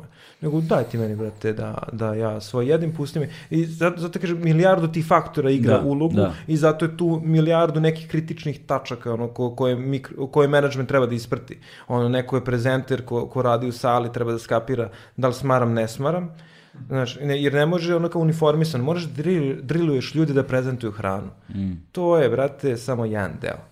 On treba onda poslije sam da skapira niz ono, nijansi prezentovanja hrane i da osjeti koju nijansu upotrebljava baš za ovo da gospodine. bude pripovedač, da oseti narativni tempo, ono, Da, publiku. ili da shvati da treba da ćuti i iznese tanjer i kaže Hvala, Onaj uživaj- minimum- uživajte i da, doviđenja. uživajte Da. Sve, sve, sve. Zato, to su sve elementi koji onda na kraju grade taj ukupan doživljaj. Jer Mm. Ti generalno uvijek imaš u svakom meniju imaš jela koja su na neki način se ono kao ostala su ti malo više upamćena, neka, neka malo manje, ali objektivno ce, uvijek se ocenjuje ukupan doživljaj. Da. I Da. to je, za, zato jer možda bi to istakao kao taj, to je ono što je u fine diningu onaj deo, znači ti generalno taj celokupan doživljaj. Onaj, Na, ti od, kad odeš odatle, kad ljudima prepričavaš, ne prepričavaš samo šta si jeo. da, da, da. da, Prepričavaš celokupnu stvar, Ja celokupno iskustvo zapravo. Jeste, jeste, jeste. Jest. Zato ga neki vrlo često nazivaju putovanjem. Mm. Ali ono što je zanimljivo u vezi sa tim odvajanjem od tog luksuza i te aristokratije i tog klasnog momenta i ono uh, stavljanje zlatnih listića na burgere u arapskim zemljama i tako dalje, u Dubaju. Ono, Da, da. Ovaj, uh, de- dešava se kretanje uh, fine dininga ka, i to se, de, to se desilo masovno popularizacijom televizijskih emisija, to je Anthony Bourdain odigrao ogromnu ulogu, ka bistro hrani, ka fast foodu. Ono, sada brza hrana polako, ali sigurno dobija ogroman primat u ono kvalitetu usluge, u ono kvalitetu proizvoda, u tipu proizvoda koji dobija, ono mene bi me čudilo da u jednom trenutku počne da se dele Michelin zvezdice za fast foodove. I počeli su, da. Jel jesu, a? Eto ti, vidiš, razumeš? To. Ima, mislim, ono, u Singapuru imaš burazera koji je, ono, sprema tu piletinu, ono, kao, to je, to, to... Iz nekog kamiona, šta ono, food truck kao. Pa neka od njihovih tih ono pijace koji to je neka mala tezgica i burazir to ce, odnosno ra, mislim da je ipak radnjica, ali ali to kao šalterska je ima- prodaja ima pitanju. plafon, Da. Tako da da ima plafon. Ima plafon, da. One, I jeste od, od, i to je to je isto fenomenalno zato što se ukupan kvalitet hrane poboljšao. Znači ti dobiješ i to je nama bila ideja i sa, i sa bistrom, ono kao ti želiš da širiš. Me, meni je zamisao da New Balkan Cuisine bude od tezge na pijaci do onaj do fine dininga. Znači ti sve možeš u, da kažem da da pokriješ i da bude jer je- jer prosto nije ovaj restoran nije upotrebljiv za svaki dan pod navodnicima i dosadan je na kraju krajeva. Znaš, jer ti nekad više uživaj, ja ti zabodemo, ne znam, negde na, ono, naslonimo se na fasadu ili sadnemo neki stepenik i pojedemo nešto što je jako interesantno, kompleksno i neko je ozbiljno pristupio razmišljajući ono o kombinaciji ukusa koje, koje je primenio tu. Znači, izašli smo iz okvira ka, kao da, da, da ta fabrikati fast fooda, ono, u smislu, znaš, produkuj za što više, za što manje vremena, po što jeftinije ceni. U, ulio se taj gurme segment u, u to. Da. Zato što je prosto, su ljudi provalili da ni, dinamika života opet odlazi u nekom drugom pravcu, jer se restorani razvijaju onako kako se naš način života razvije sve, sve je to usko povezane. Možeš ti da, da, da generalno, o, nekako se zove, o, restorani prosto su servisna usluga plus uz svoju svakodnevnicu. I on mora da prati kako funkcioniše svakodnevnica. I onda se tu javila ta potreba za kreativnim, brzim, dobrim obrocima one, i, i da kažem da, da i to bude experience, da i to bude doživljaj. Jer si non stop u toj potrazi daj mi, daj mi, daj mi, daj mi, daj mi, daj mi. I, i, i, i posmatram i na svom ličnom primjeru da ja uvijek želim da probam sve nivoa. Da. Znaš, kad odem, znači, ajmo sad neka pekara, ajmo sad ovo, ajmo sad ono. Tako da, da onaj, i loži me sve jednako. Zato kažem, ja sam, brate, mene loži fenomen hrane. Znači, Da. ja mogu da, da, da, da jedem, Da, da, tu se sve mogu da osjećamo. pojedem. Hrana je jedna civilizacijska pozivnica, znaš, u šta god, u razgovoru, kulturu, Pa znaš, Da, na celom je spektru toga da to imaš obrok koji je nečija plata i to raznih neka plata, do toga da, Sve da mogu imaš da ono jedem, kao... ono, kao, brate. Znaš, mogu, nema, nema problem, ono, kao u smislu to, ono, kao, da li, ja bi, ja bi sve, brate, da da li to, ako ništa da probam. Da, da, da. Razumeš, tako da. E sada, ulazimo u finalni deo razgovora, gde ćemo se pozabaviti Michelinom. Dobro. Dakle, ajmo sada, šta je Michelin, kako Michelin, da objasnimo celokupnu strukturu Michelina, krizu Michelina, San Pellegrino, je li tako? I onda da se vratimo ovde, šta je to što se desilo prošle godine, što je nažalost zbog covid malo se poremetilo, ali će da se nastavi valjda u jednom trenutku. Pa da, sigurno da hoće da se nastavi i super je da kažemo ono ta nekako ono sve što se izdešavalo. Da, da krenemo od samog početka. Mislim, Mi, Michelin je zamišljen kao onaj prosto kao servisna uh, knjižica za ono vozača automobila ono 1900. Da. One, kako se zove, treba da podnudi neku paletu bazičnih informacija da bi uopšte afirmisao kretanje automobilima, jer ja kapiram u to vreme Da, toga je bilo bilo jako je baš malo, da. zeznuto da se upustiš u avanturu, da vozikam nekoliko stotina kilometara negde, zato što ne znaš ni gde su pumpe, ni šta, gde, kako. Nemaš ni airbag. Pa da, i onda trebalo je u suštini da se firmiše taj model kretanja Da. i tako je sve počelo onaj, i, i u suštini ono što je, što je jako zanimljivo, brzo da kažem oni izbacuju taj vodič za Francusku, pa izbacuju, i mislim da su oni u početku onaj, to još uvijek nije veliki osvrt na restorane, ovo sad za ovaj period što pričam, to je sve, sve do, do, do 1926. kad je dodeljena prva pa izaš, kad je uvedeno u suštini zvezdice, odnosno tad su provalili da je, da je prosto kako se pojavila rubrika restorani, da je to ogromnu pažnju privuklo. I onaj, kako se zove, to prvo izdanje što je izašlo nije bilo ni naplaćivano, imalo je, da kažem, temu da afirmiše vožnju, da se troše gume, da se menjaju gume, da se zaradi novac. Znači, vrlo prosto, to je i, i s jedne strane korisna informacija, ali opet, opet i neki biznis iza, iza, iza celokupne te stvari, što uopšte ne, zna, ne znači ništa loše, nego nam stvarno znači da, da bi razumeli sve one, celokupnu situaciju, ako je bitno da, da, da, da, da tako i posmatramo sa svih svih one, svih tačaka. Tako da su oni onda u jednom trenutku kao povezivali određene regione iz, ono, za Belgiju i sve što nešto radili. Mislim da je već 1909. izbačen vodič za, za francusku na engleskom jeziku, što znači da je tad već su skapirali da kreće taj model putovanja. Znači da ljudi žele da, da, da putuju i da i tu u suštini ja mislim da su oni skapirali celokupnu moć onaj, kako se zove, kako možeš jako, kako, šta se krije, koje su sve palete iza, iza, iza konkretno tog, onaj, kako se zove, vodiča, šta, kako se to može da implementiraš i da, i da, i da koristiš. Čak su savezničke trupe koristile vodič iz 1939. godine kao najrelevantnije onaj, uh, kako se zove, za vreme ono kao ratovanja, onaj, zato što su bile najupdatovanije i pružile se informacije, što isto, na, mislim, to su sve ono korisne stvari, a, a vodič je krenuo lupam da se naplaćuje, zato što je jedan od vlasnika kao u obilasku tom nekom svom video da su da su sa vodičem ono po, standardno podvučiš 100 koji se klimao i onda on kao rekao e ok sad ćemo da naplaćujemo zato što to je ono kao ta jedna od tih izreka ono u smislu jedne, samo ono što platiš umeš i da ceniš Da. tako da na neki način e sad od te ja ću sad ne znam da li ću pogodim godine 1926. kreće osvrt na, na, na restorane. Kreće prvo sa jednom zvezdicom. 31. je uključen hirarhija od, od, od, od, od, od tri zvezdice one, kako se zove, u to ocenjivanje. I da kažem, po nekom šablonu, pod navodnicima, šta koja zvezdica označava, tebi jedna zvezdica kao onaj, izvrstan restoran u svojoj kategoriji. To je kao neka, neki opis. Pa za svaki od ovih opisa, ja kad, 100%, kad se preslušam hiljadu puta, kako da znaš šta je ovo, šta je ono. Da, da, da, da. Znaš, ja svaki put, ono kao, brate, ali čekaj da razmislim. Onaj, onda imaš uh, dve zvezdice, je onaj, izvrsna kuhinja, uh, vredna da u suštini skreneš s puta, da ideš za obilaznicom radi, radi tog mesta. Da, da. A treća zvezdica je kao ona izvanredna kuhinja vredna zasebnog putovanja, kao da samo posvetiš put. Kao što u Srbiji vole kažu, idemo tamo na jagnjetinu. Znači, tebra tri zvezdice. u startu. One, kako se zove. da tako. se Srbi pitaju, znaš, Mra, mrak u Nišu bi imao 200 do sada. Da.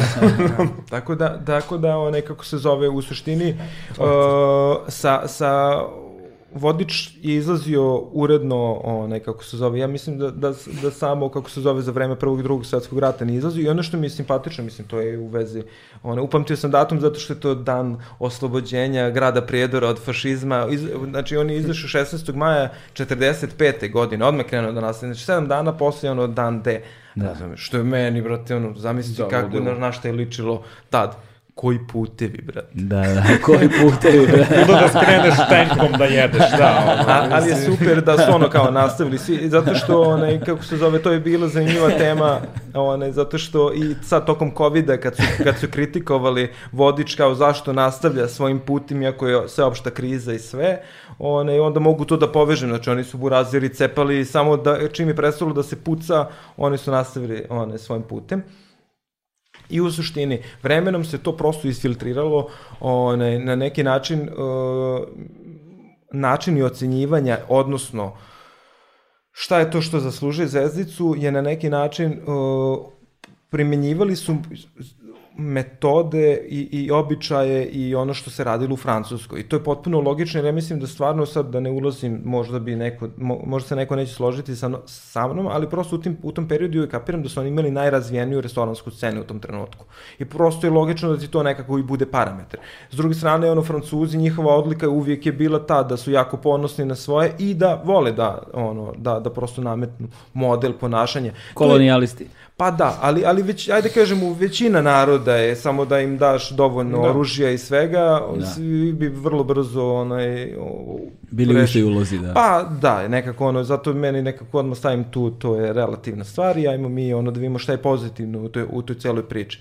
Ali o, generalno, o, ono što je, što je dodatno pod navodnicima po, po, za, zašto je posle i, i, i 90-ih ono, i ovaj tekst izašao u Guardianu o, o, o tom kulturnom imperializmu kroz taj, kroz, kroz taj vodič. Mislim da je, da je odlika zato što prvi šefovi one, koji su dobijali, kad su izlazili, prvo izašao vodič u Italiji, pa je posle toga izašao u Britaniji. One, to su već, ako se ne varam, 56. Italija, a one 70 i recimo neka je, je engleska. U, u Italiji prvi vodič bio bez, bez niko nije ona, imao zvezdicu, onaj kako se zove, a u Britaniji uh, prvi je bio u suštini francuski šef, ono, Albert Roux, ono, tako da on, on je kao u fazonu, tu su onda ljudi krenuli da to da kažu, e, vrate, sad vi favorizujete prosto, onaj, kako se zove, svoje. Svoje. Da I to, I je to da, nama nije relevantno. Da, a imali su one kao i neku aferu sa svojim zaposlenim, one kako se inspektorom iz Francuske koji su onda razvlačili su se nešto i po sudu, pa je on iznosio neke podatke da prosto određene restorane od, o, nekako se zove, od svaki kurac će se složiti sa mnom da je ono Alan Dukas svima nama isto jedan od očeva, kog moramo da poštajemo i stvarno jeste. Ali prosto te veličine francuske ono kuhinje, njihovi restorani su po nekom automatizmu dobijale one zvezdice i čak i on u tom nekim kao onaj intervjuima iz, ono kao govori da oni po dve, tri godine nisu obilazili te restorane. To prosto bio copy paste na šterosiga. ga onaj, kako se zove, onaj, prosto nisi smeo ni da sumnješ u kredibilitet mm. i kvalitet tih ljudi koji, koji stoji za tih restorana. Što je relativna stvar. Sad tu mislim kad posmatraš ono sa aspekta nezadovoljni zaposleni tuži kompaniju, tu šta je tu istina, da, da. Naš, baš, je, baš, je, baš je relativno. Ali jeste u jednom trenutku se javila ogromna odbojnost, o, ne odbojnost, nego uh,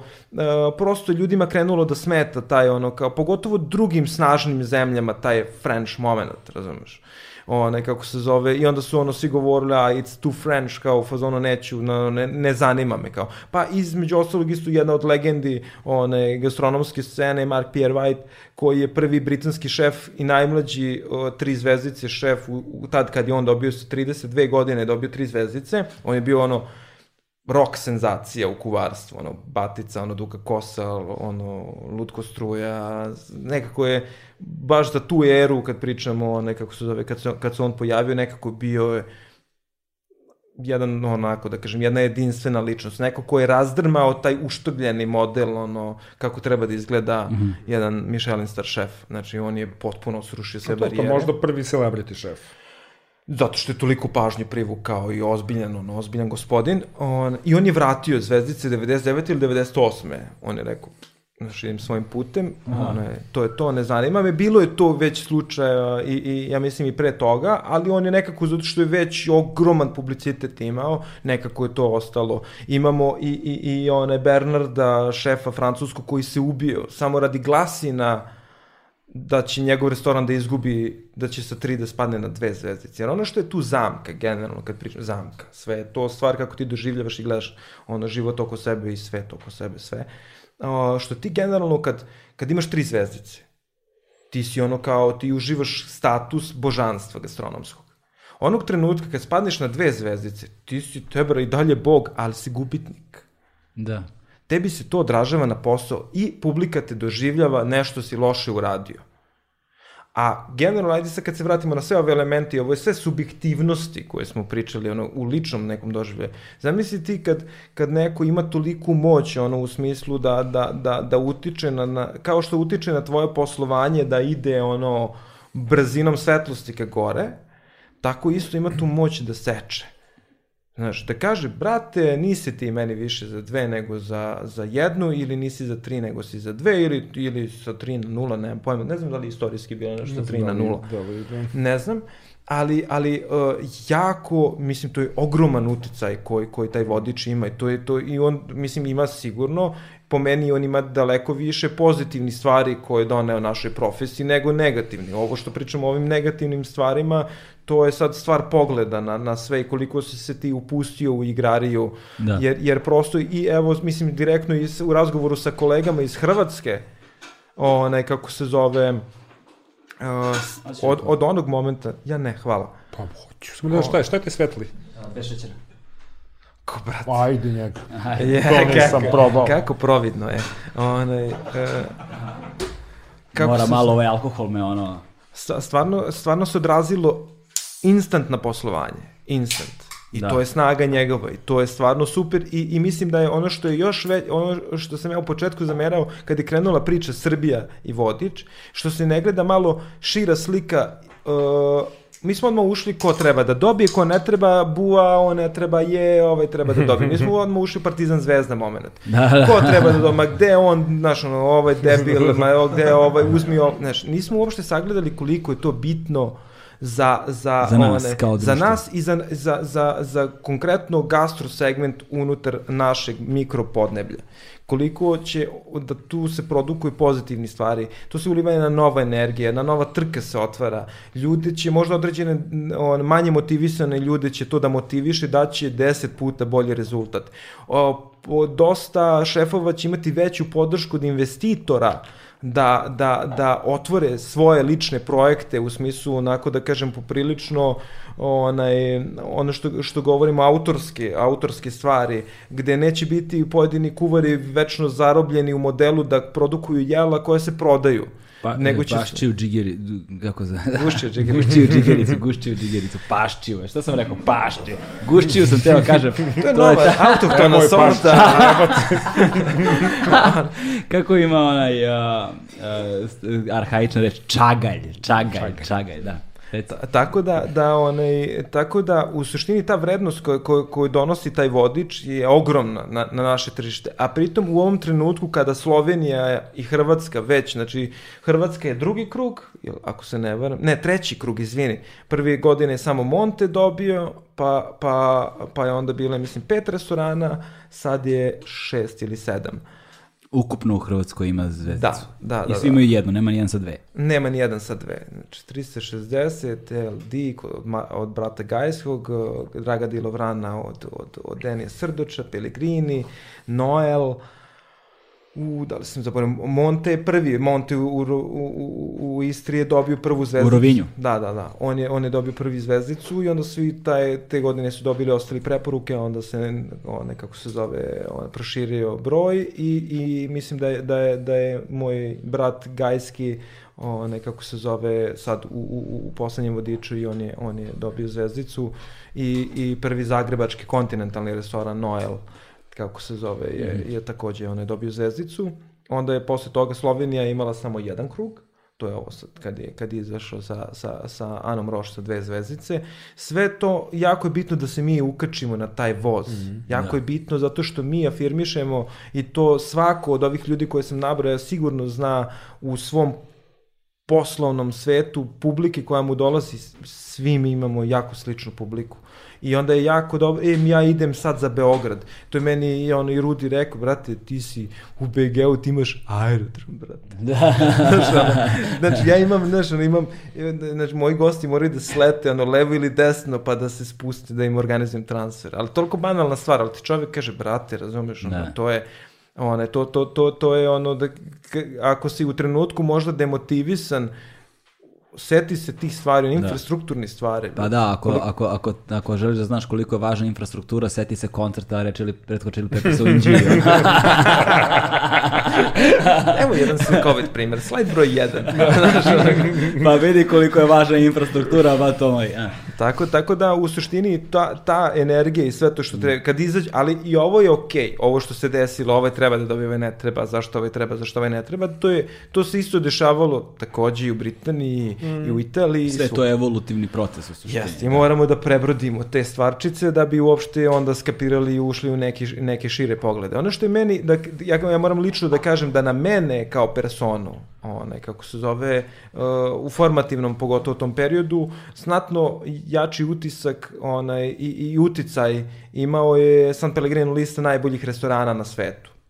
I, I to može da se, prosto zato što je u, to, u tom trenutku, pogotovo, tih nekih kao kvazi kriza u smislu zatvorenosti i konzervativnosti vodiča ovog, onaj, nekako je ovaj otklonio. U, mm -hmm. Ubacio je nove zemlje za koje ti nisi čuo. On, ne za zemlje, nego ono kao u smislu u gastro segmentu nisi nikad ono u fazonu povezao da tamo postoji tako nešto. Da, kao. I onda kao post... ne znam, restoran u Turkmenistanu. To, to, to, primjer, kao. Da, kao.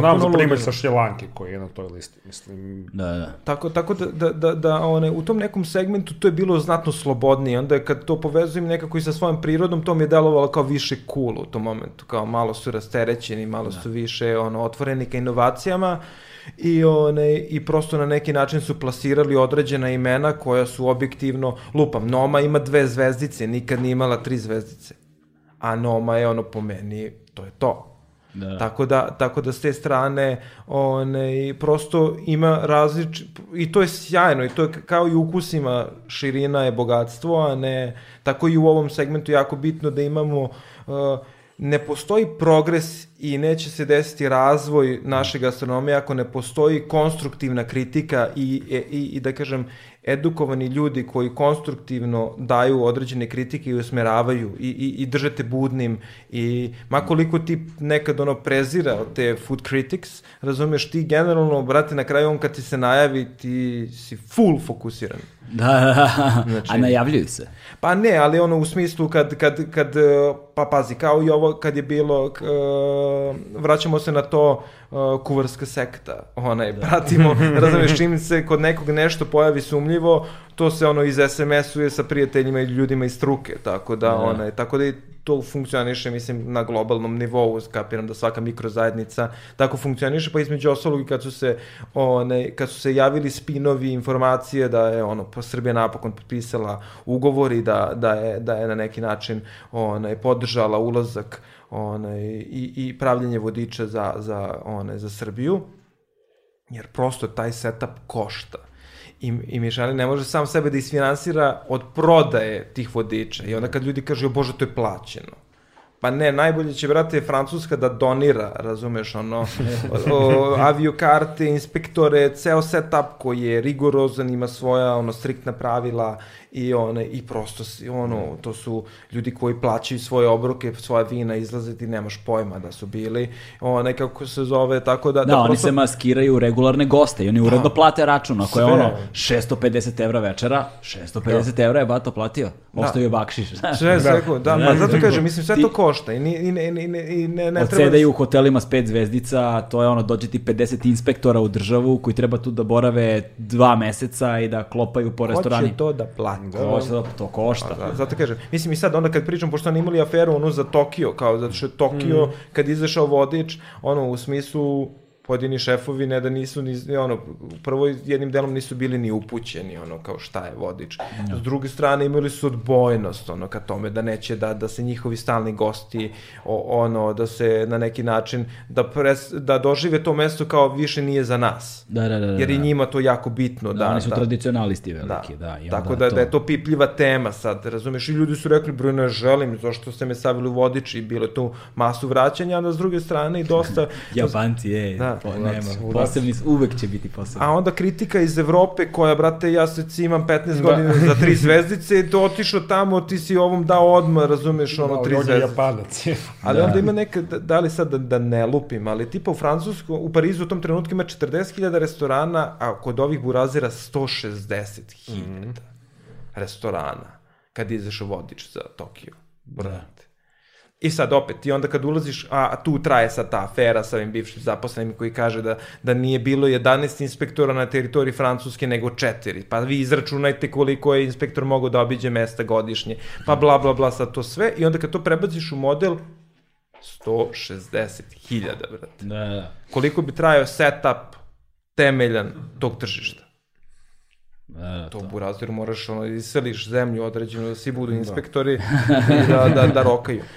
Ali u svakom slučaju pričamo o, o jednom ono, o, o vodiču koji je pomerio granice, koji je bustovao, koji je izgurao neke stvari. I sad uh, imaju te negativne stvari ono u smislu da li, da li su kreirana da li je prevelik pritisak na šefovima pa se dešavaju ta samoubistva i sve, ali do, mislim opet da ne, da ne, ne, ne, ne, znaš, da ne banalizujem nečije samoubistvo, ali opet s druge strane mislim to se dešava u, ono, Da. mislim poznato. Ali ono što je važno takođe da se napomene jeste da uh, Michelin u suštini za određene zemlje ima strahovitu motivaciju da tamo Da, dođe da, uradi da, vodič, jest. jer je i njihovom interesu, jer je to turistička destinacija, jer je to milionska ono... prodaja. ono. Milionska prodaja, ono što bi rekli seljaci, place to be. Da, da, da. S druge strane, postoje zemlje gde turizam nije ni ono 17. grana.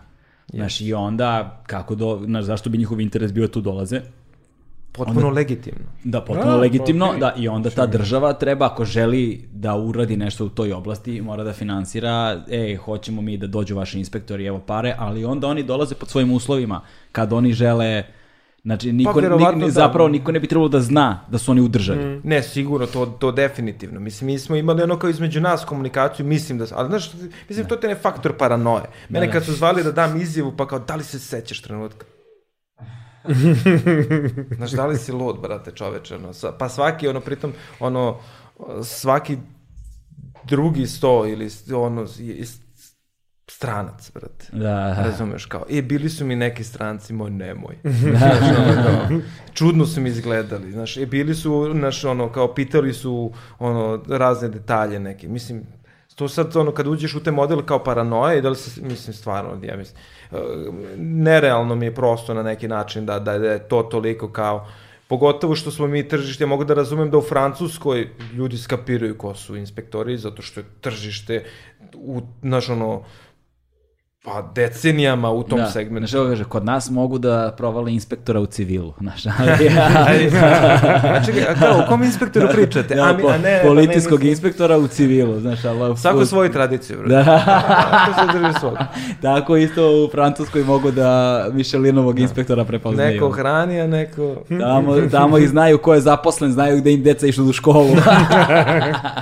Tako, tako da u tom nekom segmentu ja stvarno ne mogu da kažem, onaj, mi smo imali jednu situaciju kad je Nemanja, naš, onaj, naš sommelier, o, kao prokomentare su, brate, ono, koliko, koliko se ishajpovali, kao ako sad ovo nisu bili, niko nije, zato što je, onaj, Tako da, da, ali u suštini da, ne možeš, mislim, suludo je, to je samo stvar paranoje, mislim, Da. mi smo se svi stvarno, kolega Ajk koji je radio u tom trenutku Square Nine-om je posao samo informativno, Vanja, ako nisi čuo, samo da znaš kao inspektori su u gradu, ono, good luck, razumeš, sve, vodi računa, to je to. Mislim, generalno, ja ceo, pošto mene kao često ljudi, ono, ko, ispada kao da si ti kao hiper neki skromnjak. Ono kao u smislu kad kažem da, da, da meni nije, uh, kako, ja kao kuvar, ja izuzetno cenim taj, tu, odnosno to je, ta nagrada je jedna od najcenjenijih, ako ne i najcenjenija, ono što ti možeš da dobiješ u ovom poslu.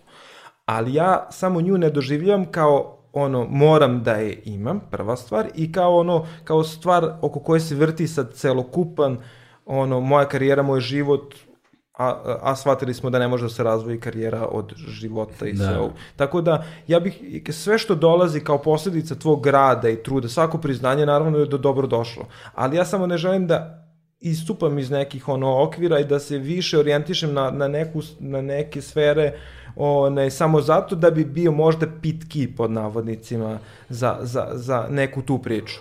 Sad, šta, još uvek smo mi, ne, da kažem, tržište koje nije dovoljno edukovano u tom pravcu, da bi mi mogli da provalimo šta su te nijanse koje prave razliku. Jednu zvezdicu kao takvu, mislim da, ono, kad me ljudi pitaju da li ima u Beogradu, ima, jer, ono, jeo sam, video sam, mislim, ono, u smislu to, jedna zvezdica je stvarno ulazna da kažem, to je ulaznica i to je sjajna stvar. I čak mislim, ono, iskreno da, da, da, da, da ima dosta restorana u regionu koji su dobili jednu, koji bi verovatno, kad budemo i mi malo stasali sve, možda i moj subjektivan doživljaj, opet se vraćamo na subjektivnost, ali ja bi nekako možda čak dao i dve Da, da. ali o, nekako ali stvarno mislim da je to toliko nijansirano subjektivnim elementima da, da u svakom slučaju pričamo o fantastičnim restoranima. Da. I pričamo o vodiču koji, koji gura stvari napred. Da. I oni su generalno, o, nekako se zove, ja sam jednom prilikom, bile prezentacija, ja mislim da je to 2018. godina, da neki kratak panel sam, sam držao u sklopu one, The Plate Conference koji se održavao u, u Beogradu i tu su bili ljudi, one, kako se zove, iz, iz vodiča. One, mislim da on, sad ne lupim, bivši direktor za Italiju ili tako nešto.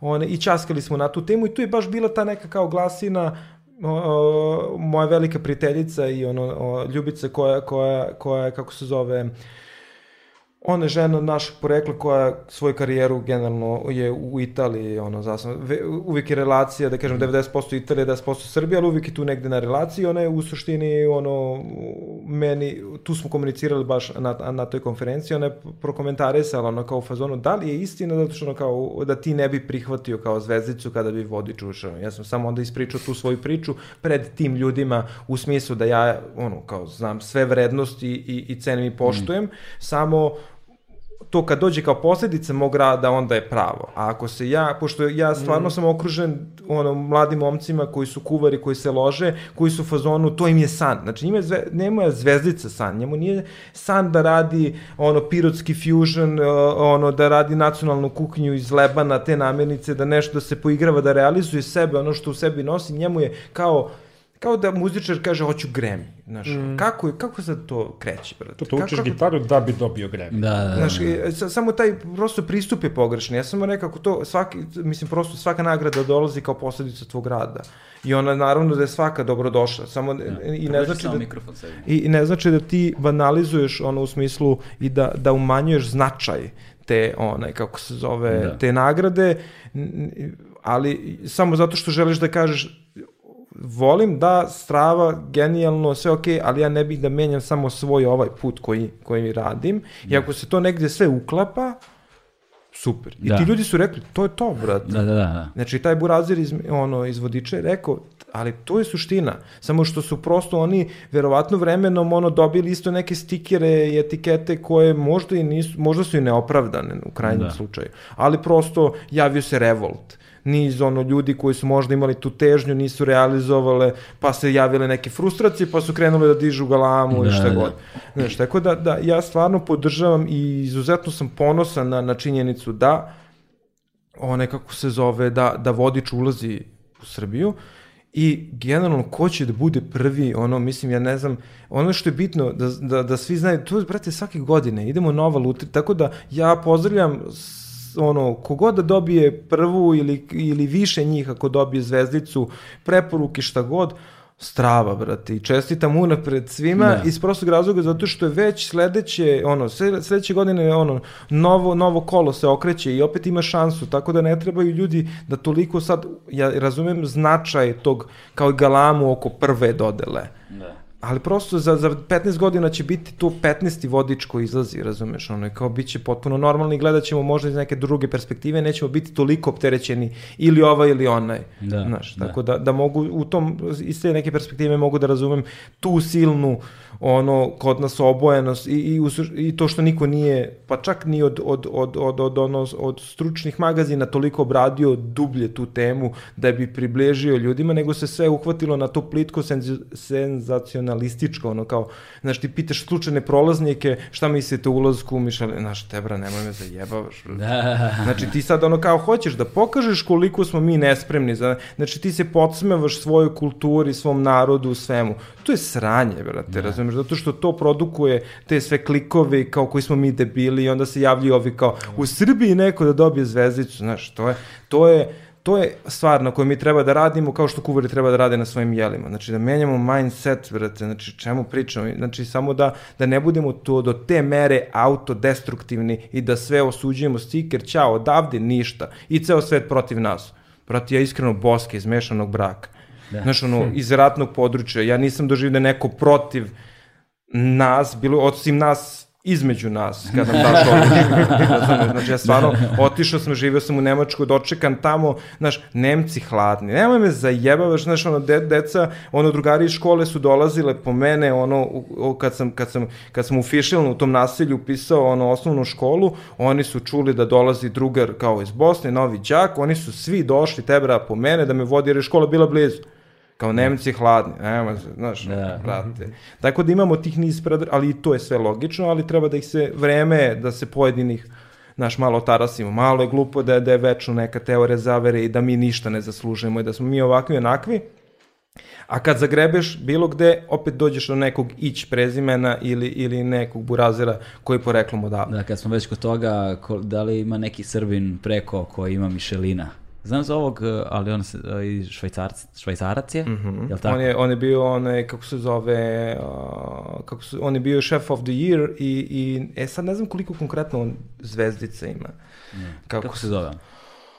Pa i upoznali smo se sad, onaj, ja, Jel na- Bojan ne, možda? ne, Ne. Milan, ja mislim da nešto ta, kakav, kakva blamaža, brate, kakav danak neiskustva, ono, ali, ali ozbiljno, brate, i bio je u Irisu i izuzetno mi je zadovoljstvo, jer sam bio u fazonu, njega kad sam snimio, ja sam bio u fazonu, nešto sam sedeo za pratećim stolom, to kad krenu rezervacije, nešto sam piskaru, brate, u fazonu, a, doći će mi ime dok, preprič, a, dok, dok, dok pričam ovo sve, snimio sam ga i bio sam u fazonu, brate, jel, jel ovo taj ili se sad kao tripujem? I onda ulazim u kuhinju kao, brate, ono, ja mislim da sam video, znaš, ono, kao u crtanom, ono, mislim da sam video, ono, ono, kako se zove, i stvarno on Burazir je bio tu, ono, kao, i on je, na primjer, dao hiperkonstruktivne kritike za tadašnji meni, strava, brate. Mislim, baš je onako, da kažem, nije pljucnuo, Da? ali ti je onako lepo spakavo s kuvarske perspektive kao neko ko ima, onaj, kako se zove, on nije pogledao širu sliku. Mm. Znači, to je ono, on možda nije posmatrao to s aspekta ono što je dobio kao doživljaj, uh, cenu koju je platio i prosto kroz to onda mogu da, da, da razume koliko mi prosto imamo alatki da produkujemo to nešto što on sebi zacrta. On je došao kao čovek koji je iz našeg posla, ko se kreće u toj visokoj gastronomiji, nekomu je rekao idi tamo. Da. I on je došao tako, znači on je, on je nas stavio u isti koš sa, ono, ne znam, sa bilo kojim restoranom iz Švajcarske, Nemačke, one, kako se zove, i to je legitimno, Italije, i to će i god. nas da gurne, i meni je tu strava bilo u početku onako, mislim, sve je bilo na mestu, on je rekao, ono, to tipa za mlečne proizvode, da prosto ne, one, jeo je, jeo je uh, vegetarijanski meni. I onda je kao rekao, imaš previše, prosto previše mlečnih proizvoda. A to je s jedne strane kao u tom trenutku, kao što je i ova koleginica iz Nome objašnjavala u jednom, kako se zove, u jednom od, od, od, od, od tih konferencija, pričala na temu uh, kad su krenuli oni sa njihovim tim sezonskim menije ko- koje sam objašnjavao, pa kad ide ta spring season, kad, kad ide samo povrće, mm -hmm. onaj, kako se zove, da su oni dugo imali main course sa koparčetom ribe Zato što da bi ljudi imali nešto konkretno na kraju mm -hmm. menija, jer je dugo trebalo taj, taj proces da evoluiramo, da možemo da prihvatimo da smo otišli na taj experience, platili toliko i jeli samo povrće. Jer smo morali da izbrišemo te metode ocenjivanja šta je skupo, šta je jeftino, brate, prodeš mi samo kao povrće, naplaćaš mi isto kao kad jedem premium ribu. Da. Ali da shvate ljudi rad, tehnike, metode, da, bi, da, da, da se dođe do rezultata koji tebi zamenjuje sve te stvari koje ti očekuješ, znaš ono, kao nešto, da, znaš koliko truda treba da uložiš da ti lupam sa celerom zameniš biftik, mm. znaš. To je, brate, da. ozbiljna skill i ozbiljna ono, eksperimentisanja i utušena. I ozbiljna evolucija i ozbiljan trud. Ono. E, to je upravo to. I onda je on kao prokomentarisao imaš previše mlečnih proizvoda, kao ima se ovo ovde, ovde, ovde, ovde, kao po meni, ono, kao samo, i to jeste sve na mestu bilo, ali prosto mi smo morali da damo sitost u jednom segmentu, da kažem, mm -hmm. ljudima kroz tih osam sledova. Da onaj, kako se zove, prosto to je možda i naše neko malo robstvo, bilo predrasude da ljudima treba u svakom slučaju služilo i bilo je naj, najkonstruktivnije moguće i to je ono što, lepa stvar kad se tržište otvori, pa ti dođu razni divni ljudi one, i onda pričate da. konstruktivno, znači, da. tako da. Eto, ovaj, uspeli smo da stignemo do kraja, a? Ove, ovaj, I posle, po, koliko smo sati snimali i na kraju kažu ljudi o ukusima ne valja raspraviti. znači, to je, otprilike, ispričaš se sve i to je da, da, zaključak. Ili to zaključak? posle, ljudi, posle ljudi kažu o ukusima ne treba raspravljati, e, boga mi i tekako može i treba da se raspravlja o ukusima. Najdivnija stvar. Ove, ovaj, a, pre svega vam hvala puno obojci što ste došli ovde, što ste nam približili svet gastronomije i što ste nam približili svet fine dining treninga i što ste nam približili način razmišljanja i doživljaja hrane. Ovaj, nadam se da ćete ponovo obnoviti taj da, da kolektiv, da ćete nastaviti u smeru kojim ste krenuli i ovaj, da ne bude da se ne orijentišemo time, želim vam Michelin zvezdice i ostalo, ali mislim da je važno da ljudi razumeju da jedan takav uspeh ima svoje posledice, a te posledice bi bile jako dobre po naš turizam, a posljedično time po našu ekonomiju i s druge strane reputaciju nas kao naroda u svetu i mislim da je to sjajna stvar, a apsolutno s obzirom na sve hvalospeve ono generacijama unazad, mislim da je vreme i da potvrdimo to mesto gastronomskog uh, ovaj vodiča uh, kroz uh, kulturu. Hvala vam puno još jednom i to je to. Hvala tebi puno, izuzetno zadovoljstvo. Hvala, hvala, hvala, to je to ljudi, stigli smo do kraja. Ćao. Hmm.